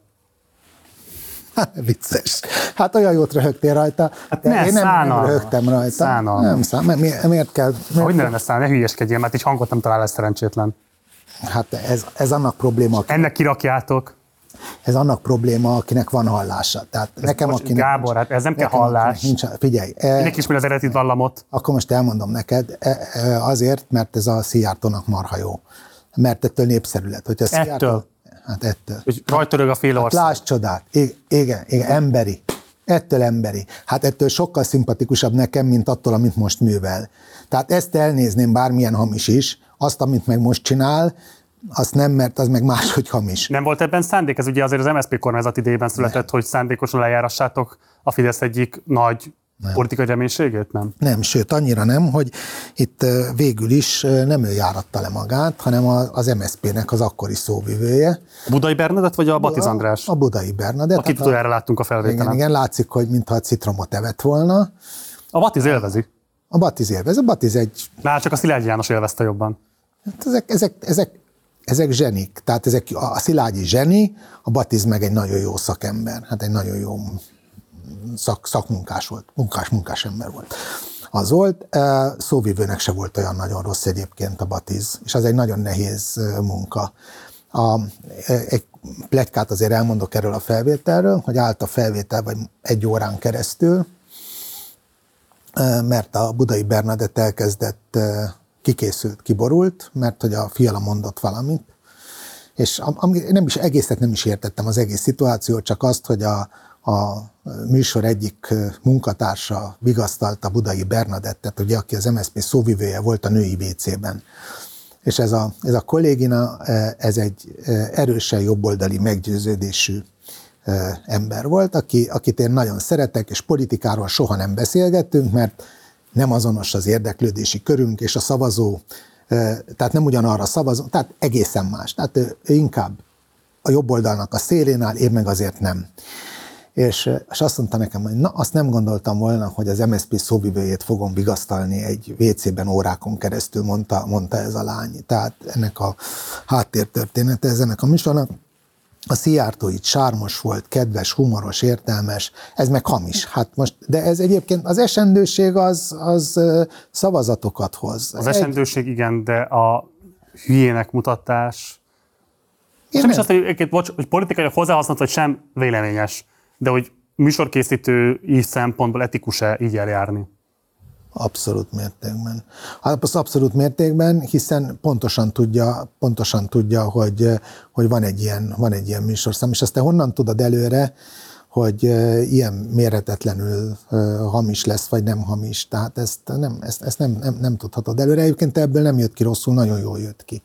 Hidd el nekem hidd el nekem, de miért lenne etikátlan az, és akkor most, most akkor, mert a Szijjártó hamis volt, azért ezt a blokkot vágjuk ki, vagy ne rakjunk bele ilyen blokkot egyáltalán. Tehát én például soha nem vállaltam azt, én sok szilveszteri műsort vezettem, hát nem sokat, többet. Tehát több, mint hármat. És a végén már beleírattam a szerződésembe, hogy a műsorvezető nem énekel, nem táncol. Hát ezt képest a Live tv az nem sikerült, hogy Live TV? Elkerülni. Az mi volt a Live TV? Hát most a legutóbbi szilveszteri műsorod. Hát azt nem, hát pont ezért szivattak meg. Hát ezt a, ezt a hajdu pontosan tudta, és hát most mit lehet csinálni? Hát egy ilyen helyzetben, ha belekerülsz egy ilyen helyzetbe, akkor jó pofát kell hozzávágni. Egyébként, hogyha én énekeltem, akkor az szerintem tátogtam, és hogyha egy ilyen helyzetbe kerülnék például ebbe, ezt te hogy oldanád meg, hogyha ott vagy, és, és nem tudod, hogy ez lesz, és, és belekerülsz. Hogy oldanád meg úgy, hogy ne csinálj magadból hülyét? Azt nem tudom. Én elmondom neked, hogy én hogy oldanám meg. Nézd, bocs, először nézzük meg, hogy konkrétan hogy oldottad meg. Hát úgy, ahogy Ezt kell. a szilveszteri műsort, meg egyáltalán, amikor a kázi a viszonyatokat rendezendő elhívott a Hajdú Péter a műsorába, aztán pedig a Live TV-nek elhívtak a szilveszteri műsorába is. Ebből most nézzünk meg egy összeállítást, és aztán beszéljünk erről. Én a hajzónak, hát remélem, hogy ezt nem hallja, és nem is fogja soha látni, mert nem szeretném dicsérni. Milyen vicces. De egy kicsit mindig is az apjának képzeltem magá, magam a Mi az, nekem is a Klári Rúzsa van a számon. Szerep, Nektek szara a rendszeretek. Egy családi ünnepségen. És ezért mindig aggódva néztem azt, amit, azt, amit ő Hát csinált. mint a Gesztesi Károly kicsit Klári látom, Rúzsával. hogy amióta nem találkoztunk, az én véleményem szerint sokkal jobb ember lett. Pénzt akartál keresni ezzel a könyvvel? Igen, persze. De Gábor, ez a könyv ez nagyon sértő volt. Az, ami velem történt, az is sértő volt. De Ez össze van vágva rendesen. Sarkítottad, az bántó volt. Megváltoztál. Nem az az ember vagy, mint aki akkor voltál. A feleségem beteg. Amputálták a fél karját. És jelen pillanatban a Kriszta tart el téged, úgyhogy ilyen állapotban van. Igen. Összezárva Hajdú Péterrel, pénteken este a Live TV-n. Hát elég bírástok. Jó reggelt kívánok, Gábornak. Hát mi, mi szervusztok, jó reggelt. Tehát bemutassam nektek Hajdú Péter, tehát ezt az előzetestől vágta össze. Tíz évig vezettem vele műsort, és össze voltam zárva vele egy napig. A kapcsolatunk azóta megváltozott. Újra jobban vagyunk. Hölgyeim és uraim, itt van velünk. Dörsödi Gábor. Na ő igazán utál, az Ábel Anita.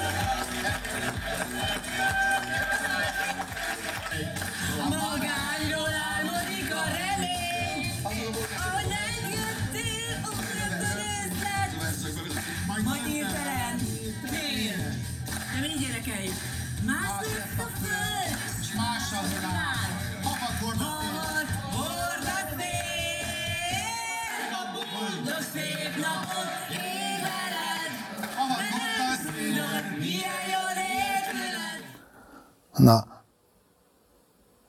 Hogy kerültél ebbe a helyzetbe, ja, ja, most az izé? Hát úgy, hogy uh, itt most a szemétség szemétsége van, tehát egy összevágott előzetesből, összevágott előzetesből összevágott bejátszás. Tehát is megkezdett, hogy hogy kerültem ilyen helyzetbe. Most bocs, én az énekés kérdezem, a többiről mindjárt beszélünk. Énekeltem szerinted? Így kell megoldani. Ezt a helyzetet, ezt így kell, me- nem énekelsz. Tehát ha belekerülsz egy ilyen helyzetbe, ez egy csapda helyzet. Miért állít neked a csapdát a Péter, hogy csak közben arról van szó, hogy most már rendeztétek a viszonyatokat? Mi? Mert, mert, szórakozik velem. Ez, ez, ez, Pótapjával? Hát a pótapja. Jaj, hát, figyelj, te hány, mindig megkérdezem, de elfelejtettem, hány éves vagy? 38? Nem, még csak 6. 36, 36 éves. Hát azért már ne legyél már gyerek. Hát persze, hát ez erről szól. Hát miért, mi, mi, miért kérdezel ilyen, miért csinálja ezt veled Gábor a pótapjával, és így nézel ilyen. Hát ez erről szól, hogy beugratjuk, nem ugratjuk be. be Pótapjának tekint téged egyébként? Szerintem igen.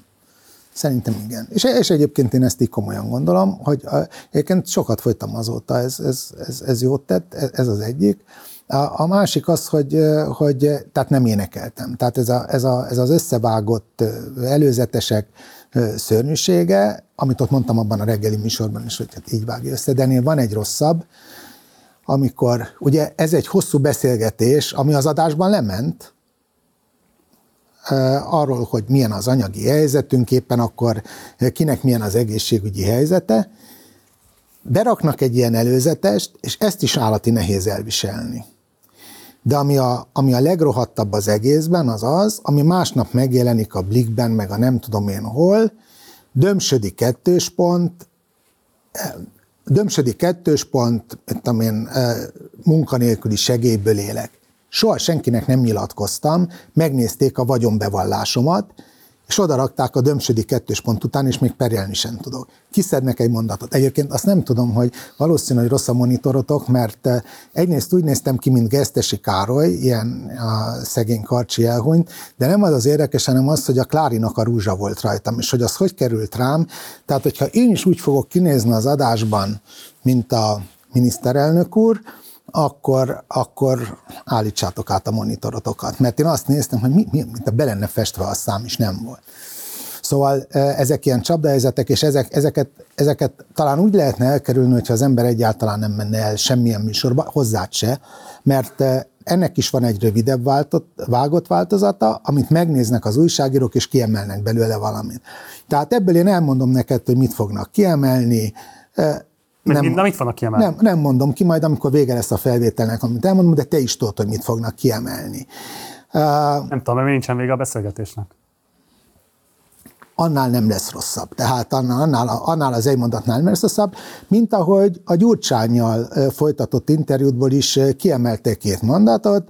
Az egyik ez a rúzs dolog volt, a másik meg az apró villa. És abban a beszélgetésben, amit én meghallgattam egy óra 30 percben, volt egy sokkal súlyosabb mondat, amit hála jó Istennek nem vettek észre, és nem emeltek ki. Mi szerint? Nem, hát majd gondolod, hogy megmondom neked, nézd meg a saját interjúdat, én nekem nagy szemben az érdekel, hogy, hogy mi volt, az érdekel, hogy te szerinted mi volt benne. Azt is el fogom mondani, most nem mondom el, mert torzít, mert eltorzítja az egészet, tehát hogyha kiemelném, akkor eltorzítaná az egészet. Gábor, mire ez megjelenik, is eltorzított. Pár nappal vagyunk a Gyurcsány interjút, mire ez megjelenik, hónapokkal leszünk a Gyurcsány Teljesen mindegy, teljesen mindegy, mert egy jelenségről van szó, tehát arról, hogy adott esetben egy fontos Én és érdekes beszélgetés. adnál számot, hogy elmondanád, hogy fontos, mit láttál benne egy olyan mondatot, amilyet nem lehet kimondani, amilyet nem lehet kimondani Magyarországon egy politikusnak, ugyanúgy, ahogy egyébként beúztad a csőbe a Márki Zajt is. És a Gyurcsány ezt fel is A forradalom, amikor azt mondja, hogy... Te nem vagy egy buta fiú. Te nem vagy egy buta, leved érdemes lenne foglalkozni. A, a, Milyen értelemben, Gábor? Hát szakmailag, hogy fejlődjél egy kicsit, mert van benned, benned van a talentum, tehát hajduban ennyi idős korában nem volt ennyi, tehát veled lehetne valami. Nem fogok válaszolni a szemét kérdésedre, de azt elmondom, hogy eh, már azt sem tudom, mert azt meg elfelejtettem, tehát, hogy az a baj ezzel, hogy az érdemi részéről tereli el a figyelmet. Egy, egy rossz mondat, és ezért nagyon veszélyes ez a műfaj, hogy az ember hosszan leül valakivel beszél. Ja, és akkor tudom, Gyurcsány is felvetette neked, annak, aki nem látta, mert több hónappal ezelőtt volt ez az interjú, elmondom, hogy neked nagyabban a felelősséget, hogy a, hogy a, hogy a Már, vagy a Márki Zaj vetette fel, vagy ő haragszik, vagy valaki. És én meg felmentettelek téged, mert neked ez a kutya kötelességet, te újságíró vagy. És nincs olyan, hogy baloldali, jobboldali, íze, újságíró van, és annak mindenkinek fel kell tenni a legszemetebb kérdéseket is, és ilyen szemétnek kell lenni. Amilyen szemét te vagy. Nem baj, hogy nem szeretünk, sőt, nekem az a problémám, hogy időnként nem vagy elég szemét, tehát mondjuk a német Balázsral nem voltál elég szemét, én a Baláskával szemetebb lettem volna, de én tanítványom, én fedeztem fel az én bűnöm, én csináltam belőle műsorvezetőt. Akkor mondjuk ki minimum, hogy vagyunk. Gábor. Szóval, szóval ez Gábor. a baj ezekkel a kiemelés, a kiemelésnek, a kiemelésnek a kiemelése, ami, ami, ami, amire én teszek, tehát engem nem érdekel. Okay. Csak, csak például, amikor uh, már egy családtagodról van szó, aki nem közszereplő és nincs hozzászokva ahhoz, hogy milyen a bulvár, akkor már nagyon kellemetlen ez a dolog. A feleségről beszélsz. De teljesen, de a gyerekemről beszélek, aki azt olvassa, hogy dömsödi kettős pont, munkanélküli segélyből élek. A barátomról beszélek, aki segít engem. Engem a barátaim segítettek ahhoz, hogy, hogy De most csak az, hogy a családban felhasználja a bulvár, arról lehetett tapasztalatot, hiszen például mondjuk amikor a Friderikus vigyázott a gyerekekre, akkor ő bevitte őket a napkeltébe, és végig haragszom is, emiatt, haragszom is emiatt a Friderikusra. Tehát ezt, ez, ezt, ezt, ezt, viccesen úgy írtam meg a könyvemben, hogy is engem meg sem említett, tehát hogy, a, hogy az enyém a gyerek, de ez a vicc része a dolognak. Tehát szerintem, szerintem ez nagyon helytelen volt hogy, eh, hogy, hogy, a, hogy a gyerekeimet eh, haknizásra és, eh, és bulvár témaként használta fel, anélkül, hogy erről megkérdezett volna, de azt mondtam, hogy, azt mondtam, hogy én vagyok a hülye, hát te tudhattam volna. Segíts megérteni valamit. Miért van az, hogy mindenben akár Hajdú, akár Friderikus felé a szeretetedet, azt ilyen familiáris viszonyokon keresztül írod le. Friderikusnak a bátyja vagy, nem, azt mondtam, hogy ő a Hajdunak, bátyám. akkor az öccse vagy, Hajdunak pedig a pótapja vagy. Hát ezt nem tudom, de hát majd megyek hozzád, és fejtsél meg, fogalmam nincs róla. Hát ilyen, ilyet, hogy én familiáris viszonyokon keresztül írok le valamit, ezt még nem jutott eszembe, nem tudom. De majd, hogyha 15 ezeret fizetek ülésenként neked, mint pszichológusomnak, akkor lehet, hogy megfejted. De nem, én nem a te reflexiód érdekelne erről. Hát, hát mert, mert a család az sokkal fontosabb, és hogyha valamit ki akarok emelni az átlagból, akkor de, de, nálam a, de nálam a barátaim azok ugyanazon a helyen szerepelnek. Tehát nekem, nekem van 5-6 olyan barátom, akik, akik olyan mértékben támogattak minket, hogy az elképzelhetetlen, és hogyha nem lennének, akkor már nem, tehát akkor most még nem, beszél, nem beszélgetnénk, tehát valószínű, hogy most görcs a lábamba az a, az a probléma. Mert, Leálljunk? Hát dehogy álljunk le, hát nem, csak hogyha majd görcs áll a lábadba, hogyha majd nem 36 éves leszel, hanem olyan 40-45, és görcs áll esetleg a lábadba, akkor rá kell állni. Csak ezt úgy mondom. Most bocs, pillanatra az elsikadtunk itt valami mellett, amit most kimondtál. Mit mondtam ki? Lehet, hogy már nem lennél itt? Hát, hát hogy, hogy lennék itt? Hát ezt, ezt, ezt, ezt, amin én átmentem 2010 óta, nem amin én, amin mi átmentünk 2010 óta, azt barátok nélkül nem lehetett volna átvészelni, tehát én minden munkámat elvesztettem. Depressziós voltál? Hát szerintem még most is vagyok egy kicsit, igen. igen. Soha nem kezeltetted? Voltam pszichiáternél egyszer, és, és felírt gyógyszer, de most már csak fel annyit szedek. De terápiában nem jártál? Nem, nem. De miért írt, meg könyvet írtam helyette. De miért nem akartál foglalkozni azzal, hogy megértsd, hogy milyen mentális kihívásokkal küzdesz? Mert én ezt a szót sem értem, hogy mentális kihívás. Hát a depresszió nyilván. Ja, azért nem, mert ezt megoldottam. Tehát ami, ami nekem két, két olyan időszakom volt, amikor, amikor nagyon rossz paszban voltam. Mi segített? A munka. A munka, az, hogy, az, hogy ebből kizökkentem. Az első az akkor volt, amikor nem választottak meg polgármesternek Pászton, amikor én 2006-ban volt. Ezt pont miniszterelnök úrnak köszönhetem, eh, aki ugyanazt a rúst használja, mint én. Tehát ezt miniszterelnök úrnak köszönhetem, mert elmondta azt a híres összödi beszédet, és addig abszolút esélyes voltam, és hát utána, mint MSZP által támogatott jelölt egyáltalán nem. Úgyhogy azért azt megkérdeztem volna a helyetben Gyurcsány Ferenctől, hogy lehet, hogy az övé a legnagyobb ellenzéki párt most, de mennyi volt, amikor átvette, vagy amikor ott hagyta. Mert ez az MSZP tagság. Tehát, hogy mennyi volt, amikor ő megalakította az új pártot az MSZP tagsága, meg mennyi most a DK-i. Csak ezt úgy megkérdeztem volna tőle. De, de akkor, akkor nagyon kikészültem. Tehát azt én nem tudtam feldolgozni, hogy én tényleg itt felajánlom, kiteszem a szívem, a lelkem, jó programom van, mindent megteszek. És nem kell ezt. És nem kell. És ezt, ezt nem tudtam feldolgozni, hát ebben majdnem belehaltam. Na, az egy, az egy sűrű depressziós. Volt öngyilkosság gondolat? Jaj, nem, az nem. A gondolatom az volt, azt talán meg is írtam a könyvben, hogy gondolatom az volt, tehát azt, azt mondtam, hogy hát ennek véget kéne vetni. De komoly? Vagy...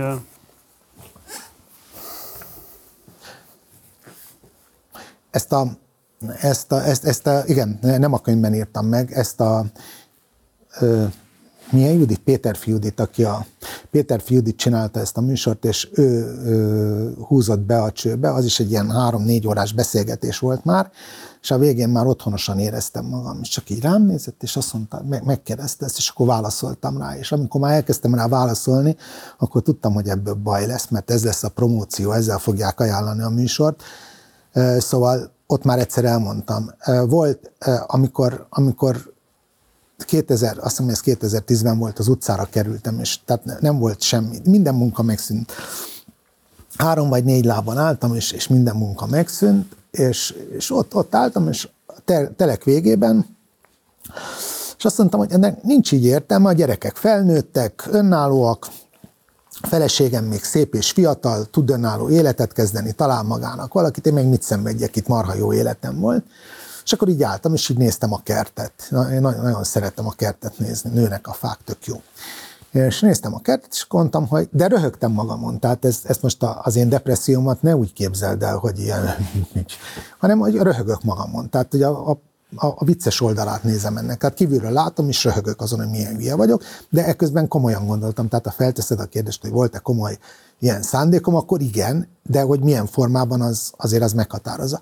És mondtam, hogy jó, jó, de hát, hát azért eh, az mégse lehet, hogy eh, mégse lehet, hogy én csak úgy elmenjek ebből a világból. Tehát most azt, hogy praktikusan hogy lehet megoldani egy öngyilkosságot, ez egy külön kérdés, mert annak tisztának kéne lenni, olyannak, hogy senkit ne terheljen, tehát nem tudom a megoldást. De, de hát nem is kezdtem el rajta gondolkozni, mondom, hát akkor meg kéne, be kéne fejezni a könyvem. Hát ez lett a Friderikus és Hajdú serpája. Hát be kéne fejezni a könyvem, hogy maradjon utánom valami, hogy a történeteim meglegyenek, legalább, hogy el akarják olvasni, várj egy picit. És olyan lassan írtam meg a könyvet, hogy utána, utána elmúlt ez a... Ez a ez megjött az életkedvem. Megjött az életkedvem, igen. Mm. És ez nem vicc, ez, egyébként ez komoly, ez tényleg így volt. A feleségemnek is elmeséltem, meg a régi legjobb barátomnak, és ők, ők, ők tudták, hogy ez komoly, de tényleg elmúlt. Tehát én ilyen vagyok, öngyógyító. Te korábban állítottad azt, hogy a hajdu sokat tett azért, hogy te ne tudj elhelyezkedni a tévében, de igazából soha nem mondtál konkrétumokat. Tudsz ilyet mondani? Hát itt nagyon fontos lenne az, hogy pontosan mi volt a, a megfogalmazás. Itt arról volt szó, elmondom konkrétan, hogy miről volt szó, ő, ő hogyha akarta volna, hogyha nem haragudott volna rám, vagy akart volna segíteni, akkor, akkor tovább vihettem volna valamilyen formában a népsort, vagy egy hasonló formátumot, meg, meg tárgyaltam az ATV-vel is arról, hogy valamilyen műsornak a vezetője leszek, és a, és a, a, a Péter ezt, ezt nem, nem nézte jó szemmel. Volt már Káncsolta valami, is? Hát szerintem igen, de volt már akkor valami. Hát azt, hogy, azt, hogy tovább vigyem a műsort, azt ő megakadályozta, azt effektíven megakadályozta akkor kiadott az ATV egy közleményt, még azt is kiadták közleményben az ATV-nél, hogy én hazudok, ami nem igaz, de mert hogy, mert hogy ki a formátum, hogy, a, hogy az ATV a formátum, vagy a Péter és akkor az ATV azt mondta, hogy, hogy, hogy ezé a formátum, és akkor kiderült, hogy nem, na mindegy. Szóval ők rögtön a Péter mellé álltak, hogy a Dömsödig hazudik, és akkor kiderült, hogy nem a Dömsödig hazudott, hanem ők tudták rosszul, de ezek után én bejártam az ATV műsorokba, most már nem járok be, mert nincs értelme bejárni, de bejártam az ATV, én nem, szóval ezek, ezek, ezen a szinten nem veszem fel a dolgokat. Hogyha, hogyha valaki, és akkor ez a familiáris, nem tudom úgy elmondani, hogy te mondtad, hogy igen, tehát hogyha valaki, tehát hogyha az Orbán Viktor, aki, akinek már nagyon régóta nem vagyok a szavazója, csinál valami olyat, amivel nem értek egyet, akkor rá kevésbé haragszom, mint hogyha egy olyan ember csinál valamilyen helytelen dolgot, akinek a szavazója vagyok. Tehát én egy idegennek könnyen meg tudok bocsátani bármilyen sértést, de egy barátnak, családtagnak sokkal nehezebben. Hm. Mert sokkal fontosabb, mert azok a személyek fontosak. XY nem, nem érdekel, nem fontos. Hogyan gondolsz arra, hogy igazából a rendszerváltástól kezdve egészen 2010-ig a köztévé azért az amellett, hogy elvében közszolgáltatást végzett, azért alapvetően mégiscsak a pártfinanszírozásnak volt egy ilyen szürkezónás intézménye. Hogy meddig? Tudom, azt pontosan típusú. tudom, hogy mire gondolsz, hogy a könyvemből melyik részre pontosan tudom, hogy mire gondolsz, de hogy kérdezted? Ezt, ezt kérdezem még egyszer úgy, hogy értsem, mert... Hát, a rendszerváltástól kezdődően 2010-ig ennek a kétosztatú vagy többosztatú politikai szintérnek a pártfinanszírozási intézménye is volt minimum a köztévé. 2010-ben egy másik időszámítás következik, annak is megvannak a problémái, nem akarom eltagadni, de engem most azért érdekel, hogy a 2010 előtti időszakról hogyan gondolkodsz. Hát a 2010 előtti időszakról úgy gondolkozom, hogy, hogy az egy szúnyogcsípés volt, most pedig rakétával lőnek rád.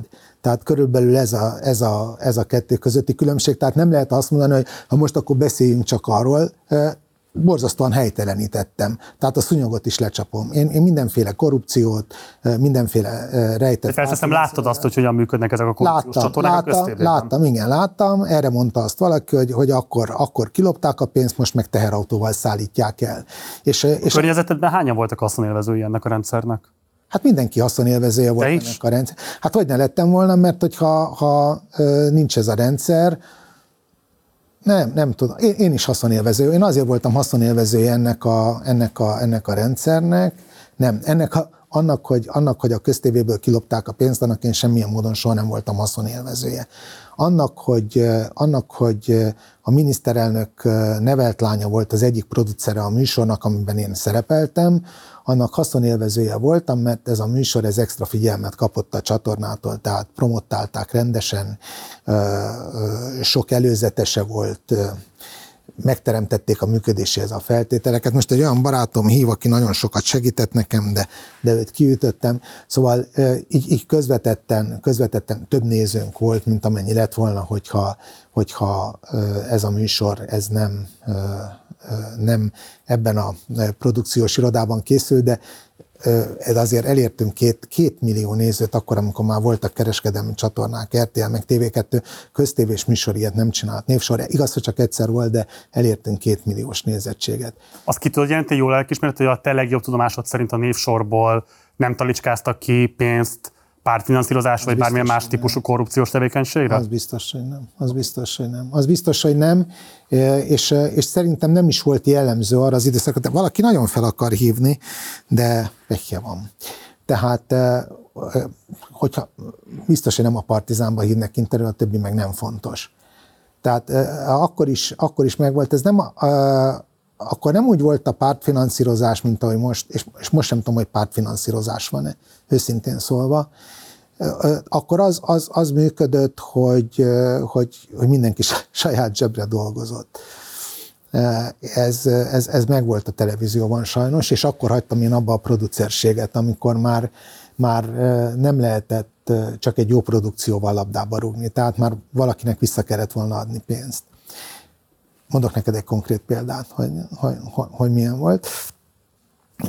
Akartam indítani egy műsort, és nem azért nem mondom a nevet, mert nem mondanám a nevet akkor se, ha tudnám, de nem is emlékszem rá, hogy ki volt. Volt egy főgyártási ember, aki ezt be kellett menni egy műsor költségvetésével. Bementem hozzá, leraktam, benne volt a 20%-os hasznom, körülbelül ez egy ilyen tisztességes műsorgyártási haszon. És azt mondta, hogy hát ez nem igaz a költségvetés. Mondom, miért nem jó? Azt mondom, ez egy nagyon alacsony költségvetés, mi már ilyen vackokat nem csinálunk. Ez, ez egy gyenge kiállítás dolog, legyen ez magasabb ez a költségvetés. Mondom, azt mondod, hogy legyen magasabb a költségvetés, nem alacsonyabb? Azt igen, igen, mert másik televízió. Az hányban volt? Nem tudom. Nem tudom, nagyon régen, nem tudom. És hajdú előtt volt még. És um, tehát akkor még, ön, akkor, akkor még nem, nem, nem csináltuk a névsort. És jó, bementem, beleírtam még ilyen kamerát, olyan kamerát, steadikemet, amit el tudsz képzelni, több lett a költségvetés. Ránéz a pasas, egy pénteki nap volt, ránéz a pasas, azt mondja, te ez most már jobb, de ebben hol vagyok én? És mondom, és, és nem értettem, tehát nagyon hülyén néztem rá, fáradsz. Na, nagyon hülyén néztem rá, és, és mondom, ne, nem értem, azt mondom, hol van az én részem? Hát mondom, hogy, hogy? Azt mondom, én kapok. De ültünk az irodájában, tehát egy pillanatig nem tartott attól, hogy én felveszem, vagy mit tudom én, mi lesz ebben. És, és mondom, és hát az, az mennyi lenne? És akkor azt mondom, ahogy gondolod. Fogtam magam, hazamentem, és mondtam a feleségemnek, hogy ez történt, és nem, ak- akkor nagyon kellett volna, nagyon kellett volna egy, egy munka. És különböző periódusok voltak, volt, amikor sok munka volt, volt, amikor, akkor kellett, és mondtam, ez erkölcsi kérdés, hát, hát mi legyen? Hát választ kell adni. És kirúgták a pasast, képzeld el hétfőre. Tehát, eh, tehát nem tudom, nem tudom, hogy megbuktam volna a próbán, vagy nem buktam volna meg a próbán, mert, mert nem döntöttem el, hogy most, most korrupt leszek, vagy nem leszek korrupt, lefizetem, vagy nem fizetem, nem, az is korrupció. És kirúgták szerencsére hétfőn a pasast, úgyhogy így ez a, ez a, ez a dilemma, ez megvolt. De később ilyen alakokat te nem kötöttél, azt mondod. Én soha nem kötöttem ilyen Hajdú alakokat. Péter szerinted kötött? Szerintem neki meg nem kellett kötni. Egy eset van, amit, amiről a könyvemben is írok, amikor ők nagyon erősen lobbiztak azért, hogy a Rudi Zoltán legyen a tévéelnök, akit azt, aki aztán ki is rúgta az első adandó alkalommal a produkciónkat a tévéből, és hát a Péterrel együtt kirúgott engem is, tehát én is ennek köszönhetem. Azért gondolod, hogy a, gondolod, hogy a miniszterelnök nevelt lányának ahhoz, hogy ahhoz, hogy valamilyen pozíciót elérjen a tévében, le kell fizetni valakit, hát akkor nagyon nagy lenne a baj. Azt szerintem ma se kell. Van egy ilyen izgalmas fenomén szerintem a pályafutásoddal kapcsolatban, hogy igazából két típusú hatalom működtetésében, gyakorlásában telt el a szakmai pályafutásod. Ugye ott van a közfigyelem, hatalma, a média, és ott van a közhatalom, a politika polgármesterként. Én tudom, hogy polgármesteri pozíciódra nem politikai tevékenységként gondolsz, vagy azt nem gondolod pártpolitikai tevékenységnek, majd erről is beszélünk, ez a dilemmára szerintem ez érdekes. De hogy erről te hogyan gondolkodtál, mert hogy közben meg végig mindig azt hangsúlyozott, hogy te azért is nem futottál be nagyobb pályát, mert ragaszkodtál a tisztességedhez, és hogy ez egy balek attitűd volt. Hát most is az, persze. És hogy, hogy, hogy nagyon ragaszkodtál a függetlenségedhez is, miközben hát azért a hatalomgyakorlása pont nem erről szólna. Persze. És nem is ragaszkodtam mindig a függetlenségemhez. Tehát én ugye beléptem a DK-ba két vagy három hónapra, tehát, tehát azért azt sem mondhattam el, hogy nem voltam pártag, meg indultam MSZP támogatással, meg LMP támogatással is indultam, tehát de, nem, de abban teljesen igaza van a, a Gyurcsánynak, hogy én rossz politikai döntéseket hoztam. Tehát ebben teljesen igaz. De egy ilyen, én igazából azt akartam hangsúlyozni, hogy egyfajta szakmai magányosság jellemzi úgy a tévés működésedet, mint a politikai működésedet. Miért nincs igazából közösséged? Hát ezt, ez, ez egy nagyon trükkös mondat volt. Két állítást tettél fel egy mondatban, és az első felét visszautasítom, tehát az én televíziós működésemet egyáltalán nem követte szakmai, mint mondtál, szakmai magányosság jellemez, tehát baromira nem.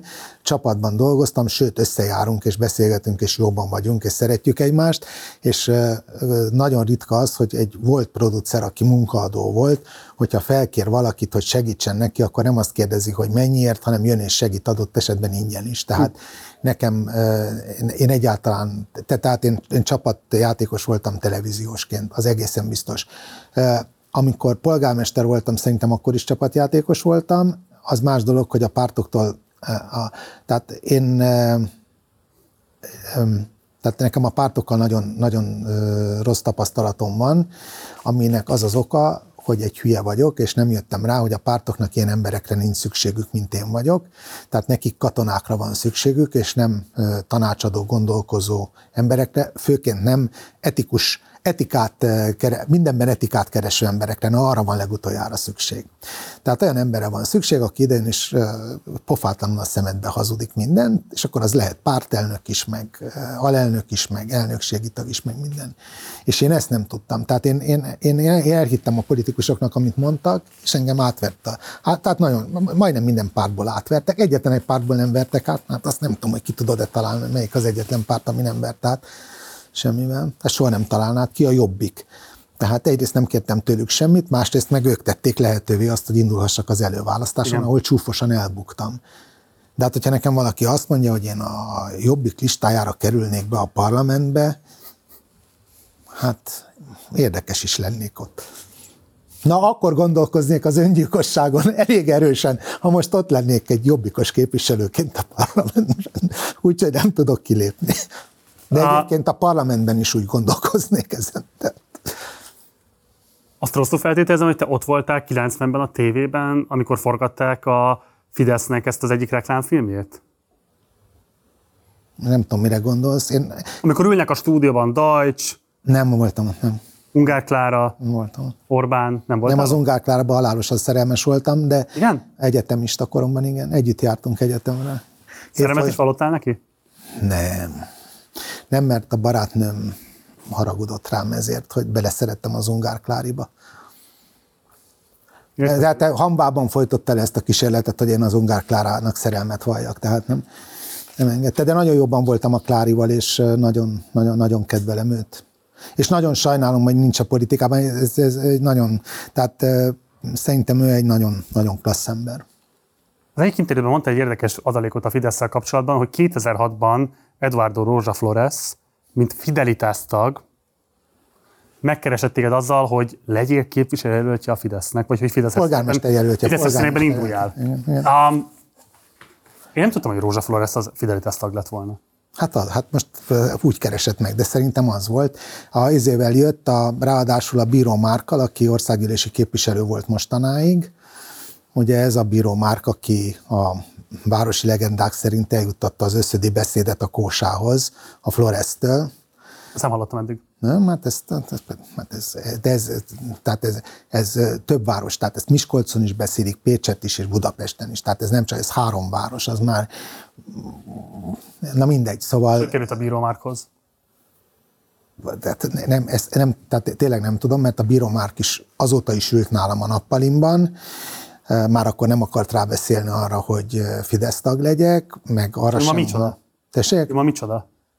Nem tudom, hát országgyűlési képviselő volt a mostani választásig, és az előző ciklusban, hát ő volt az, aki soha nem szólalt fel, és egyszer elkövette azt a hibát, hogy felszólalt a KRESZ szabályozás kapcsán, és rögtön megkapta feladatként azt, hogy dolgozza ki a KRESZ módosítást. És becsületére legyen mondva, hogy ezt derekasan elvégezte ezt a munkát, és megcsinálta, és jobb lett. Tehát egy elhibázott szakmai tör, szakma, szakmailag elhibázott törvény után módosították, és megváltoztatták normálisabbra, és azzal kezdte, hogy felhívott engem, hogy beszéljük ezt meg. És eljött hozzám, és hajnali kettőig ott volt nálam, és akkor összehoztam egy kollégával, aki, aki sokkal jobban ért ezekhez a kérdésekhez, mint én, autós újságíró, és akkor a Márk ezt be is terjesztette. Na de amikor ott ültek nálam a Floresszel, akkor csak azt néztem, hogy egyiknek nagyon sáros volt a bakancsa, és hogyha a feleségem hazajön, akkor kivág mindannyiunkat. Tehát, tudod, jön a parkör, és hazazavar minket. Tehát. Te korábban ismerted a Rózsa Flores-t? Én persze a Flores persze, hogy ismertem, de nem voltunk baráti viszonyban. Amikor Olyan a... szervező karakterét, tehát azért egy nagyon tragikus véget ért végül. Nem, nem ismerem annyira, hogy, hogy, hogy bármit tudjak róla, annyit tudok róla, amennyit az újságok megírtak. Ez, hát igen, ennyit tudok, meg hogy miért. De, de, de, tehát, tehát ami, amit megírnak jobbról, balról, ezen a portálon, azon mindent olvastam, nem állt bennem összeszintézisé, tehát nincsen nála véleményem. Más politikai gyilkosságokkal, meg gyilkosságokkal kapcsolatban van szintézis a fejemben, a Florezzel kapcsolatban nincs. Azt tudom, hogy amikor a fiam még tizenvalahány éves volt, és elkezdett irogatni a szélső jobb oldal ellen, 15 évesen, akkor nagyon keményen neki ment a szélső jobb a gyerekemnek, amiről én nem tudtam, és a Flores állította le őket, mert a Flores egyik barátja volt a fiamnak a tanára, és, és ezt látták, hogy, hogy itt mi. Én nem láttam, tehát én nem, nem követtem nyomon, hogy a fiam... Te láttad arról a szójátékfilmet, Feketéből, a filmét, a Csikót? Szerintem láttam. Szerintem... Tisztában voltál az ő délszáv háborús múltjával? Hát azt, hogy, azt, hogy erről beszéltek, a, a, a, azzal tisztában voltam, de egyrészt már a filmre nem emlékszem, biztos, hogy láttam, de nem emlékszem. Másrészt meg, másrészt meg abban sem vagyok biztos, hogy, hogy amit ő elmesélt erről, az mindig úgy volt. Tehát ő azért egy, egy elég színes szem, tehát nem biztos, hogy, nem biztos, hogy minden úgy volt, ahogy ő mesélte abból, amint találkoztam vele, de kétszer, kétszer, kétszer egy órát vagy két órát beszéltem vele összesen. Milyen hát az, tett rád? Hát nem voltam odaérte. Tehát nem voltam. Tehát nem, Erőszakos volt? Nem, nem. Tudod, vannak olyan emberek, akiket bármennyire nem kedvelsz, leülsz velük, és elvarázsolnak. Tehát például, hogyha Orbán Viktorral leülnék, akkor fél óra után biztos, hogy érezném, hogy hú, hát itt, mint a, mint a Thomas Mann, tudod, a, a, a csipolla, tehát, hogy érezném, hogy hú, hát itt, ez, ez, nagyon át vagyok verve. A Fridi is ilyen egyébként, tehát ővele is leülsz, ő is elvarázsol. A Gyurcsány is ilyen. a Friderikus is ilyen varázslatos személyiség, olyan erős, olyan személyiség, hogy elvarázsol. De a Gyurcsány is ilyen egyébként, hogyha úgy négy szem beszélsz vele, és nem, tehát nem eh, eljátszik egy szerepet, hanem saját magát adja. Ha már egymás mellé rendelted a két személyt, te hogyan látod az ő Melyiket? A- kapcsolatukat? A Gyurcsányt meg az Orbánt, vagy a Friderikuszt meg a Gyurcsányt, vagy kit? De, ki, de most bólogasz, de melyikükét? A Federikus Gyurcsányt.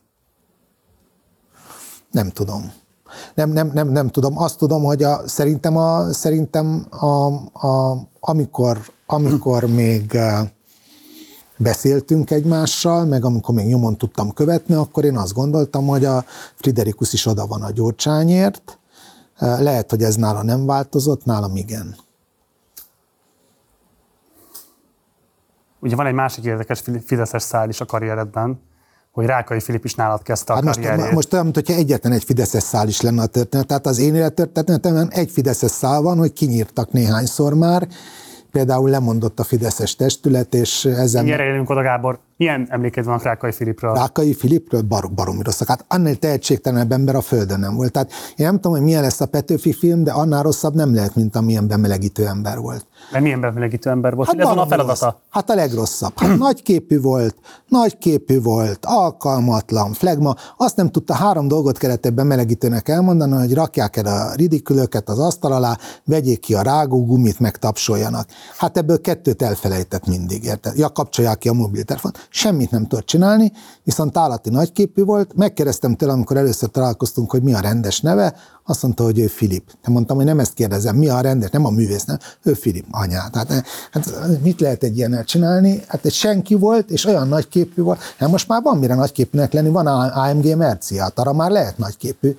Hát másra nem. Hát meg jóképű. Arra is lehet nagyképű. De akkor még semmi, hát mindenki jóképű volt, még akkor még én is jóképű voltam. Hát azt írtam a könyvemben, hogy, hogy annyi ember fordult meg körülöttünk, hogy miért nem egy tehetséges vitte valamire. Miért pont Rákai Filip? Hát mert megnézzük a Petőfi filmet. Hát néztem, a, néztem az előzetesét a filmnek, hát az látszik, hogy ami drága bérelhető kamera van a világon, az mind benne van, de e, se a betűtípusok, se a díszlet, tehát annyira gagyinak tűnik, az, de hát ne prejudikáljunk, nézzük meg, meg fogom nézni. És, és, és én leszek az első, aki azt mondja, hogy Filip, nagyon büszke vagyok rád, és a következő kiadásban majd, hogyha ez a három rak- raklap még elfogy a könyvemből, vagy elosztogatom neked, akkor be fogom írni, hogy mégis büszke vagyok Rákai Filipre. Bokor- Javított kiadás, Harmonia Celestis, második kiadás, szeretünk Filip.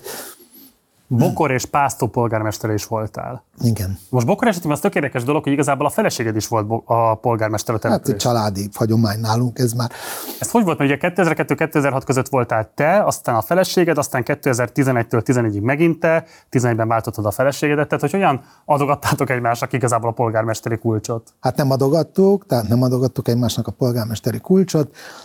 Én nekem, nekem bokor kevés lett, tehát, tehát azt társadalmi munkában csináltam. Ez hány fős település? Akkor 126 volt, hogy most mennyi, azt nem tudom. Társadalmi munkában csináltam. Először a fizetésem sem vettem fel, de aztán rájöttem, hogy ez nem jó, mert annyival csökkentik a finanszírozását a településnek, úgyhogy utána felvettem és beraktam egy kasszába, és visszaforgattam, vettem biliárdasztalt, meg mit tudom én. Biliárdasztalt vettél? Biliárd, meg házi mozi rendszert, meg ilyeneken. És, és a, Az önkormányzatnak? igen, hát a falunak, a falunak.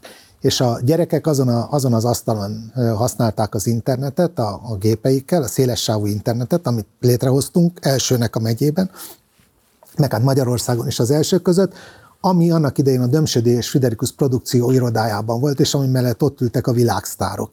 Ez egy marha drága Fantoni bútor, az a bútorok rolls royce és azt én örököltem a cégből, amikor külön váltunk. Úgyhogy én még mindig azon az, az íróasztalon dolgozom, ami ott volt az irodában, ugyanazon a széken, hát kibírt ennyi évet. Úgyhogy megvan. Meg, na, és, eh, és eh, nekem, ez, nekem ez elég lett, és rájöttem, hogy pászton lehet itt tovább lépni. De miért akartál tovább lépni? Mi volt neked a politikai ambíciód, amit azt nem érezted, hogy- politikai ambícióm van. Nekem, ne, nekem baromi Akkor milyen ambíciód volt? segíteni ezen a, ezen a térségen, ezeken az embereken. Nógrádon? Hát először Bokoron, először a bokoriakon, akkor utána rájöttem, hogy itt ezt nem lehet megoldani, utána Pásztóvárosában és Nógrádon, igen, igen, igen. Hát egy nagyon hátra, tehát a GDP aránya 43% az országos átlag 43% a GDP, az egyfőre jutó GDP Nógrád megyében rosszabb, mint bármelyik másik megye. Tehát ez, ez hihetetlenül rossz helyzetben lévő megye, és, és láttam, hogy ezen így nem tudok segíteni, tovább kell lépni. Az a rossz hírem, hogy Nógrád megye marha jól járt, hogy nem választottak meg engem, a pásztor is jól járt, hogy nem választottak meg engem, mert akkor most minden forintért küzdeni kéne, tehát én jobban használnám fel azokat a forintokat, amiket megkap a város meg a megye, mert jobb közgazdász, meg jobb vezető vagyok, mint azok, akik most vannak, csak én kevesebbet kaptam volna. Azt a következtetés mondtad le, hogy igazából ebben a rendszerben nem Fidesz tagként, nem Fidesz pártiként politizálni nincs értelme? Hát most ott tartok, hogy választóként nincs értelme nem Fidesz pártira szavazni. Hogyha megváltozik a helyzet, például van egy európai parlamenti választás, ahol a magyar nép kimutatja azt minden tét nélkül, vagy nagy tét nélkül, mert olyan nagyon nagy tétje annak nincs, hogy elsőprő arányban szavaz a nem kormánypártokra, tehát megvonja a bizalmat a fidesz meg a KDNP-től, akkor már egészen más a helyzet megint. De én nem látok arra esélyt, hogy, a, hogy az ellenzéki pártok abba az irányba mennének, hogy valamilyen alternatívát fel tudjanak mutatni. Szerintem ezt a Nagyon még választásokon vagyok. dönteni? Bocsánat? Le lehet még váltani ezt a rezsimet választásokon? Hát ebben, ebben teljesen egyetértek azzal, amit a miniszterelnök úr, itt most vigyázba kéne vágnom magam, amikor kimondom, hogy Gyurcsány Ferenc, tehát a miniszterelnök úr elmondott, legalábbis a mondatainak az első részével, hogy hát másban nem hihet egy politikus, egy demokratikus politikus, tehát mi másban hihetsz. Egyébként minkű nehéz. Az egész hatházinak van tökéletesen igaza, hogy az egész kommunikációs kérdés. Tehát hogyha, hogyha a a, a média túlsúlyt meg lehetne szüntetni, tehát a sajtószabadság lenne Magyarországon, és, és egy rendes közszol, nem, nem rendes... Mi azt gondolod, hogy tényleg kizára csak a propaganda tartja hatalomban a Fideszt? Hát figyelj. Hát Nincs semmilyen más társadalom politikai vívmány, Nagyon sok minden esetben... van, nagyon sok minden van, hát tehát, na, tehát, tehát nagyon rövid porrázon vannak nagyon sokan emberek, na de hát egy csomó olyan, figyelj, én most nyugdíjas kérdésekkel foglalkozom, és a Fidesz szavazói között ugyanolyan arányban vannak a, a, az elfogadhatatlan körülmények között élő nyugdíjasok, mint a többi párt szavazói között. Az arány ugyanaz, tehát mondjuk kétharmada van ebben is a, a nyugdíjasoknak. Tehát, tehát hogyha ők hogyha ők beszopják azt, hogy a háború, hogyha ők beszopják azt, hogy a, az EU szankció tehet arról, hogy felmegy az élelmiszerek ára 9 hónap alatt 39 kal akkor, akkor nem fogják leváltani a Fideszt. Hogyha eljut hozzájuk az az információ, hogy nem az EU szankciók tehetnek erről, hanem az orosz agresszió és az erre adott rossz magyar közgazdasági válaszok, ugyanis, ugyanis egy csomó közgazdaság, tehát itt mindenféleképpen lenne infláció, és mindenféleképpen romlana a, az eurónak a vásárlóértéke az USA dollárhoz képest, mert hogy mi itt vagyunk a háborús övezetben, ők meg nincsenek. De az, hogy minden mértéket alulmúlóan, minden mutatót alulmúlóan teljesít a magyar gazdaság, az egy csomó nagyon hibás közgazdasági döntésnek a következménye. Ezt nem így kell persze elmagyarázni a választópolgároknak, meg a polgároknak, mert ezt így nem értik, de hogyha lenne felület, ahol eljut, akkor értenék. De sajnos a nyomtas te is, meg ezek, meg, meg te, meg én, meg ő, ez, ez kevés. Tehát ezt így nem lehet, nem lehet ellensúlyozni, és még az RTL is kevés. Azt jól hogy a te teljes felnőtt életednek a leg deprimálóbb négy éve az a pásztói polgármesterségedre esik? Nem, az én felnőtt életemnek a legjobb három és fél éve a pásztói polgármesterségem, erre vagyok a legbüszke. Az világos, hogy szakmailag büszke vagy rá, de... Mondjuk hogy... erre, a, erre a filmre is, a MOL reklámfilmre is büszke vagyok. De, de nem, nem viselt meg, nem tépett meg nagyon? Nem, nem, nem. Sőt, Sőt, azt bizonyítottam, hogy igenis lehet együttműködni teljesen más politikai nézetet való emberekkel, igenis lehet együttműködni pártokkal, és egy dolgot nem szabad csinálni, elindulni országgyűlési választáson ellenük. Ezt nem szabad. Az volt a hiba? Ez volt az egyik hiba, ez az, amit tudok, tehát ez mindenféleképpen hiba volt. A, a másik az egy objektív kérdés, hogy ugye megnyertük a pályázat pénzeket, sok milliárd forintot, összességében a, a, a település és környéke 5 milliárd fölött itt, és már kezdődött volna a közbeszerzések kiírása. És ez egy objektív feltétel, tehát az borzasztóan nem mindegy, hogy kiírja ki a közbeszerzéseket. És lehet, hogy én ott útban voltam. Az e, nem közbeszerzésről van szó, hanem sima beszerzésről. Tehát, hogyha valamire árajánlatot kell kérni, mondjuk három árajánlatot, akkor ezt ma Magyarországon úgy csinálják, hogy azt mondják a Jóskának, hogy te fogod megnyerni, és hozzál még kettőt. És akkor így benyújtanak három árajánlatot, és a Jóska megnyeri azt a, azt a tendert. Én meg azt csináltam, miután az első ilyennél tudtam, hogy kiszivárogtak az adatok, tehát hogy ki mennyit ajánlott, és ezért valaki informálta az ajánlattevőket, akit meg akarták nyeretni, hogy milyen összeget kell kínálni, ami még szintén bőven fedezte az ő költségeiket, hogy két borítékos módszer lesz. Egy borítékban bejön a pályázat, ott van a zárt boríték, és 12-kor borítékbontás. És akkor nem szivárokat ki, tehát a hivatali dolgozók sem tudják, én sem tudom, hogy ki mit ajánlott. Ez volt az első, amit megszüntettek, amikor engem leváltottak. Tehát azért azt gondolom, hogy én, mint gazdasági tényező is ártottam. Szóval azért nagyon, nagyon sok pénz van ezekben az EU-s pályázatokban. Indulnál újra önkormányzati pozícióért? Hol? Bárhol Magyarországon. Bárhol nem. Pászton sem. Maximum, maximum Bokoron, a falumban, de ott is csak akkor, hogyha ezt kérnék, és és nem lenne más megoldás. Tehát ilyen ambíciót, hogy te a közösségért tegyél, mostanra már nincs. Nekem a közösségért tenni való ambícióm van, de most már úgy gondolom, hogy én csak pragmatikus, konkrét kérdésekkel foglalkozom, pártpolitikai kérdésekkel nem. Ugye most már több szeremlítettük, hogy rövid ideig voltál a Demokratikus Koalíció tagja. Hogyan tekintesz arra, hogy több korábbi szaktársad, kollégád szintén ott politizál jelenleg, ugye Kálmán Olga például, vagy Vágó István? Hát a Kálmán Olgát értem, a Vágó Istvánnal nem tudok mit kezdeni. Tehát a, a Pistát egyszerűen annyira tisztelem, annyira, annyira tisztelem, és annyira nagyra tartom, és annyira szeretem, és olyan, olyan jó vitáink voltak, hogy én ezzel a fajta szélsőséges elfogultsággal, amit, am, amit ő képvisel, mert meggyőződésesen, meggyőződésesen, vallásosan. Egyébként, tehát vallás ez, tehát ez, ez a problémám vele. Tehát ez Mi a vallás? Hát a DK, hát az ugyanúgy egy vallás, hát ez, ez semmi köze nincs a politikához. Tehát egy, Szektának tartod őket? Hát, hát, tehát a, én nem, én ezt egy vallási közvetet hihet hívem. Vallási közösségként írod le a DK-t? Hát abszolút, hát és, és, és, és, és Gyurcsány Ferenc a, a... De mi apostol vagy? Nem tudom, hogy mi, mert nem értek vallási kérdésekhez, de hát őt, őt imádja, mi hát figyelj. Hát, hát akkor ő a Jézus Krisztus, azt mondod ezzel. Én, én nem azt mondtam, azt mondtam, hogy Gyurcsány Ferenc áll az imádat központjában, uh-huh. a sajátjáiban is. Jó, de bocs, tehát akár Vágó István, akár Kálmán Olgával beszélgettél a pályaváltásukról?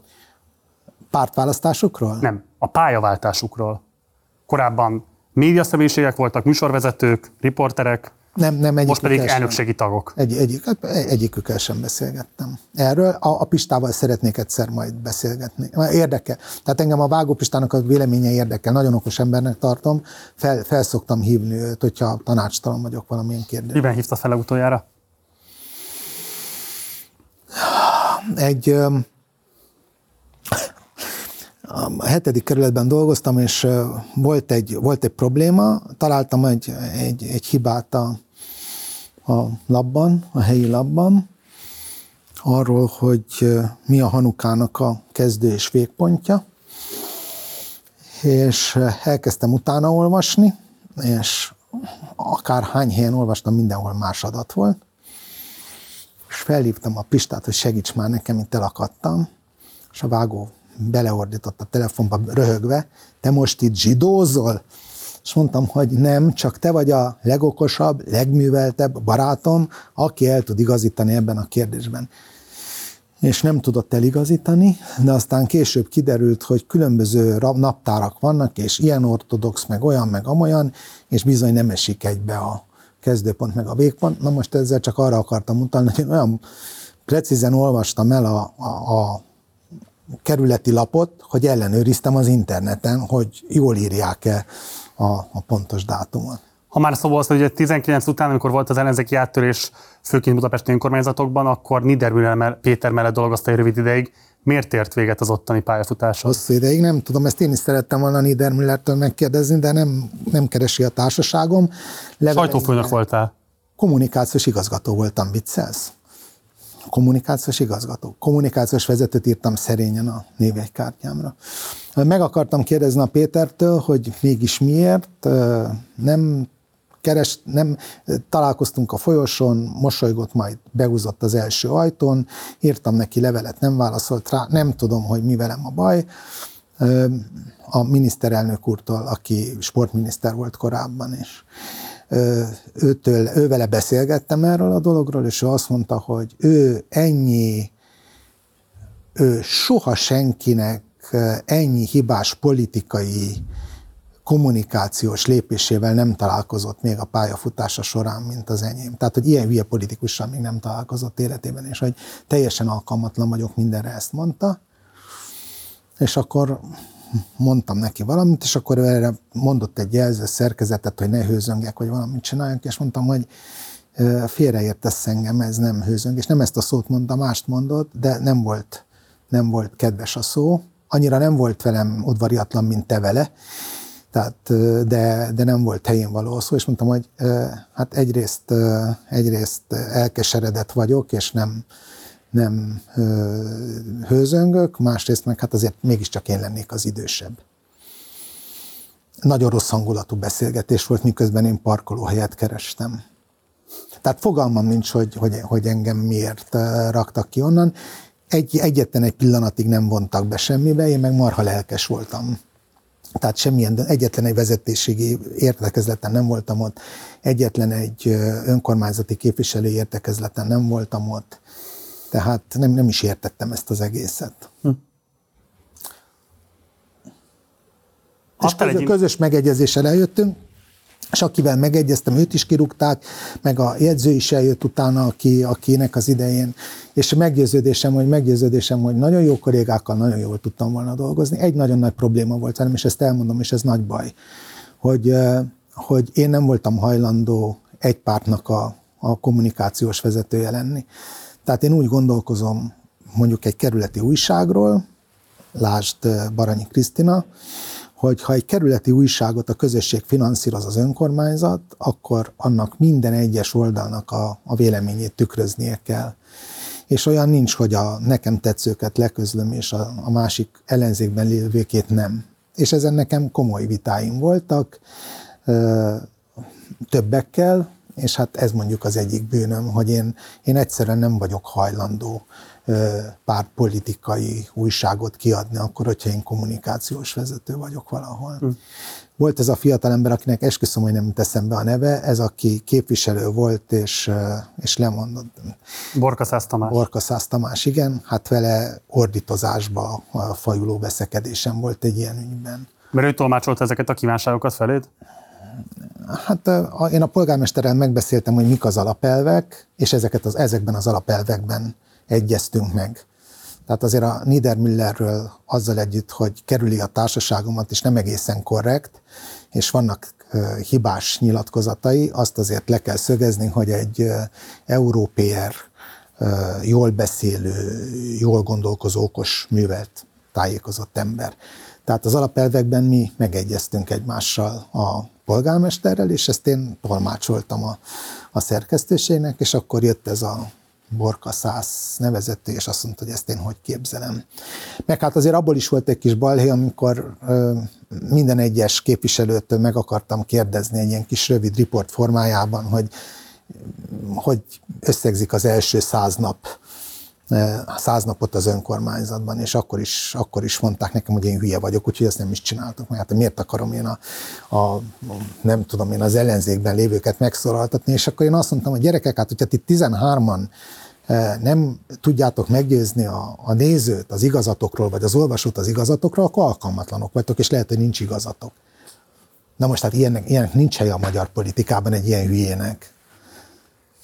Egy milyen, másik... milyen, milyen hülye? Mit mondtál, hogy jó szándékú hülye vagy? Milyen Én mondtam, idéztem. De, hasznos de, hülye. Hasznos hülye. Na, egy ilyen hasznos hülyének nincs helye a magyar politikában. Tehát rám mondhatod, ezt én kitüntetésnek veszem, és nem mondom azt, hogy ezt akartad mondani, Márton? Én ezt, ezt kitüntetésnek veszem.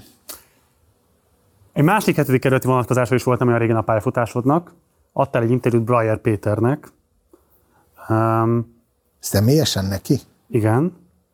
Amit szerintem ott rossz néven vettél, amit ő kérdezett tőled. Mm, nézzük meg, hogy pontosan hogy zárult le ez az interjú.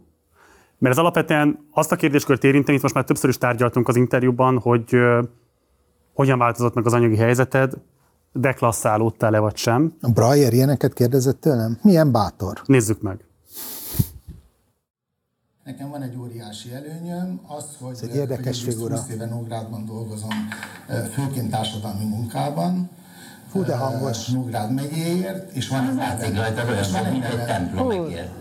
és van Szegény. Egy, szegény vagyok, igen. De, Mások de nem- meggazdagodnak a politikából, te meg nem. Így van. Magyarázd meg nekem. Ez is vágott. Valamiben te nagyon jó vagy. Ez is vágott. És utálok a szemedben mondani, de abban, amit te csináltál, mint újságíró, mint műsorvezető, mint szerkesztő, nagyon jó voltál. Igen. Miért nem azt csinálod? Abból meg lehet élni, el lehet a családot tartani, jól érezheted magad. Ehelyett templom szegény vagy, mindenféle betegséget összeszedsz a hülye politika miatt. Miért? Mondja ő, aki két bottal megy. Bekattant, tehát küldetéstudatom lett, tehát erre, erre, erre nincs más válasz. Erre nincs más válasz, hát küldetés De tudat. rosszul esett neked, hogy lett templom szegényezett. Mert nem igaz, hát ez, de ez azért esik rosszul, mert, mert a barátaim, akik segítenek, azok azt fogják mondani, hogy mit panaszkodsz. Az emberek, akik sokkal szegényebbek nálam azt mondják, hogy figyelj, Nógrád megye lakosságának 95%-a 98%-a szegényebb, mint én. És akkor azt látja, hogy ez a hülye panaszkodik. Hát nem lehet. Hát szóval amikor, amikor te... Te... Ez a típusú belátás, mert szintén nagyon ritka egyébként a magyar média személyiségeknél.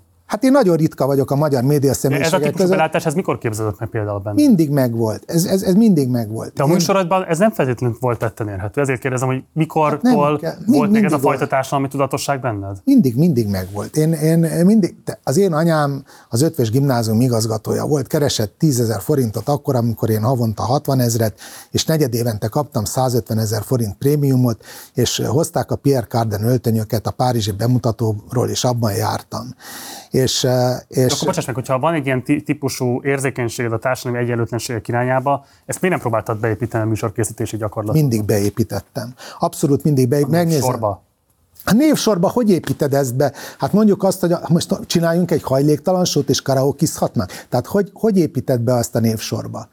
Tehát a névsorban nincs ott a helye. Amikor én riporter voltam a Krónika rovatban, amikor én riporter voltam a híradóban, ez hat év volt, napi három riportot csináltam, minden egyes riportomban ott volt. Uh-huh. Én a kormány szóvivői tájékoztató, miattam lett 10 perces a kormány szóvivői tájékoztató, mert mindig a negatívumokat emeltem ki hogy közműfejlesztési hozzájárulást kell fizetni, hogy én bennem ez borzasztóan ott volt, de hát egy szórakoztató műsorban hogy legyen ez benne? És egyébként még az autós műsoromban is ott volt mindig. Mert én azt soha nem, tehát amikor bemutattam egy marha drága luxusautót, én mindig elmondtam, hogy ez elérhetetlen, ez a izé, ezt vegyük úgy, mint mindig próbáltam ezt a távolságtartást legalábbis legalábbis szavakban ezt a távolságtartást megtenni. Tehát e, e, nem, ez, ez mindig ott. A névsorban hogy legyen ott? Egyébként a névsorban is ott volt, mert mindig elmondtam, a, tehát én a, én a Pétert mindig próbáltam helyre rakni. És amikor én a névsort csináltam, akkor én már nem voltam olyan nagyon túlfizetett sztár, tehát nem ez, volt, ez az életemnek már a leszálló szakasz, én ott alkalmazott voltam. Tehát ugye azt a könyvemben is leírtam, hogy a televíziózásból az él jól, aki producer, az élhet jól, aki producer. A műsorkészítők azok nem nagyon élnek jól, még a legnagyobb sztárok közül is csak kevesen kapnak magas gázsit. Hát például indulj ki magadból. Hát náladnál nagyobb sztár kevés van, és hát Szerinted a rendszerváltás nagy rádiósai és képernyősei um, súlyos megélhetési nehézségekkel küzdenek nagy százalékban? nem tudom. Valószínű, hogy igen, mert eh, akinek nem volt olyan szerencséje, vagy olyan üzleti érzéke, mint például a Havas Henriknek, az komoly gondokkal küzd. A Havas mindenhol elmondja, hogy neki magas a nyugdíja, nem azért magas a havas nyugdíja, mert ő sztár volt a televízióban, vagy a rádióban, vagy bárhol, hanem azért, mert amikor ő ezt a kommunikációs képzést csinálta, akkor ő magas nyugdíjjárulékot fizetett, tehát maga után magas nyugdíjárulékot fizetett, és ezért magas a nyugdíja. Meg amikor a TV2-nél sztárgázsit kapott, akkor egy vagy két évig nagyon magas volt a, a gázsia, és ezután befizették a nyugdíjárulékot. De ez csak egy rövid időszak volt. Rádiósok, tévések nagy része szerintem nagyon rosszul él, igen. Igen, azt gondolom. Én nagyon jól élek ahhoz képest, ahogy ők élnek. Van kifejezetten olyan egykori kollégád, akinek a helyzete kifejezetten szívfacsaró? Hát nem, nem, nem. Az a, az, az, az a, nagyon kevesekkel tartom a kapcsolatot. Igen? Érdekes módon én olyan vagyok, mint a, mint a dobos a zenekarban. Tudod, mit szoktak mondani a dobosra? Hogy? Hát ő a zenészek legjobb barátja. Tehát tehát nem vagyok zenész, tehát rám nem féltékenyek, viszont tudom, hogy mi az, hogy ritmus, és ezért beszélgetnek velem. Tehát én, én például jó viszonyban vagyok a Farkasházi Tivadarral, én jó viszonyban vagyok a Havas Herikkel, én jó viszonyban vagyok a Szilágyi Jánossal, időnként beszélgetünk is, abban a megtiszteltetésben van részem, hogy felhívhatom Vitrai Tamást, abban a megtiszteltetésben van részem, hogy megígérte, hogy meglátogat minket Bokoron, Vitrai Tamás, tehát most képzeld el azt, hogy Vitrai Tamás megígéri neked, hogy ott fog ülni a nappalitban. Hát azért az azonnantól kezdve kettőt ér. Tehát az Eduardo Rózsa Flores se piskóta, hogy ott ült. Na, szóval, szóval érdekes módon kialak, soha nem voltunk olyan jóban, a Vitrai a főnökön volt, de ne, nem, nem voltunk olyan jóban, és, és beszélget velem, és megtisztel ezzel, havassal is. Tehát érdekes ez a viszonyom, de, de de nekik szerencsére nincs gondjuk. Hát, hát halhatatlanok társasága, meg nem tudom én micsoda. Azt, hogy, azt, hogy a, azt, azt tudom, hogy a Juszlasszinak sincsenek anyagi gondjai. Vajek Jutkánál jártam a születésnapján, szerencsére nincsenek, de, nem, de, de biztos, hogy nagyon sokan vannak nagyon méltatlan helyzetben, mint ahogy más szakmák képviselői is. Na most a tévések, rádiósok nem kerestek keveset, de furcsán voltak bejelentve szellemi szabad foglalkozás, tehát különböző kategóriák voltak. De az, aki például három műszakban dolgozott szakmunkásként, vagy betanított munkásként, vagy pedagógus volt, vagy ápolónő, az már akkor is keveset kapott, és nyugdíjasként meg pláne. Szóval nem, nem a, azt hiszem, hogy nem, és a sztárok között meg főleg nem kell keresni a, a tehát nem, nem, nem, nem ott vannak a legnagyobb problémák. Záró Ott is biztos, vannak. Nem mondod, egy óra? Már csak egy óra van hátra? Hát egyébként, aki ezt az egészet végignézi... Sokan. Hát, Sokan. Akkor... Üzensz nekik? Hát, most azt akartam mondani, hogy mindet meghívom egy sörre, de lehet, hogy Jó, nem. akkor megadjuk az e-mail címedet, vagy a telefonszámot adjuk inkább meg? Telefonszámom nyugodtan meg. Info Partizán Média te... kérjük a patronálokat, meg akik podcastként hallgatnak minket, hogy jelentkeznek, ne a rövidítetbe rak bele. Továbbítjuk, nem, nem, majd továbbítjuk elmondom nekik, a hogy... telefonszámom, elmondom a telefonszámom, nem, egyébként nem titkos, plusz 36 29 3 4 5 6 7 8 a vágottban ne rakd bele, aki ezt megnézi úgy, hogy előfizetőd, az... De ez podcastként is kim van, és úgy is meghallgathatja. Ott is meghallgathatja. Ott is, ha idáig meghallgatja... Közvetlenül nálad lehet jelentkezni a sörért. Hát a sört azt nem mondom biztosan, mert azért szűk költségvetésből gazdálkodom, szabott költségvetésből volt egy barátom, még ezt a szabott költségvetésből gazdálkodom, de most vannak ilyen kis megjelenéseim, videó megjelenéseim, és a végén mindig mondok valami plegykát, olyan 6 és fél 7 percnél, és akkor aki véletlenül végighallgatta, hát nem hallgatják végig, azok odaírák, hogy igen, tudom, meghallgattam, vicces. Szóval az Utolsó kérdéskör. Másfél órában, igen. Én, rá, én ráérek, én szerettem ezt. Én mm. maradok a következő vendég helyett is. Beszéltünk a depresszió kérdéséről. Igen. És... Van nálam gyógyszer, ha kell. Mi, mi, mit szesz, azt meg szabad kérdezni? Nem, ez magánügy. Jó, de... hát nem én hoztam fel, te hoztad fel. De van, um, mondom, van nálam gyógyszer, ha kell. De egyébként elmondom, frontint szedek. Uh-huh. 0-25-ös frontint szedek. Ez antidepresszáns. Igen, hát azt hiszem, hogy az arra szedem. Reggel egyet és este egyet. Szóval szerintem van egy ilyen dolog, hogy a nyilvánosságban hosszú ideig jelenlévő emberek, akikről az alapvetően azt a képet látjuk, hogy hát nagyon egyben van az életük, iszonyatosan fut a szekerük, nagy boldogság, nagy elismertség, stb. Öm, személyesen megismerve őket, azért lehet látni, hogy nagyon komoly mentális problémákkal küzdenek. És most nem arra gondolok, hogy hülyék, hanem arra gondolok, hogy szoronganak adott esetben olyan sikereket próbálnak hajszolni, amelyek nem elérhetőek, egyszerűen megszűnik az a típusú kapcsolódásuk a világhoz, ami nagyon fontos ahhoz, hogy produktív tudjál lenni, hogy, hogy, hogy a vitalitásod meg legyen, hogy, hogy, hogy egészséges kapcsolataid legyenek, és így tovább, hogy az önbecsülésed a helyén legyen, hogy képes legyél figyelni, stb. stb. Tehát, hogy szerinted neked nyilván nagyon sokat adott az ismertség, sokat adott a televízió. De mi az, amit szerinted megrabolt tőled? Semmit. Én, én az ellenpélda vagyok. Tehát én, ami, ami nekem depresszióm van, a frontinommal együtt, ez a polgármester választás. Tehát ez, a, ez a, az a kudarc. Ez az a, az a kudarc. Tehát, a, hogy akkor nem választottak meg, és, és az, hogy, az, hogy olyan élethelyzetbe kerültem, hogy 20 hónapig fizetés nélküli segélyen éltem. Tehát nem munkanélkül, mert munkám volt de egy fillert nem, nem kaptam, kaptam havi 72 ezer forintot, ez egy kiszolgáltatott helyzet, ez, ez megviseli az embert, ennek a televíziózáshoz semmi köze nincs. Meg a szaktársaidnál látod nyilván ezt a jelenséget? Látom, látom, de ők... Erről szoktatok valaha beszélgetni? Nem, erről én szoktam beszélni. Erről én szoktam beszélni, és, és, és, és, és azt szoktam elmondani, hogy, hogy az hajlamosít arra, hogy ilyen mentális problémáid legyenek. Jó használtam ezt a kifejezést?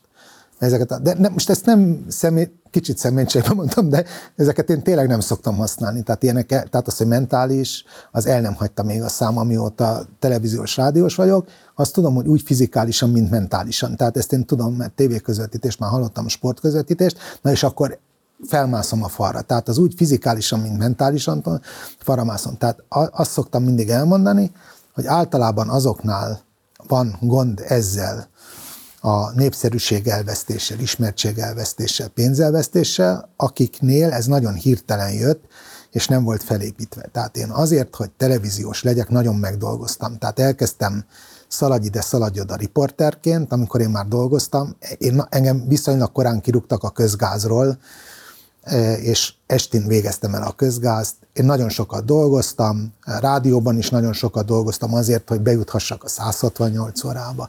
Ott nagyon sokat dolgoztam, hogy ott maradhassak. A híradóban is sokat dolgoztam. Baromira megdolgoztam azért, hogy ismert ember legyek.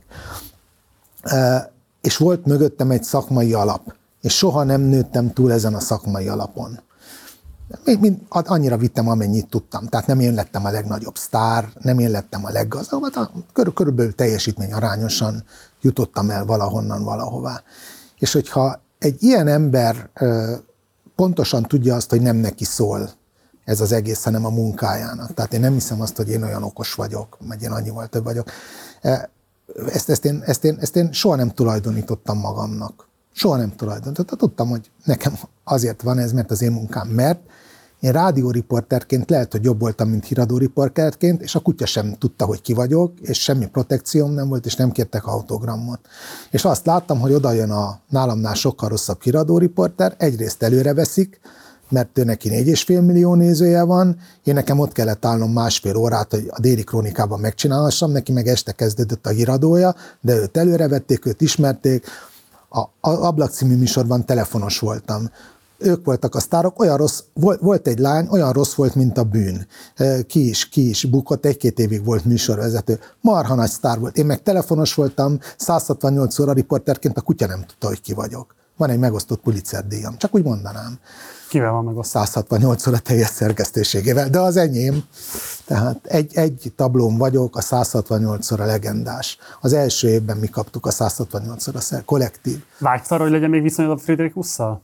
Tehát nem. rendeződjön a viszonyatok? Nem. Nem. Nagyon őszintén mondom, nem.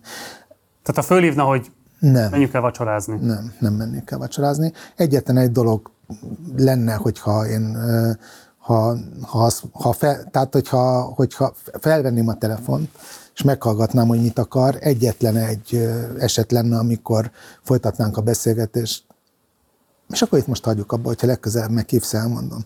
Tehát egyetlen egy eset lenne, amikor folytatnánk a beszélgetést, hogyha segítségre lenne szüksége. Ezt nagyon komolyan mondom. De egyébként semmi. Semmi. És bocs, a hajdúnak azt meg lehet bocsájtani, hogy felvette azt, amikor illuminált állapotban a Fási Ádámmal emberkedsz? Hát nem lehet megbocsátani elméletileg. Miért csinál ilyet? nem lehet megbocsátani, nem tudom, de gyakorlatilag megállati jó, hogy felvette, és közzétette, mert nagyon büszke vagyok rá. Miért? Hát azért, mert két liter bor után viszonylag összeszedetten tudok beszélni, tehát azért ez keveseknek sajátja, akkor két liter villányi vöröset ittunk meg, olyan hajnali négy óra volt körülbelül, amikor ez a felvétel készült. Nem is láttátok, hogy ott a mobillal kavérni? hogy nem láttuk, hát hogy ne láttuk volna. Miért nem mondtátok, hogy tedd már le, hát ez... Mert nem érdekelt, hát most vegye fel. Hát. Mellettem a Csisztus Zsuzsara högcsélt, amikor ő közbeszólt, azt, azt kivágta a Péter, és, és egyébként egyetlen egy baj van benne, hogy, hogy amikor azt, azt akarom mondani, hogy hogy letolod a gatyádat, akkor valami mást mondok először. Tehát ott van egy szótévesztésem, de én nagyon örülök annak, hogy elmondtam a Fási Ádámnak, hogy mi a véleményem arról, amit ő képvisel.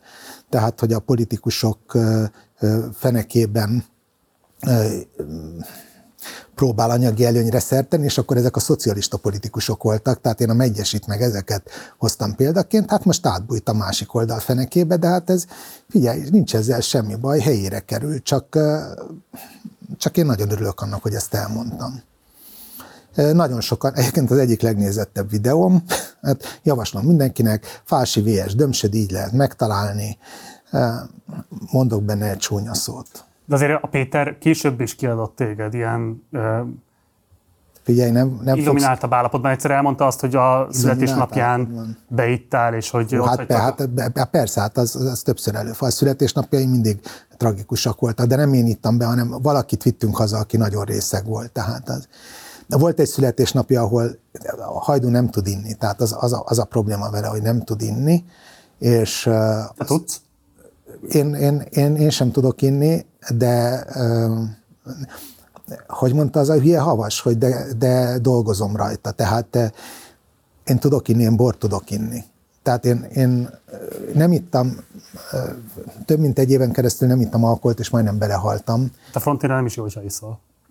Semmi, addig semmi nem baj nem volt, amíg a frontinra ittam, de akkor volt baj, amikor, hát simán, de akkor volt baj, amikor Ez... egyáltalán nem ittam. De nem, nem rá, hát szedtem a frontint, meg ittam, senki nem mondta, hogy ne így bort közben nem.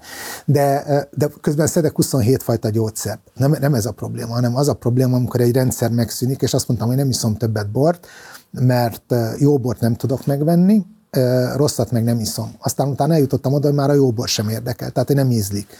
És leszoktam teljesen az alkoholról. Uh-huh. És majdnem belehaltam, mert lement a vérnyomásom teljesen és az okos órán minden éjszaka felébresztett legalább háromszor, hogy 50 alatt van a pulzusom már 10 perce. És akkor el kellett menni kardiológushoz, és akkor azt mondta a kardiológus, hogy hát vagy iszom, vagy nem iszom, de hogyha ha, ha nem iszom, akkor csökkenteni kell a gyógyszereimet. És akkor ez mentett meg. Tehát azért nagyon észre, hirtelen nem szabad abba hagyni az ivást.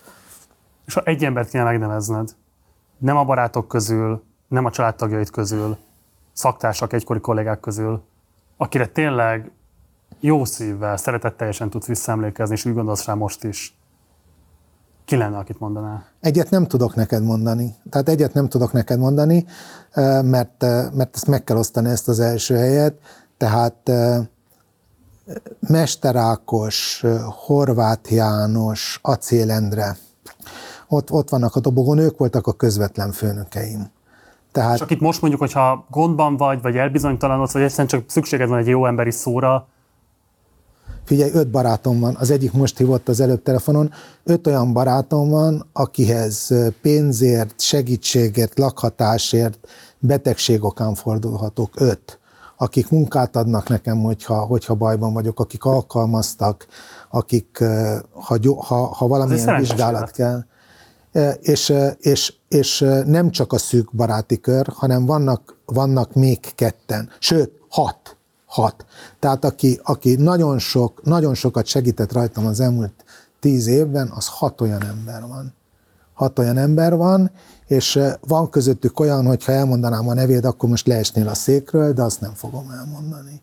Tehát nagyon, nagyon, nagyon érdekes közszereplő is van köztük.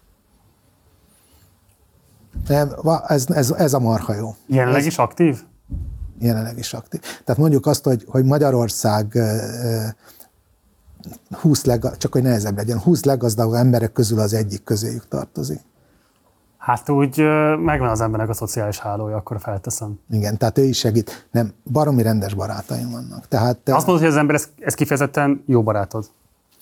Ez az ember, ez nem, ezzel az emberrel nem találkoztam személyesen 20 éve, de az első szóra segített, amikor kértem. Ő nem tartozik a... Most? Most, Mostanság? most, most, mostanság, igen. Anyagiakban? Mu- Munkában, munkában. Hm. Munkában, amikor baj volt. Tehát, eh, tehát te- de a, a jó barátaim azok meg az egy más. Tehát tényleg vannak olyan barátaim, hogy bármikor mehetünk oda lakni, ha kell. De, mondok olyat, aki nem a baráti kör, és akkor meg lehet nevezni névvel. Havas Henrik. Havas Henrik, Tényleg az, azt mondod, hogy a Havas Erik az neked szívjó barátod? azt nem mondom, hogy szívjó barátom, de azt mondom neked, hogy, hogy a Henrikkel rendszeresen beszélgetünk, amikor mond valami baromságot, én elmondom, hogy Melyikötök hagyja inkább a másikat beszélni? hát én nem jutok szóhoz. Nem, nem, nem jutok szóhoz, hát nem, nem gondolod. Azt mondom, hogy Henrik, ezt a történetet már háromszor elmondtad, és akkor elmondja negyedszer. Tehát szóhoz nem nagyon jutok, de És akkor mit szeretsz az ő társaságában? nagyon szórakoztató. Egyébként ő egy tájékozott, okos, művelt ember, és nagy, nagy lelke van, baromságokat beszél, beteg, biztos, hogy beteg, ami a média nyilvánosság hiányát illeti, tehát ez rá vonatkozik az, hogy a megvonást nem bírja, de azt képzeld el, hogy amikor nem volt autóm, akkor adott nekem egy autót, és azt mondta, hogy hát használjam, aztán majd, ha egyszer ki tudom fizetni, kifizetem, ha nem, nem. Aztán visszaadtam, mert hogyha elromlik nálam, mit csinálok vele. De mondok neked egy másikat. Baromira nem tartozik a szűk baráti körhöz. Farkasházi Teddy adott nekem egy autót egy forintért. Azzal jöttem most ide. És mondtam neki, hogy hát ez nem jó, Teddy, mert e- e- ez az autó ez nem egy forintot ér. Azt mondta, nem alkuszom 50 fillérért, nem adom. Mert segíteni akart. Tehát egy olyan időszak volt, amikor segíteni akart, és, és, és nem. Előtte találkoztunk tízszer az életben. Szóval nagyon érdekesek az emberek, nagyon érdekesek az emberek, de most a, a szűk baráti körről beszélek, hogy, hogy hát nem tudtuk volna végigcsinálni ezeket az éveket, hogyha nincsenek. Hát azért ez, ez nagyon kemény volt.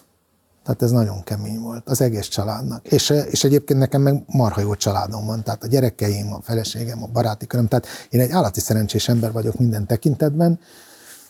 Hogyha a feleségem teljesen egészséges lenne, akkor nem is lenne semmi gondom arra a hátralévő időre, ami van.